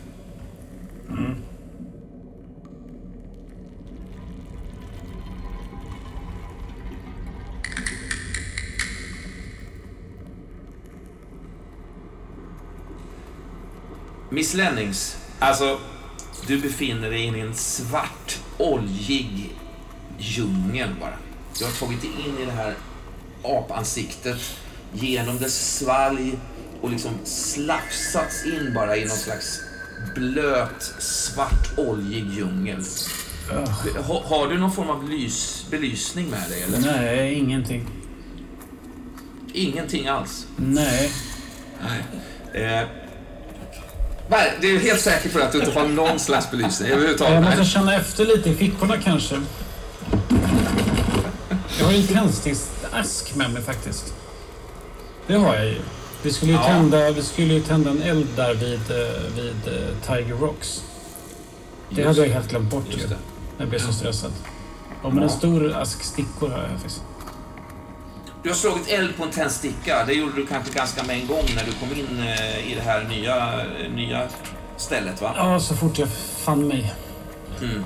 Det som möter dig då är en, en, en svart, oljig djungel. Alltså allting går i grått, svart, mörkt. Alltså det, det är som ett, ett, ett, ett sammelsurium av rörelser, snatter, liv, likväxtlighet. Men allt, allt är svart, liksom. Men när väl tändstickan slocknar, då tänds även djungeln. Allt är mörkt, va? men ändå, ändå så, så flackar färger och ljuspunkter. Det är som ett färgsprakande mörker på något sätt. Fick gnugga ögonen där. Om det inte är så att jag bara har blivit bländad av mitt eget ljus där. Det flyger förbi någonting vitglödande liksom och försvinner in i den här, eh, i den här, i den här färgsprakande djungeln. Jag duckar ner på knä nästan där utav... utav eh, att man blir nästan chockad. Kommer att röra sig ner. Du minns ju Sweeney Folsoms eh, eh, nästan order då när, när du ropar efter honom. Han skrek Gå tillbaka! ropar han där. Eh, och nu är du liksom, nu har du tagit igenom någonting. Det är ingen, ingen återvändo på något sätt. Nej, jag ska hämta ut de här ungarna. Det, är, det får ju bara bli ordning på det här. Stora reverb. Alltså, det, det, allting är dränkt. Det låter som en nocturn djungel, men allting är dränkt i stora reverb på något sätt. Som om du befann dig under vattenytan kan man säga. Jag får nästan smyga, smyga på dem. Mm. Jag måste få fatt i ungarna om de har gett sig in någonstans. De kan inte vara så långt fram. Nej, visst. Eh, Du, du, du får nog navigera ganska försiktigt när du stöter emot någonting på ena sidan där. Du känner att det sitter faktiskt ett rep där. Jaha. Fästat liksom i väggen på något sätt. Får man ju hålla fast vid det då. Försikt, Verkar klokt. försiktigt tar du dig framåt där. Men då är det ju meningen att man ska vara här ju. Tänker jag ändå. Trots allt. Det känns lite skönt. Eh, klassen, de fem barn som så att säga från Chukathugo Elementary som, som, som eh, du Filemona lämnade att vänta, de, eh, högst upp så att säga, de har ju suttit i solgasset i säkert 45 minuter utanför groppöppningen där. Eh, eller rättare sagt, de har fått klättra upp på en liten platå. Det ett jävla sjå att komma dit, ganska farligt och sådär. Eh, Deidre heter ju hon som du så att säga beordrade att ta hand om dem. Va? Och de hade, hade ju order att vänta en halvtimme på att du skulle komma tillbaks. Men jag tänker att när, när ni inte så att säga har kommit tillbaks och inte Miss Lennings heller eh, och sådär så till slut ber de, ber de sig nog in. Eh, de tre största barnen följt, eh, följt av liksom klassens yngsta och, eh, och mest menlösa barn kan man väl säga. Jag tror June Wilson eh, som, som, som en gång retade dig, Filemona, för någonting. Ja, hon retade mig för, för mina utstående öron. Men hon, var den, hon, hon var den första och den sista som gjorde det. Det var hon. Men hon är också den sista som går in där. Eh, och det är då det sista som världen ser av de här 14 barnen och Miss Lennings.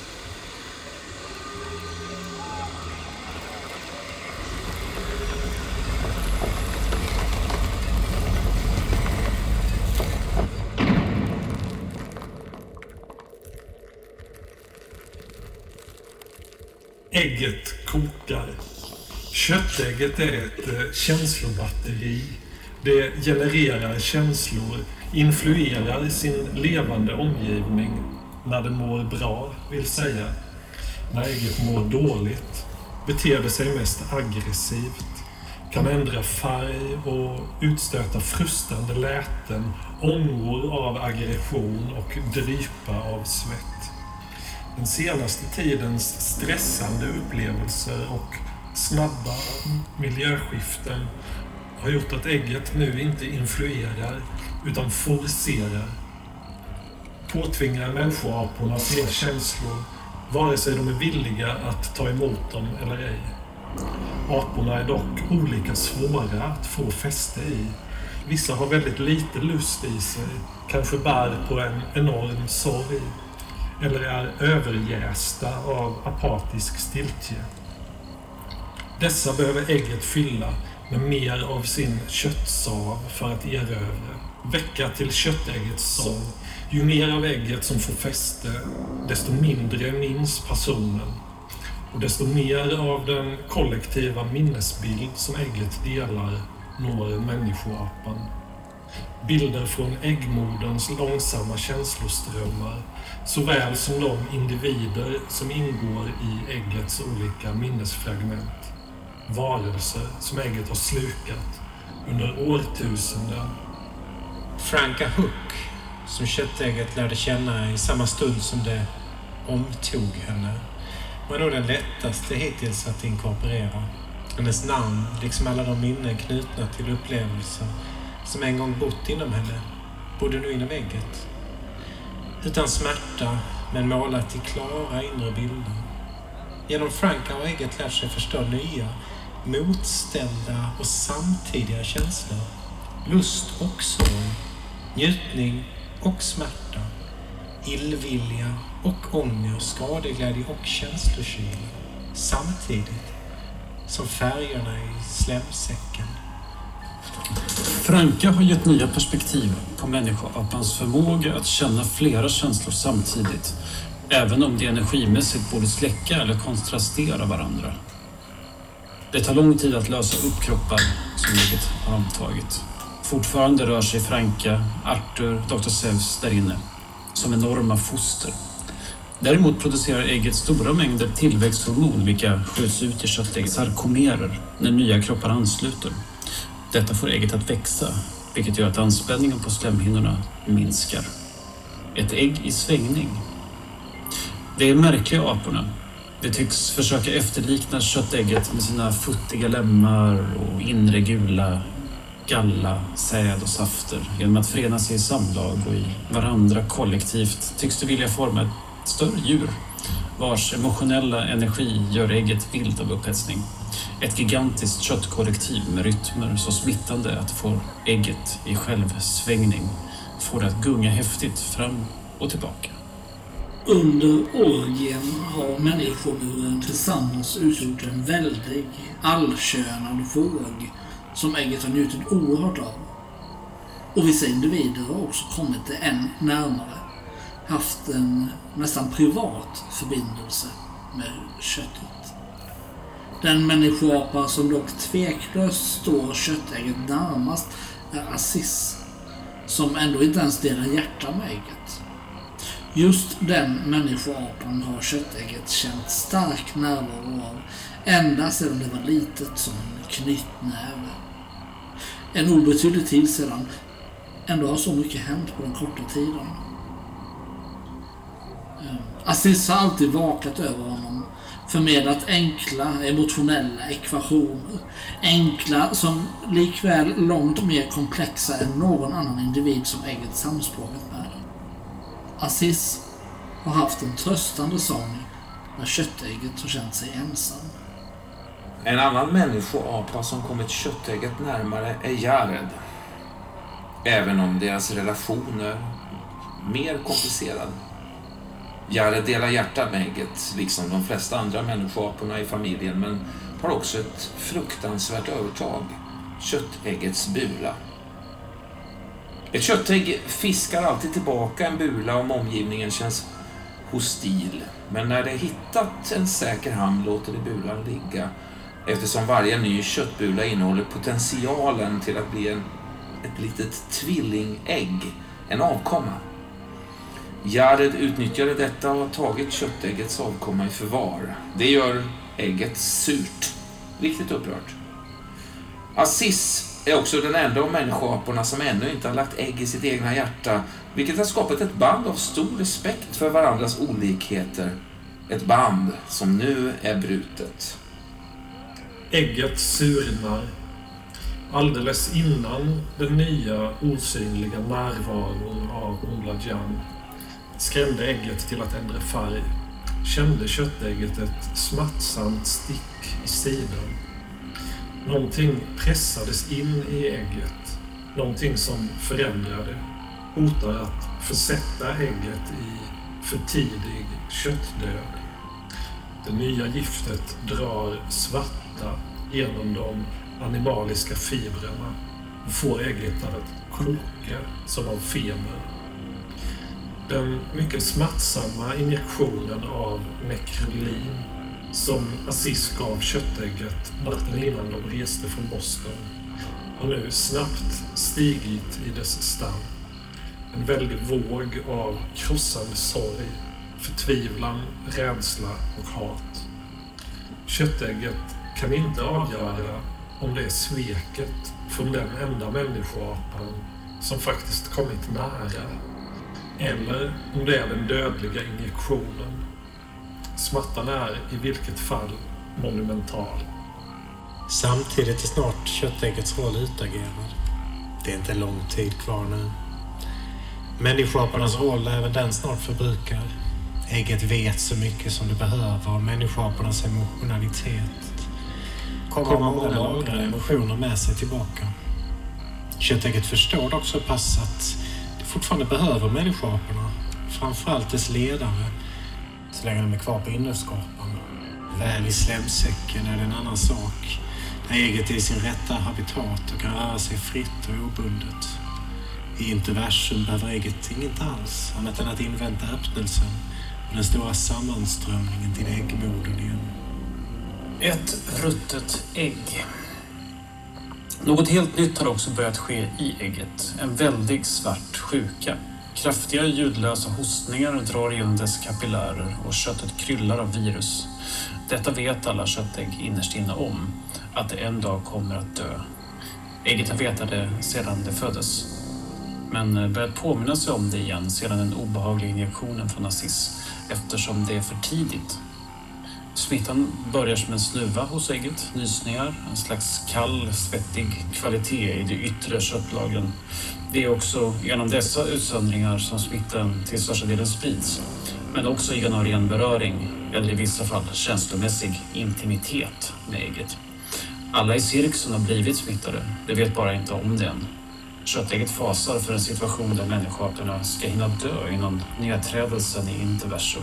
Ty då kommer ägget att vara ett av de många ägg som lidit skeppsbrott, hjälplöst ruttnande utan chans till återvändo. När tiden för öppnelsen närmar sig och tidpunkten för återfärd står för dörren infaller köttäggets sista fas. Död och återuppträdesfasen. När puberteten ridit förbi och de lagt sin sista bula ska köttägget bege sig hem för att dö och återföras genom den eviga köttsådden på andra sidan innerskapan, ytterskapan och det väldiga jordskalet. Köttborden. Agat. Alla äggs moder väntar honom.